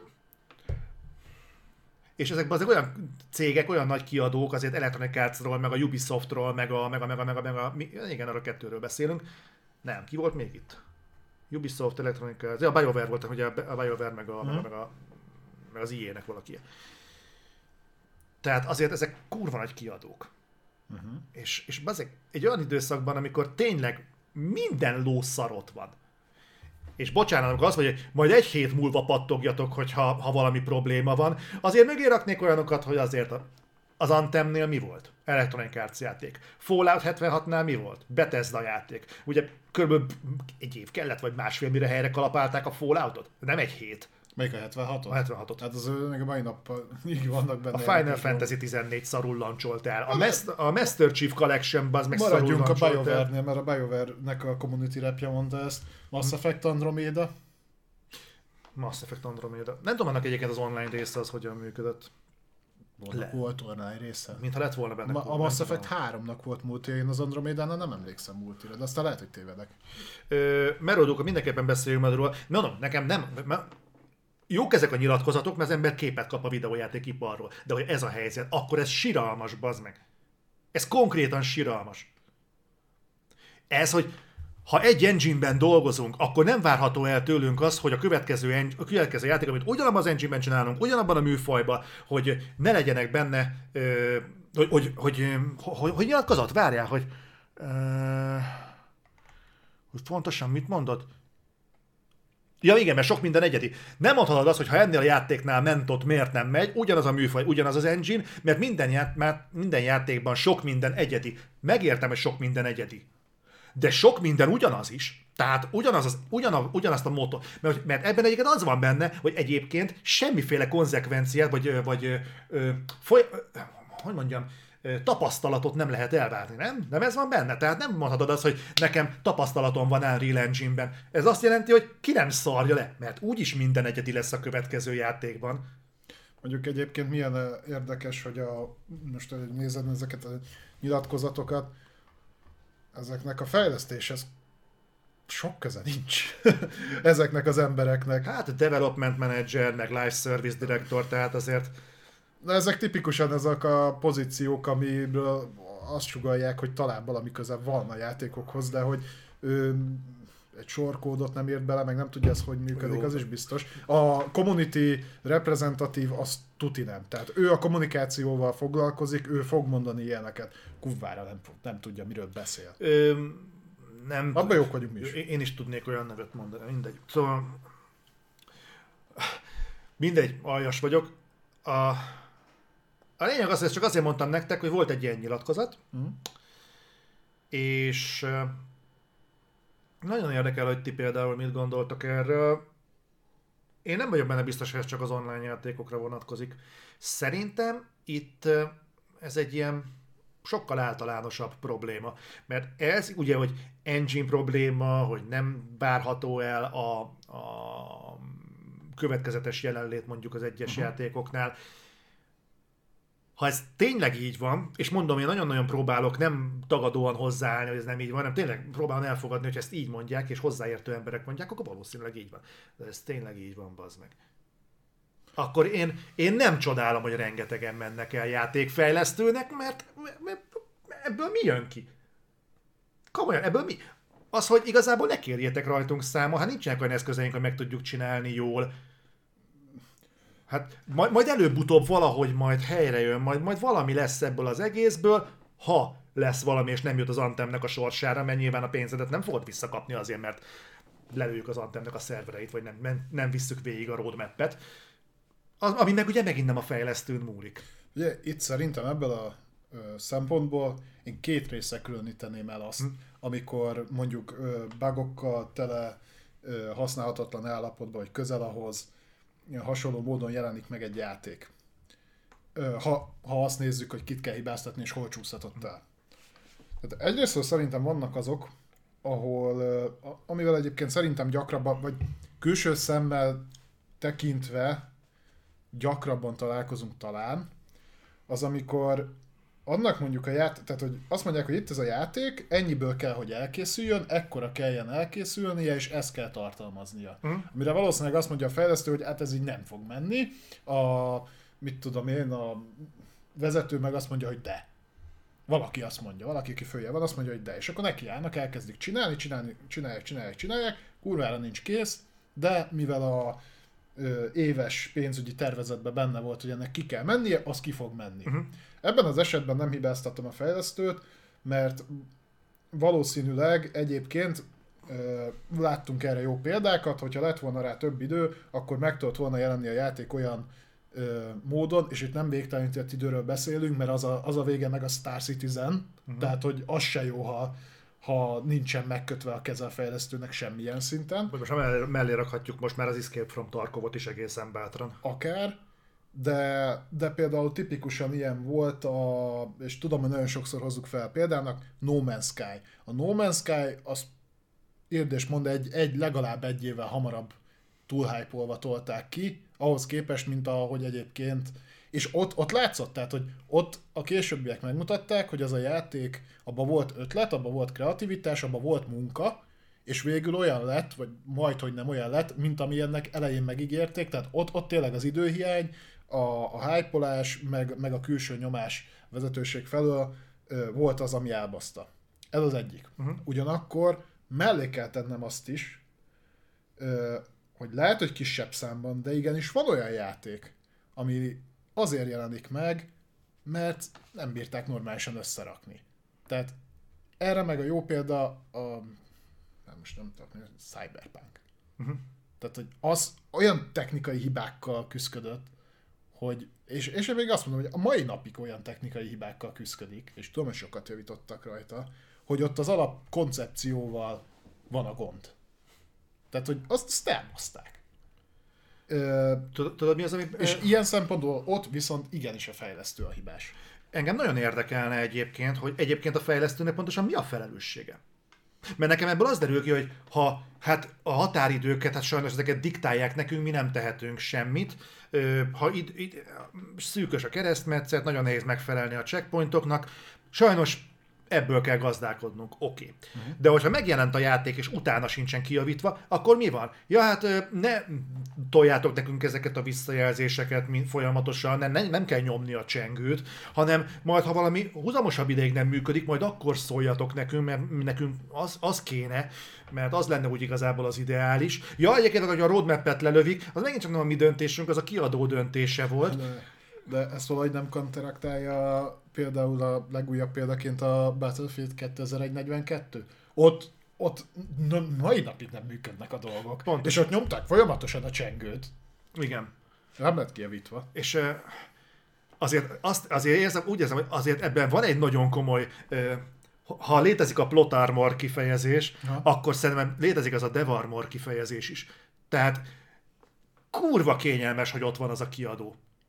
És, és, és igen, ez egy genyóság tőlem, de én el tudom képzelni, hogy egyrészt egy jó fizető állás egyébként, és és szigorúan mondom, ennek a nyilatkozatnak a fényében igazából nagyon következménye sincsen, mert hogyha lenne, akkor például a BioWare-t mondjuk már régen megszüntették volna, a DICE már régen kibaszták volna a helyéről, a Square Enix mondjuk már régen csődbe ment volna, és ez alapján igazából mindenki fogja be a száját, és örüljön, hogy kijönnek ezek a játékok valamilyen minőségben. És mondom, hogy eh, ez nem az én személyes véleményem, hanem nekem ebből a nyilatkozatból, szigorúan ebből a nyilatkozatból, nekem is van ismerősöm, aki játékot fejleszt. Tudom, hogy vannak kráncsok, tudom, hogy van még melózás, de ez a nyilatkozat nekem azt mutatja, hogy egyébként pusztán az, hogy megszületett, hogy egyébként ez egy, egy, olyan méretetlen magasló van uh-huh. a játékfejlesztőknél, hogy ez így... pff, Figyelj, valamilyen szinten a piac visszaigazolja. Tehát uh, ott, ott van az Outriders, az uh, megjelent egy nagyon nem jó állapotban, és a Square már ugye szériát akar belőle csinálni, rettentően sokan játszották, szerintem manapság egyébként a kutya nem játszik vele, de nem tudom, Ö, és de sikeres launch volt, több millióan játszottak vele, annak ellenére, hogy milyen állapotban volt. És most nagyon sarkítani fogok, és félre ne értsétek, ott az Elden Ring, majd beszélünk róla később, az Elden Ring technikailag ö, egyébként szar. Uh-huh. Tehát szar állapotban van, szarul fut. De nem zavarja az embereket. Kicsit zavarja az embereket. Van, aki szóval tesz. Ö, és, és mondjuk ott azt bőven ellensúlyozza, hogy az mondjuk egy remek játék, de például az Outriders az nem volt egy remek játék, Hát hát nem. és még szarul is indult el, de akkor éppen nem volt hasonló jellegű játék, és akkor az is anyagi siker lett. Talán az ilyen a, na- nagyobb bukták közül ott van az Avengers. De az Avengers-es csapatot se küldték el a picsába utána. Nem, nem. Tehát ö, Ezért volt nekem egy felvetésem még korábban, hogy egyébként ebben az iparban amúgy lehet bukni. Lehet. Létezik ebben a... Te, Bár te, van, a, igazad van, nem biztos, mert a Cyberpunk sem volt anyagilag bukó. nem, nem, kurva jól ment. Dévan megvették nagyon sokan, szerintem egyébként máig vannak, akik veszik, és szerintem akkora lett a játékipar, hogy egészen egyszerűen a Bethesda-nak csődbe kellett volna mennie mostanra. Tehát a Bethesda-nak az egész előző generációban volt a Doomja, ami sikeres volt. Minden más játéka az mélyen az elődöknek az eladása alá alatt teljesített, még a Wolfenstein is. Hát a Fallout 4 azért jól ment. Ugye, bocs, meg a Fallout 4. Ez a kettő játékok volt, ami sikeres. Uh-huh. Oké, okay, mellette adták a Az Skyrim-et, meg a Ez többi. a Skyrim-et 15 évig. Miért? A Rockstar a GTA 5-ből él 12 éve. Jó, de a GTA 5 mögött volt egy live service modell, tehát ment az online mögött. Utólag. Tehát azt ö, ott még mondjuk megértem. Aha. De ezek, ezek a kiadók fönn tudnak maradni egyébként, látszólag egyébként sikeres megjelenés nélkül, és akkor a bukta címekkel. Hogy a, hogy, miből? Tudod, mi lehet majd erre jó példa, hogy kíváncsi leszek, hogy a Babylon's Fall, azt most már azt tudjuk, hogy iszonyat szar értékeléseket kapott, és elvileg nagyon-nagyon kevesen játszák, hogy, hogy az bukta lesz egyébként. És ha az és nem De, történik és hogy egyáltalán ezt a kérdést fel kellett tennünk. Hát figyelj, Vagy ott a Crossfire. A Crossfire, ami iszonyatosan jól megy, annak ellenére, hogy maga a játék meg borzalmas. de az nem fogja magával rántani a Microsoft. De mert a Microsoft akkor, hogy nem tudja. Uh-huh.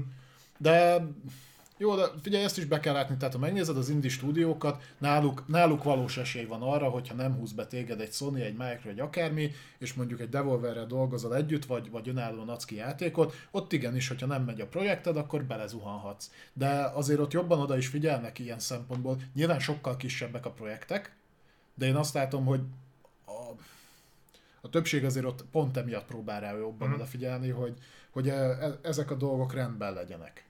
Nyilván mondom, a vállalás is kisebb, de, de ott igen, tehát ott, ott látom veszélyet, viszont egy bizonyos szint fölött, hát hogy nézd meg egy Ubisoftot, egy Square Enix-et, sorra dobálják ki egyébként a hulladékabbnál hulladékabb játékaikat, és igazából anyagilag nem nagyon buknak meg ezek a játékok.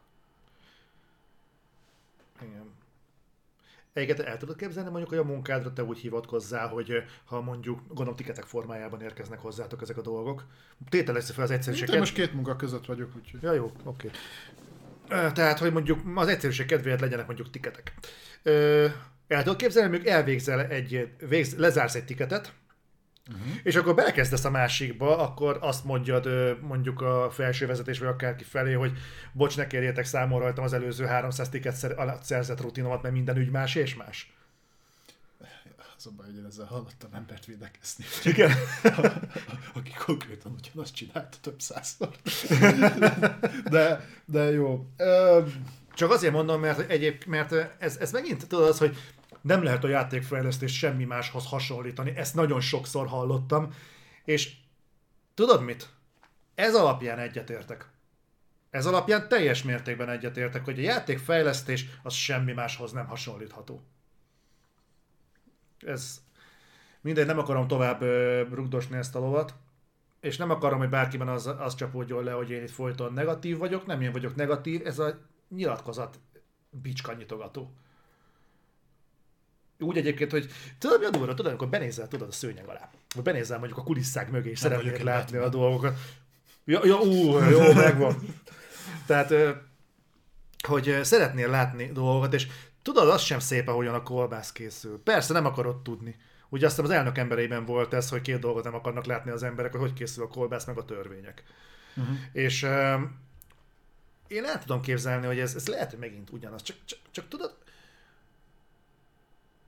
valahogy valahogy erre azért nem számítottam. Tehát, hogy el tudom képzelni, hogy káosz van, meg crunch van, meg az emberek szét ö, telenyomják magukat mondjuk ö, heroinnal, meg alkoholba folytják mondjuk a stresszt, meg nem tudom, de persze, ez, ez, ez úgy nincs. mellette van. De az az meg, hogy amivel dolgozol, ami a szakmád arra azt mond, hogy egyébként nem, nem támaszthatsz vele szemben semmiféle elvárást, mert mert tudod mit, ezek után arra lennék kíváncsi, hogy tényleg, amit az előzőleg mondtam, mondja el nekem egy játékfejlesztő, hogy mi az az elvárható minimum, aminek meg tudnak felelni, mint játékfejlesztők. Ezt ho- hogy érted? Hogy egy játék, máshogy kérdezem, egy játékfejlesztőnek a mértékével mi az a minimum, amit ő, mint játékfejlesztő azt mondja, hogy én, mint játékfejlesztő azt mondom, hogy egy játéknak megjelenéskor ez a minimum, amit tudnia kell. Szerintem a játékfejlesztő nem mond ilyet. Na hát ez az. De nem is, nem is az ő feladata. Te majd ilyenekről beszélünk, mint tudom, hogy legalább a játék elinduljon. Az mondjuk azért egy elvárható dolog. Figyelj! Tehát az például mondjuk, hogy végigjátszható legyen. Az, hogy mondjuk ö, ö, game breaking bugok ne legyenek benne. Hiszen, mint kiderült, az sem elvárható, hiszen azt mondták, hogy azok a szerencsésebb launchok, ahol nem game breaking bugok vannak. Tehát azt mondják, igazából teljesen természetes, hogy vannak game breaking buggal megjelenő játékok, csak maximum azok a szerencsétlenebbül megjelent játékok. Csak úgy kurvára érdekelne, hogy ezek, a, ezek az emberek egyébként hol helyezik el a saját szakmájukat. Az optimális, bocsánat, nem a minimumot, mert azért mennénk fel, mi az optimális, amivel ki tudják hozni, ami elvárható mondjuk egy teljes értékű játéktól. Figyelj, egyébként ö, ö, ha levetítem, bármilyen munkára levetítem, ha te alkalmazottként vagy valahol, akkor általában lehet arról elképzelésed, hogy hogyan szeretnéd a munkádat végezni, de le kell ezt arra képezni, hogy mik a lehetőségek, mik az elvárások, és milyen az iránymutatás. Tehát mondjuk van egy projektvezető, aki azt mondja, hogy te ezt csinálod, te azt csinálod, te azt csinálod, te hozzáadsz úgy hozzá, hogy belerakod szíved, lelkedet, ha mondjuk a másik három nem, akkor nem biztos, hogy látszani fog az eredményen. Hozzáadsz úgy, hogy megcsinálod azt, ami le van írva, igazából van, van, akit mondjuk a végproduktum büszkeséggel tölt el, hogy részt vehetett benne, hmm. és belerakatta az energiáját, van, akinek meg ez egy munkapénzt kap érte, és ennyi. És igazából nem tudom egyiket se elítélni ö, ilyen szempontból, és mondom, ez minden, szerintem minden munkára levetíthető, nem csak a játékfejlesztésre. Ö, itt szerintem inkább a projektmenedzsmenttel van gond, illetve jól látszik, hogy mik azok a cégek, ahol ahol mondjuk meghallgatják a fejlesztőnek az ötleteit, ha van, Uh-huh. és hol az, ahol meg leszarják, és igazából ez a itt van ez a rész, csináld meg. Sze- Szerintem ez így, így működhet. Persze, én, és tök igazat adok neked. Le, nyilván nem az az ember felelős érte, aki beleírja a kócsort, vagy megcsinálja mondjuk azt a kockát, ami valahol Mhm. látszani fog a háttérben. De hogyha ezt elfogadjuk, akkor viszont ugye a végső kérdésem az, aztán én, én elengedem ezt a topikot, Aha. mert szerintem már túlpörögtük, hogy igazából a játékokhoz való viszonyunk, ez a vége. Mert szükséges, Aha. szükséges lenne tudni azt, hogy mit várhatunk ahhoz, hogy, hogy, hogy mi az, amit számukra a megugorható léc ahhoz, hogy tudjuk, hogy mit várjunk. Ha azt látom, hogy egy, ját, egy online játéknak a megjelenésénél ezek a kondíciók léteznek, semmi probléma. Tisztázzuk le. Oké, okay, fasza. Akkor úgy állok hozzá, hogy nagyjából arra számítok, hogy D-ban valószínűleg egyébként szerencsés vagyok, ha egyáltalán elindul a játék, meg nagyjából fog működni. Hogyha nagyjából lesz mögötte szerver, nagyjából nem crash az engine, túljutok a login képernyőn, nem probléma, probléma, de ezek szerint ez egy iparági probléma, semmi gond, akkor ez alkalmazkodik az ember. Ha mondjuk ez a videójátékoknak a nagy részét érinti, ez a fajta ö, nehézség, akkor semmi gond, akkor így kell hozzáállni. Akkor azt mondom, hogy, a, a, hogy ha jön mondjuk a, a, a, a Starfield, mondjuk, uh-huh. akkor azt mondom, hogy basszus, ez egy nagy vállalkozás volt, akkor megnézzük. crash a játék, nagy ügy, majd valamikor kipecselik, De csak, igen. csak, csak innentől kezdve, az, bocsánat, csak én próbálom valahogy keretezni, ne az legyen, hogy, hogy valakik a, valami hülyeséget vonnak le ebből, amit most itt futtattam, hogy nem tudom, hogy fogalmazzam meg, hogy, hogy igazából meddig vigyem le az elvárásokat, hogy megüssem azt az optimális szintet, amit ők egyébként vállaltak, érted? Te már a kettőnek igazából valahol találkoznia kell. Nem akarok olyat elvárni, amit nem tudnak megugrani, hanem szeretném én is közelíteni az elvárásokat. Ha azt mondják, hogy igazából a megjelenés után egy hónapig nem valószínű, hogy egy átlag játék futni fog, nincsen probléma, mert akkor majd azt mondom, hogy egy hónap múlva majd megveszem. Csak akkor valahol ez kerüljön kimondásra, basszus, hogy, Hát hogy látod, kimondták. Egyébként ezt a filozófiát amúgy is követett, tehát ez nem rendelünk elő játékot, nem játszunk Mhm. játékot megjelenéskor, megvárjuk még lesz ráárazás hasonló. Ja, ezzel, ezzel egyetértek. Volt még egy valamit hozzá akartam fűzni, de ezt közben jól el is felejtettem, majd hogyha ezt Bocsánat. eljutok- Ja, semmi gond, nem. Ö, semmilyen extra dolog. Ja, szerintem ezt a részt ezt nagyjából Igen. így megbeszéltük. Ez egy, ez egy nagyon provokatív téma volt, OVS-en, hogyha valaki mondjuk játékfejlesztésben dolgozik és szeretné ezt megosztani velem, hozzáteszem, nagyon kíváncsi lennék tényleg valaki annak a véleményére, aki tényleg játékfejlesztésben dolgozik, az annak tényleg érdekelne egyébként a véleménye. És megtisztelve érezni magam, hogyha megosztanám velem, mert mi igazából a médiából szemezgetünk, és arra próbálunk reagálni a saját tapasztalataink alapján. Úgyhogy remélem ezt így is fogjátok kezelni. Azért mondom ezt, mert talán így könnyebben megtapad a Youtube-on. Na menjünk tovább, mit szólsz hozzá? Ja. Jó, toljuk. Jöjjenek a rövid hírek. Jönnek a rövid hírek. Elden Ring, két téma is van. Az egyik az... Fú, bazd meg. Realizáltam azt a számot. Ja, igen, nagyon durva. Tehát elvileg nem hivatalos statisztika alapján az Elden Ring eladások PC-n hozzáteszem, csak a PC-s eladások túlépték a 10 milliót. Azért ezt tízlegessük, tehát még konzol exkluzív nagy játékoknak is a tisztességére válik a 10 milliós eladás, és ez, hogy ezt meg PC-n érte el az Elden Ring, azért nagyon durva, mert azt tudjuk, hogy egyébként a PC-s játékosok nál, és itt most ne sértődjön meg a nagy többség, de ö, nem az a legelterjedtebb, hogy megjelenéskor megvesznek egy játékot. Úgyhogy ez mindenképpen nagyon szép szám. Ez, ez, ez őrületes. Ez, ez egy felfoghatatlan szám, főleg ilyen rövid idő alatt. Nincs kint egy hónapja az Elden Ring. Ja, ja, ja, ja. Egy hete, vagy két hete jött ki.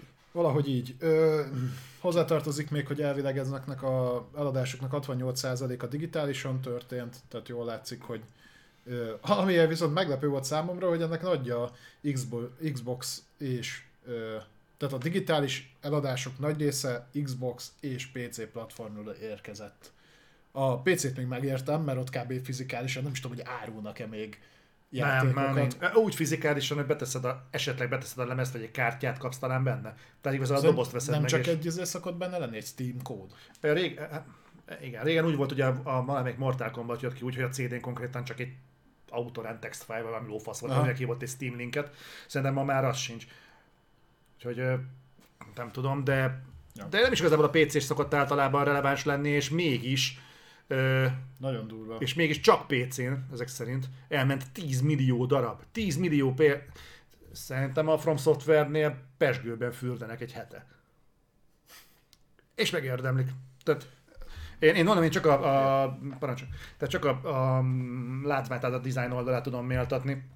Az valami egészen, Jól egészen szenzációs. Az, hogy túl van-e értékelve, arról a múltkor beszéltünk, de az tény, hogy nagyon jó játék lett. Uh, illetve ehhez kapcsolódóan van egy érdekesség, és a Bandai Namco bocsánatot kért azért, hogy milyen sz- szarul fut PC-n, illetve konzolokon is az Elden Ring. Tehát, hogy az optimalizáció megint nem sikerült, úgyhogy hivatalosan is bocsánatot kértek, elvileg majd javítják. Mondjuk, hogy miért a kiadó kér bocsánatot azért, amit egyébként a mert a Bandai ugye csak kiadja a játékot, tehát hogy ez az oldala, hogy ő, hogy sikerült, az szerintem nem az ő felelősségük, hanem a From Software de Egyébként ez aránylag ritka, nem? Hogy a kiadó kér bocsánatot valamiért. Általában vagy a... bármiért. vagy bármiért. Úgyhogy ez egyébként egy nagyon... Meg is vagyok lepve, kicsit meg is vagyok hatva. Nekem az volt nagyon fura, nem tudom mi történhetett, de mikor megjelenés után megnéztem egy héttel a, az Elden Ringnek az értékelését PC-n, Steam-en, akkor a mixed státuszban volt, tehát Igen. vegy, vegyesben volt, és pontosan azért, mert az összes negatív értékelés az mind azt emelte ki, hogy még akár egy RTX 3 3080-ason is, meg egy nagyon- erős gépeken is szarul fut a játék, és most a műsor előtt megnéztem ismét, és most meg kimagaslóan pozitív. Hogy ez hogy vásol? attól mert patchelik, attól a review nem fog megváltozni. Ja. Tehát nekem ez fura, de tény, hogy ez, ez egyébként én nekem minden tiszteltem a Bandai, hogy ezt így kimondták, hmm. ha javítják is, én annak nagyon fogok örülni. Sajnos a From Software-es PC sportokkal eddig mindig volt probléma. Uh, aztán volt, amelyiket javították, volt, amelyiket inkább újra kiadták, uh-huh. de egyébként ez a konzolos verziókat is érinti, tehát az open world területeken például a Playstation 5-ön is 40 FPS-re droppol a játék, vagy az alá. Úgyhogy még, van... még nem láttam szignifikáns droppot egyébként a stream közben. Jó, de te az RTX-et se látod. Jó, de azért a frame, azért 10-es, 20-as frame droppokat azért kikiszúrok. De hogy szúrsz? Úgyhogy mindegy, örülünk, hogy foglalkoznak ezzel. Főleg azért, főleg PC-n, mert ugye ott, ha még kimagasló hardveren se fut jól, hm. és ugye a legutolsó Steam survey megint az jött le, hogy a GTX 1060-as, ami most már sok éves kártya a legelterjedtebb, akkor nem árt optimalizálni. Igen. Vagy megoldják majd megint a, a rajongók mint ahogy például a Prepare to Die Edition-nél a DSFix-et is a modderek adták ki, ami rendbe hozta a frame rate-et, az, op- az opciókat, amiket lehetett állítani, az effekteket. Ez, lehet, hogy ilyen is lesz. Na de, de lássuk még, hogy mi lesz. Jó van. Mert hogy a Valve-nál szivárgás van, úgy néz ki. Így van, ugye beszéltünk a múlt héten arról, hogy a Steam Deckhez elkészítettek egy új ingyenes játékot, ez egyébként nem csak Steam Decken elérhető, hanem ugyanúgy PC-ről is elérhető, ez a Aperture Desk Job nevezetű játékot, aminek már a forráskódját jól fel is túrták, és sikerült belőle kibányászni pár darab projektet, amin elvileg dolgozik a Valve. Ugye múltkor mondták, hogy több projekten dolgoznak, ezek között olyanok találhatóak meg, mint a Alix-nak a második része, a Counter-Strike Global Offensive-nek a Source 2-es, tehát az engine, az újabb engine-re készült változata, illetve egy Citadel nevezetű játék. Erről már több dolgot is tudni vélnek, amik egy fura dolgok vannak benne. Elvileg ez egy ilyen kóp shooter játék lesz, és elvileg nagyon-nagyon fejlett botokkal, tehát hogy nagyon ö, előre haladott benne az AI.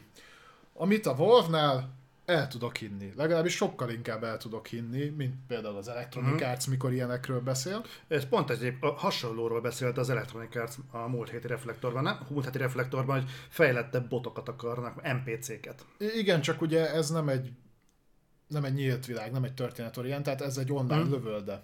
Ha?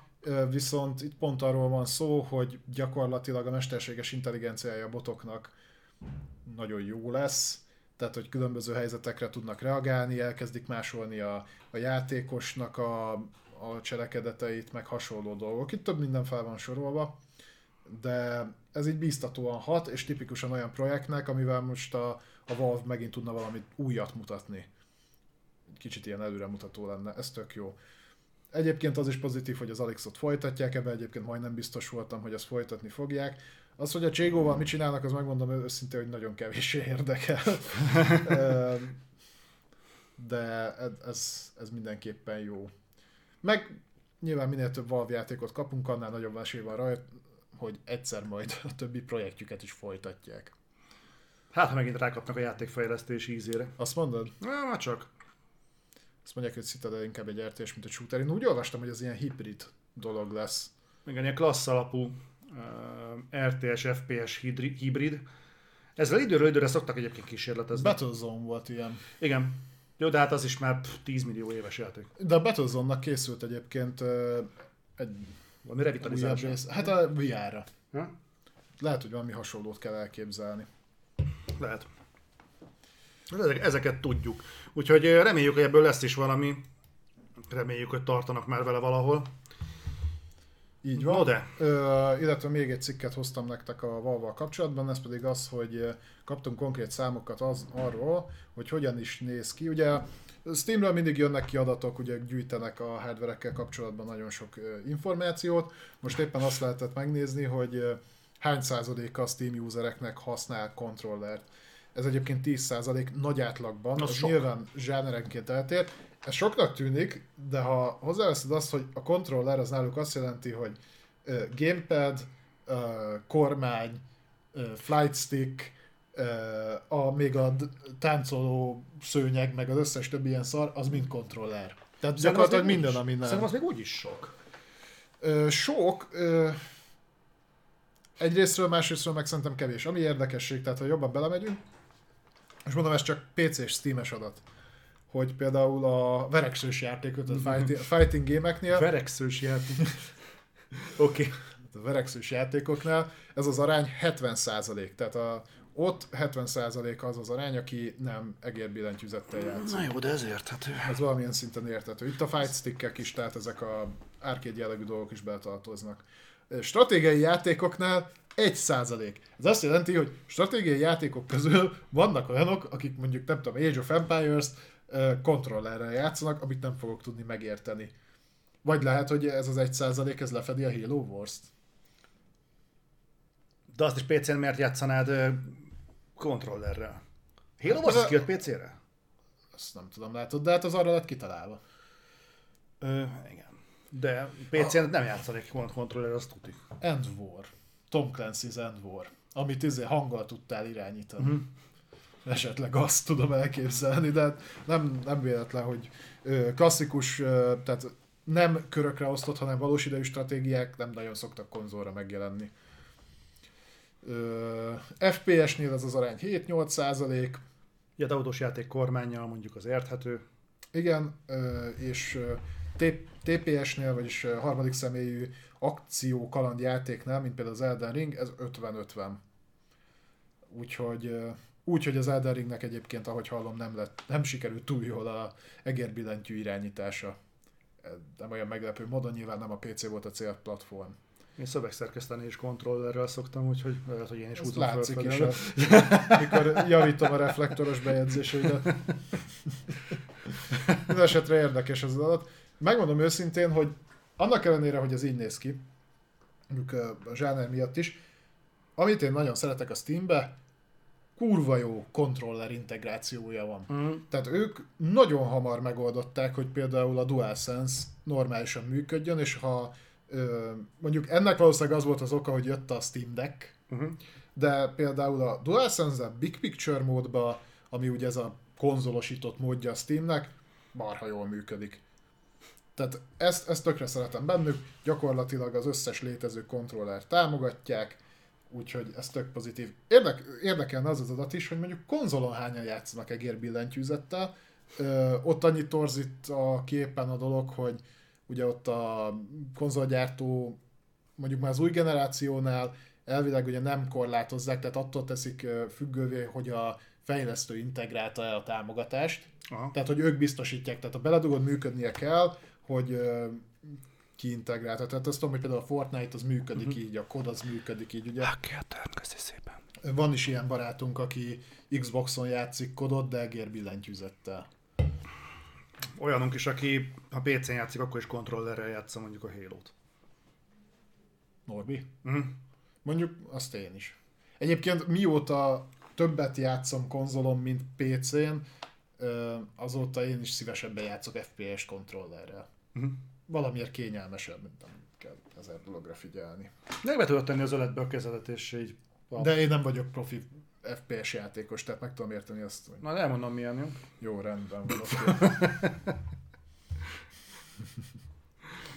Pirula Panda? Jézusom. Nem, nem lesz kritika a Pirula Pandáról, legközelebb szerintem a Morbiusról lesz. Mi? Mi? Az a pirula panda? Nem tudom, hogy fasság. Na, jó, menjünk még tovább. Skull and Bones Insider program elindult. Én erről tényleg csak a szalagcímet olvastam. És szerintem ez így...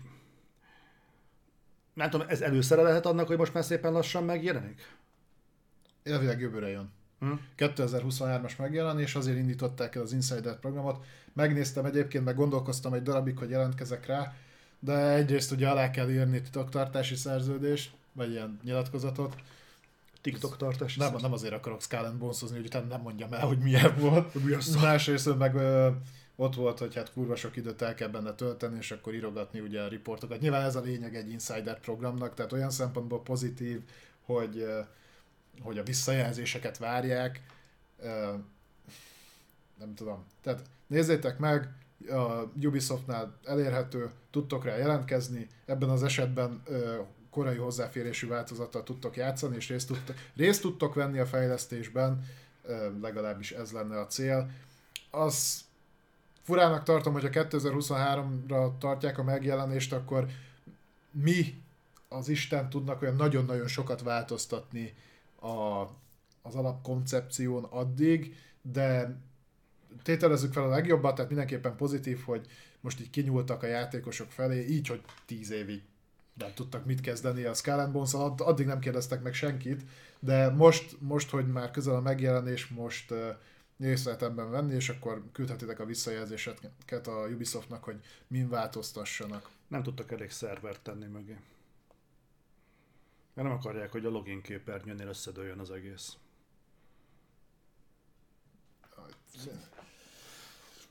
Jó. Jelentkezz inkább az Insider hmm. programra, jó? És akkor beszélhetsz nekünk. Igen, majd elmondják egyébként azt, hogy eh, milyen kurva nehéz volt összehozni a Skull Bones-t, mert... Ezt mondjuk el is hiszem. Mert uh, az embereknek túl magasak az elvárásai, meg hát valószínűleg az előző program, játék, amit csináltak, valószínűleg a Assassin's Creed volt, és hát egy Assassin's Creed után egy Assassin's Creed DLC, tehát kurva nehéz megcsinálni, nem várhatjuk el, hogy... Jaj, most volt valami olyasmi, hogy a, az új Assassin's Creed DLC az már nincsen benne a... Tehát ha megvetted annó az Ultimate edition ami, vagy nem Ultimate edition hanem a...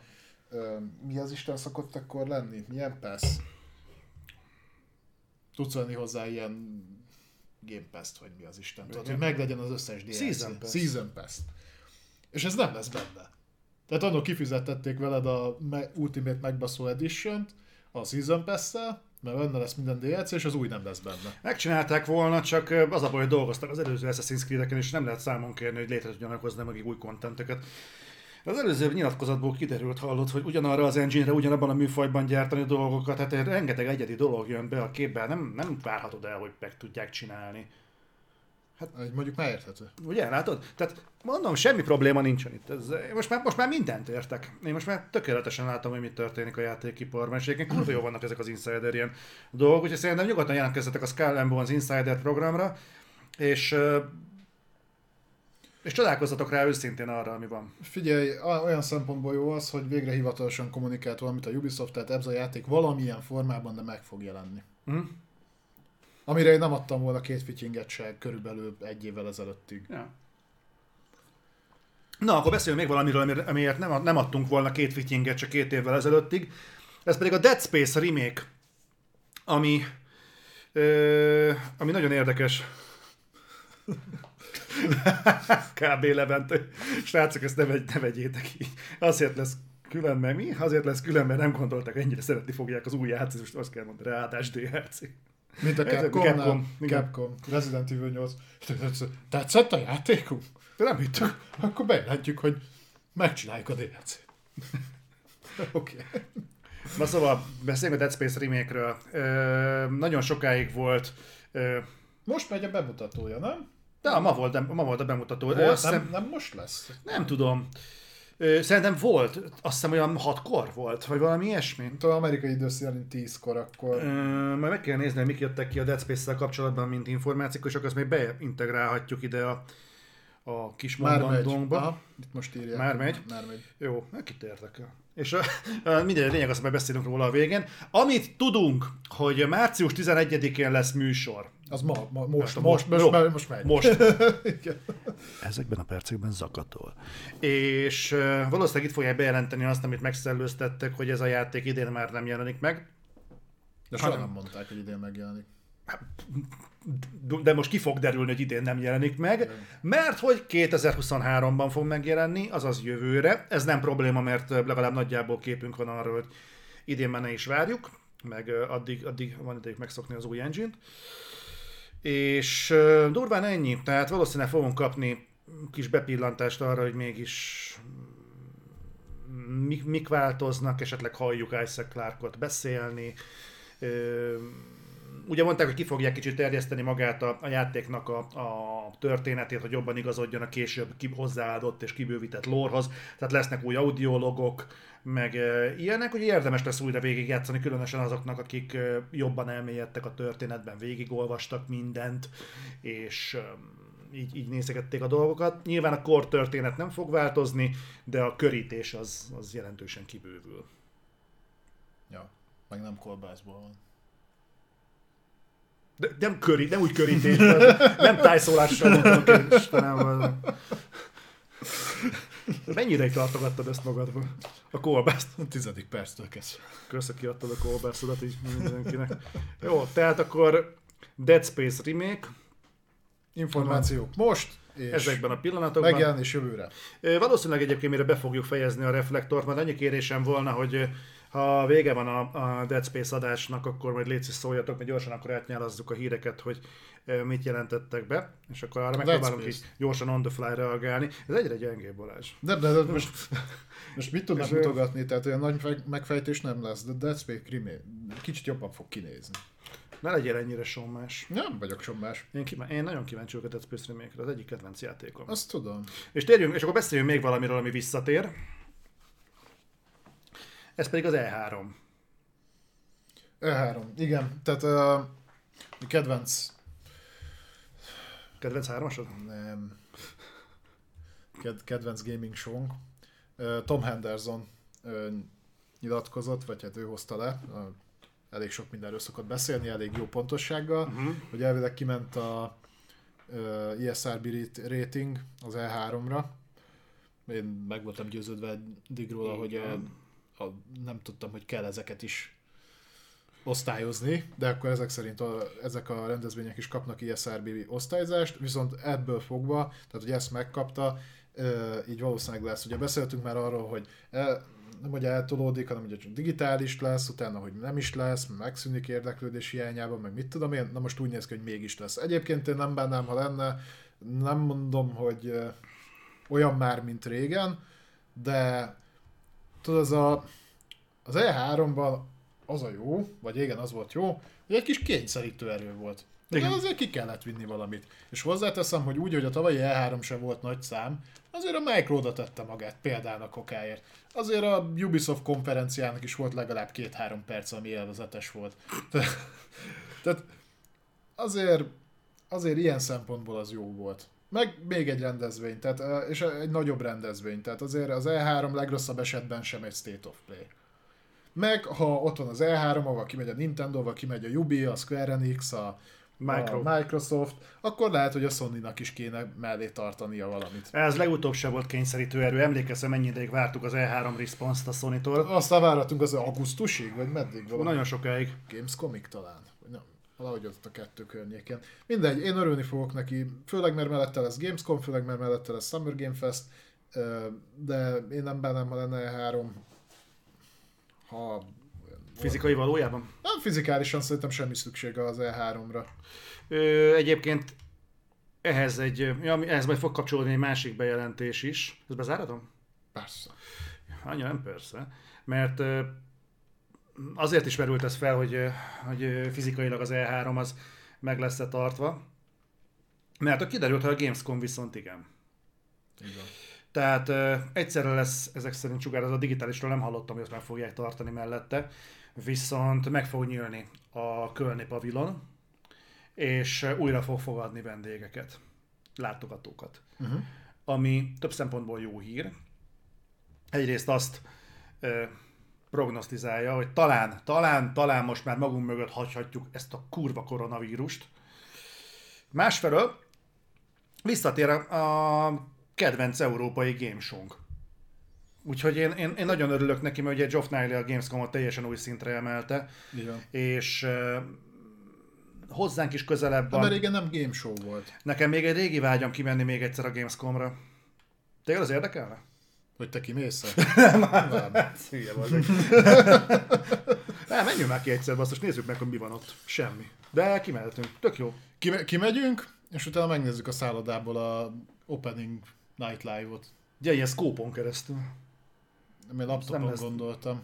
Ja. Hogy nehéz streamelni. Nekem nem volt. Tudod, mennyit szoktam bajlódni az OBS-sel? Tudom, de nem csak Gamescom alatt. Ö, persze, szívesen kimennék egyébként. Ö, bár szerintem annak úgy lenne értelme, hogy egyébként a, a, nyilván az Opening Game Night Live-val, vagy mi az Istennel kezdenek, azt én inkább digitálisan nézni mondjuk innen, uh-huh. és a többi napra, vagy egy-két napra, ha, ha lesz valami izgalmasabb dolog, akkor szívesen kimennék. Nem tudom, hogy ez az expo jellege mennyire fog megmaradni, mert most is azt nyilatkozták, hogy ugyan fizikálisan ott lesz a Gamescom, de viszont a fele az még így is, tehát ilyen hibrid megoldásban nagyon sok ö, dologhoz ugyanúgy csak digitálisan tudsz majd hozzáférni. Uh-huh. Úgyhogy ilyen, ilyen, ilyen lesz. De persze, ö, egyébként adnám. Egyszer egyébként szerintem mindenkinek érdemes látni a Gamescom-ot. A, aki utálja a tömeget, az, az, az, az ott nagyon meg fogja utálni. Tehát, hogyha azt hiszitek, hogy a magyarországi léptékkel bárhol találkoztatok már tömeggel, nem, tehát a Gamescom-on a, a teljesen új fogalmat nyer a tömeg. Talán a Black Friday alkalmával az egyes ilyen elektronikai boltokban vannak annyian, mint a Gamescom-on mondjuk. Ja, itt van tehát, jellemző. Ö, akkor, akkor tényleg nem. Hogyha itt se jellemző, akkor viszont a Gamescom az egy, egy, egy teljesen más kategória. Tehát az tényleg olyan ezek, hogy amikor beszabadulnak az emberek, akkor konkrétan órákig tart eljutni addig a kiáratig, amit is szemből egyébként látsz. Brutális az a tömeg. De vissza fog térni, és vele együtt talán az életünk is a régi kerékvágásba, aminek nagyon örülök. Na mondjuk a, ez augusztus, úgyhogy még várjál ezzel. Nem tudni még mi lesz addig. De reménykedjünk a legjobbakban. Tehát. Lesz Play is idén, de jó. De az nem Play hanem a... A, Ga- a Gamox, vagy Gomex, vagy Go- Gemex. Gemex, vagy G- De az már megy. Ja. Az már egy jó ideje, ilyen egy-egy napokat vannak mindenhol, aztán Pesten lesznek két napot. Április 1 jönnek Budapestre. Ja, tényleg április 1 lesznek a Hung Expo talán.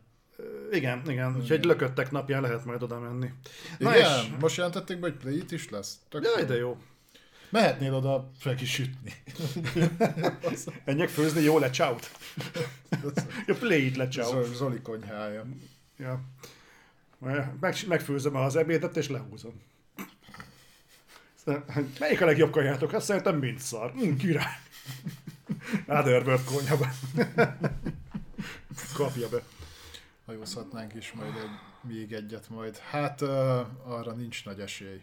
Hogyha te a tékomos hajóra, vagy telekomos hajóra gondolsz, az egy ilyen egyszeri dolog volt. Aki ott volt, az tudja mekkora élmény volt. Egyébként kurva jó. Nagyon jó volt. Én nem, nem abba, nem azért mondom, mert nem volt király, csak voltak benne érdekességek. Hát az, az igen. Az... Me, meg én azt úgy még egyszer nem szívesen csinálnám végig. Hát én sem szívesen. Tehát azért a mögött fú, a hát meló az fú. Az, Tudod, amikor azt gondolod, hogy úgy, úgy, úgy minden megvan, és úgy mindennel úgy képben vagy, és legalább azokra rápróbál bízni, hogy ők, ők biztos nem fognak elkúrni semmit. És olyan helyekről jönnek az meg olyan infók, hogy azért talán ezt nem kéne. Hát a feltöltőkártyás dolog meg az ilyen. Ja. A technikai segítségnyújtás. Itt, van, itt van két kilométer út, csá. Na de... Mennyi kell 50-60 gép. Jó. Uh-huh. Az egy jó cucc volt. Ja. Na de, beszéljünk egy kicsit a Gotham Knights-ról. Mikor indul a hajó? Öttől vagy ötkor? Ja, ó, tényleg, aha. Uh. Ú, de jó. A streamer simogató az majd OVS-sel lesz. Ja. De egyébként, aki számít, úgyse lesz kint. Tehát én például nem leszek. OVS-en? sem. Jó. Okay. OVS sem. Oh yeah. Na szóval menjünk tovább. Na szóval, Gotham Knights megjelenési dátumot kapott, ez is milyen meglepetés október, sőt ez ja. annyira október, aha, hogy Na, erre, erre hivatkoztam a mai adás elején. Ja, októ- október hogy, 25. Hogy októberre októbertől számolnak most már a nagy kiadók, tehát ezért is gondoltam azt, hogy igazából októberig itt már nagy megjelenések nem lesznek, mert uh-huh. ami játékról tudunk, a Forspoken, vagy most a Gotham Knights, hogy ezek október re vannak már datálva, úgyhogy itt sok minden érdekeset szerintem már nem érdemes várni. De derültékből villámcsapás, mert ugye sokáig nem hallottunk erről semmit, most hirtelen kaptunk egy megjelenési dátumot, nyilván ez azt jelenti, hogy várhatóan akkor fog majd megjelenni. Ezek nem kőbevésett dátumok. Hát, de az október 25 az egy elég kőbevésett dátumnak tűnik, tehát ez nem majd. Nem, hát ez, ezt, ezt el tudják még tolni. Mint a november 11. Hát az, az ugye csúszik is a Suicide Squad, tehát a másik hasonló projekt az megy jövőre. Az 2023-as. Hozzáteszem, hogy engem DC vagy Batman vonatkozású játék ennyire még nem hagyott hidegen, mint ez a kettő. Mert nem lesz Batman. Azért mondtam, hogy vonatkozású. Jó, hát ilyen erővel ez pókember vonatkozású, az se lesz. Mitől? Oké. Szerintem ez kurva jó volt. Igen? Hát Iszonyú büszke vagyok magamra. Legalább te. Oké. Okay. Mindegy, úgyhogy október 25, uh, Arkham Knight. Nem, Gotham Knight, bocsánat. De, de, de, Mi van nem szabad Batman vonatkozású dolgokról beszélni, nem értünk hozzá. Na, és akkor beszéljünk még egy gondolatról. Azt tudod, melyik képregény alapján készült? Mert ha nem, akkor nem csinálsz el belőle tesztet. Meg a Dem Knights. Ha? Figyelj, úgyse értek hozzá, úgyhogy nincsenek illúzióim, ez a legtisztább. nem, az a baj, másnak még vannak, látod? Ja, ne legyen senkinek se elvárása. Így Tehát én például nem várom, hogy legyen benne Superman. Nem fogok csalódni. Valószínűleg nem is lesz. Látod? Na, és akkor beszéljünk még valamiről, ami viszont lesz. Ja, az Atari megirigyelte, hogy az összes nagy, nagyobb kiadó ö, platform order ö, vásárolgat, úgyhogy most ők is elköltöttek másfél millió dollárt, és megvették a Moby Games-et, akik egyébként nem játékot fejlesztenek, viszont van egy weboldaluk, ahol úgymond konzerválták a klasszikus játékoknak a leírásait, a dobozképeit, meg ilyesmiket. Ez egy archívum. Ez egy archívum, ez egy online archívum, ami hát majd, hogy nem ilyen önkéntes alapon volt fenntartva, ahhoz képest a másfél millió dollár az nem is olyan rossz pénz érte, viszont már mondta a csávó, aki vezeti egyébként ezt a Moby Games-et, hogy ezt okosan fogják elkölteni, mert modernizálni fogják a platformot, és az olyan dolgokat, tehát a 30 éves nyilvántartás, meg ilyesmi, ezt mind szépen felújítják. Ez tök jó, megőrzik a játéktörténelemnek egy jelentős részét. Az, hogy ez miért érte meg az Atari-nak, arról fogalmam sincs. Attól az egytől félek, hogy az Atari most már egy jó ideje NFT-vel foglalkozik, és remélem, hogy nem emiatt vették meg, hogy ezt a kettőt akarják valamilyen szinten összekapcsolni. De feltételezzük a legjobbakat. Állítólag köze volt hozzá, hogy az Atari CEO egyébként nagy retro játékos, rajongó, És kellettek neki a cover képek, vagy, vagy micsoda? nem tudom. Hm? Ezt, ezt a részét nem tudom. Nem baj, de jól látni, hogy az Atari még mozgolódik. Én szeretem ezeket a e, régebbi cégeket, hogy még mindig itt vannak, és még mindig próbálnak valamit e, alkotni, még hogyha egyébként számomra ködbe is vész, hogy a Moby games konkrétan mit akarnak. Figyelj, az Atari amúgy is egy érdekes cég, tehát ugye hardveres szempontból nem beszélhetünk gyakorlatilag a Jaguar óta róluk. Mm. Illetve nem hazudok, mert ugye kiadták a Atari VCS-t, ami egy ilyen retro emulációs konzol, gyakorlatilag szerintem kicsit túlárazott ahhoz képest, hogy mit tud, de viszonylag jól eltalálták ezt a retro életérzést ezzel a műfa berakással, meg mit tudom én mivel. Meg ugye szoftveres oldalon is szépen leépítették magukat, tehát azért még régen volt náluk egy-két nagyobb franchise, szerintem manapság már semmi nincs. Nem, mert figyelj, nem lehet elvárni azt, hogy van egy sikeres konzol, akkor csináljál utána mondjuk egy másikat, ami jól működik, meg jó játékokat. Tehát nem lehetnek ilyen magas elvárásaid. Oké. Okay. Ez is igaz. Ugye ma ezt megtudtuk. Szerintem ma is okosabbak lettünk. Mindenképpen. Lényegesen, úgyhogy remélem, hogy nektek is sikerült egy kicsit okosodni, meg, meg sokkal inkább képbe kerülni a videójáték csínyával, binyával, mert, mert azért ez, ez mégiscsak egy, egy formabontó dolog. Nem, hogy, Abszolút. beszámolhatunk arról, hogy mit várjunk és mit ne. Úgyhogy, úgyhogy én örülök. És ö, nem tudom, tart még egyébként a Dead Space stream? Be, bi, majd megnézed adás után. Megnézzük akkor adás után. Nem tudom, mert mondtam, hogy írják majd be, hogyha véget ért a Dead Space stream, de nem írták még be, úgyhogy vagy elfelejtették beírni, vagy még nem ért véget a Dead Space stream. Nagyon néz ki mondani gyors, hogy Dead Space stream, de sikerült. Ja. Kb. mennyi hír van még? Hát el kell, hogy keserítselek, ez volt a vége. Ja. Igen. Meglepő, három és fél óránál tartunk, csak és már is véget ér a reflektor. Úgyhogy volt két kibeszélőnk, tehát úgy néz ki, hogy a, ki, hogy a kibeszélők azok ilyen, ilyen valamilyen fúziós jelleggel beszívják az időt. Ö, meg szükségszerűek, tehát gondold el, hogyha arról a kettőről szerintem beszéltünk egy jó másfél órát, hogyha azt kivesszük, akkor csak pusztán a hírek alapján nem tudtuk volna megtölteni még ezt az időintervallumot se. Úgyhogy már csak ezért is kérnék mindenkit, akinek bármilyen véleménye van, vagy ö, jó témája, vagy dolog, ami érdekelné, az akár a YouTube videó alá, ami majd később felkerül, vagy ahol egyszerűen megtaláljuk, az Discordon, a reflektor kibeszélő, oda dobjátok be, és akkor ö, be tudjuk már jövő héten válogatni azt is. Remélhetőleg addigra hangtechnikában is sikerül előrelépnünk. Mindenképpen jövő héten már szeretném megoldani, de az azutáni héten már, már mindenképp erről fogunk menni. Valahogy megoldom, baszki. Ja. Ja. Máshogy nem megy, Próbáltad már bedugni? mert, mert én nincs oda, én mindig bedugom. I- ilyen hiszéje is van. Ja, XLR csati. Neked tényleg kurva jó lesz a hang, úgyhogy Ja, ö, biztos mert jó Merod kérdezte, OVS dátum. Ez engem is érdekelne, mert ezt még nekem sem mondtad, pedig pont most akartam felvenni, mert a korlátozásoknak vége. Adná magát. Én nagyon, ért, én nagyon, érték, nagyon-nagyon értékelnem, hogyha az OVS-re egyébként minél többen eljönnétek, és minél többetekkel tudnánk találkozni, minél többetekkel tudnánk beszélni, játékfejlesztésről, sok mindenről. Ö, nem tudom, de szó volt egyébként arról, hogy csinálnánk egy élő reflektort is valamikor. Tehát valamilyen Igen? ilyen helyszínit, hogy beülni valahova, oda visszük mondjuk a technikát, és akkor ott beszélgetünk erről arról. Lehetne egy ilyet is összehozni. Igazából sok akadálya nincsen. Vissza, de visszatérve az OVS-re, szerintem néhány héten belül. Tehát ez ilyen leg, leg, legkésőbb ilyen április eleje. Aha. Úgyhogy Ötleted már van, hogy hol? nincs. Á, De igazából szerintem most mindenhol elmész az úton, akkor érzed a különböző ilyen vendéglátóhelyeknek a beszívó erejét, úgyhogy uh-huh.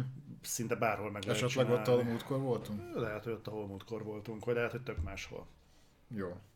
Jó. Én már várom. Jó, És ö, javaslom, hogyha már meg, nyilván, hogyha meg lesz az időpont, akkor azt itt el fogjuk mondani.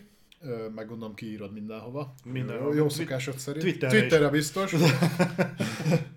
és, és akkor majd oda gyertek minél többen, és gyertek minél korábban. Aki volt az előzőn, az tudja miért.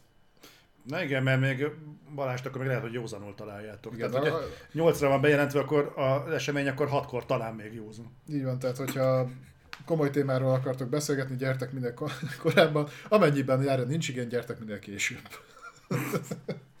Már részemről, mert Zolinak mindig van hozzáfűzni valója mindenhez. Lesz, lesz. De azt úgyis megcsinálom Twitteren, úgyhogy... Igen. Jó, nem rabolom tovább az időtöket. Így is nagyon szépen köszönöm, hogy itt voltatok. És találkozunk jövő héten. Ha minden jól megy. Ha minden úgy lesz. Na vigyázzatok magatokra, és gyertek Facebookra, Discordra, meg mindenhova, hogy lássátok, hogy mikor lesz OVS. Sziasztok! Sziasztok!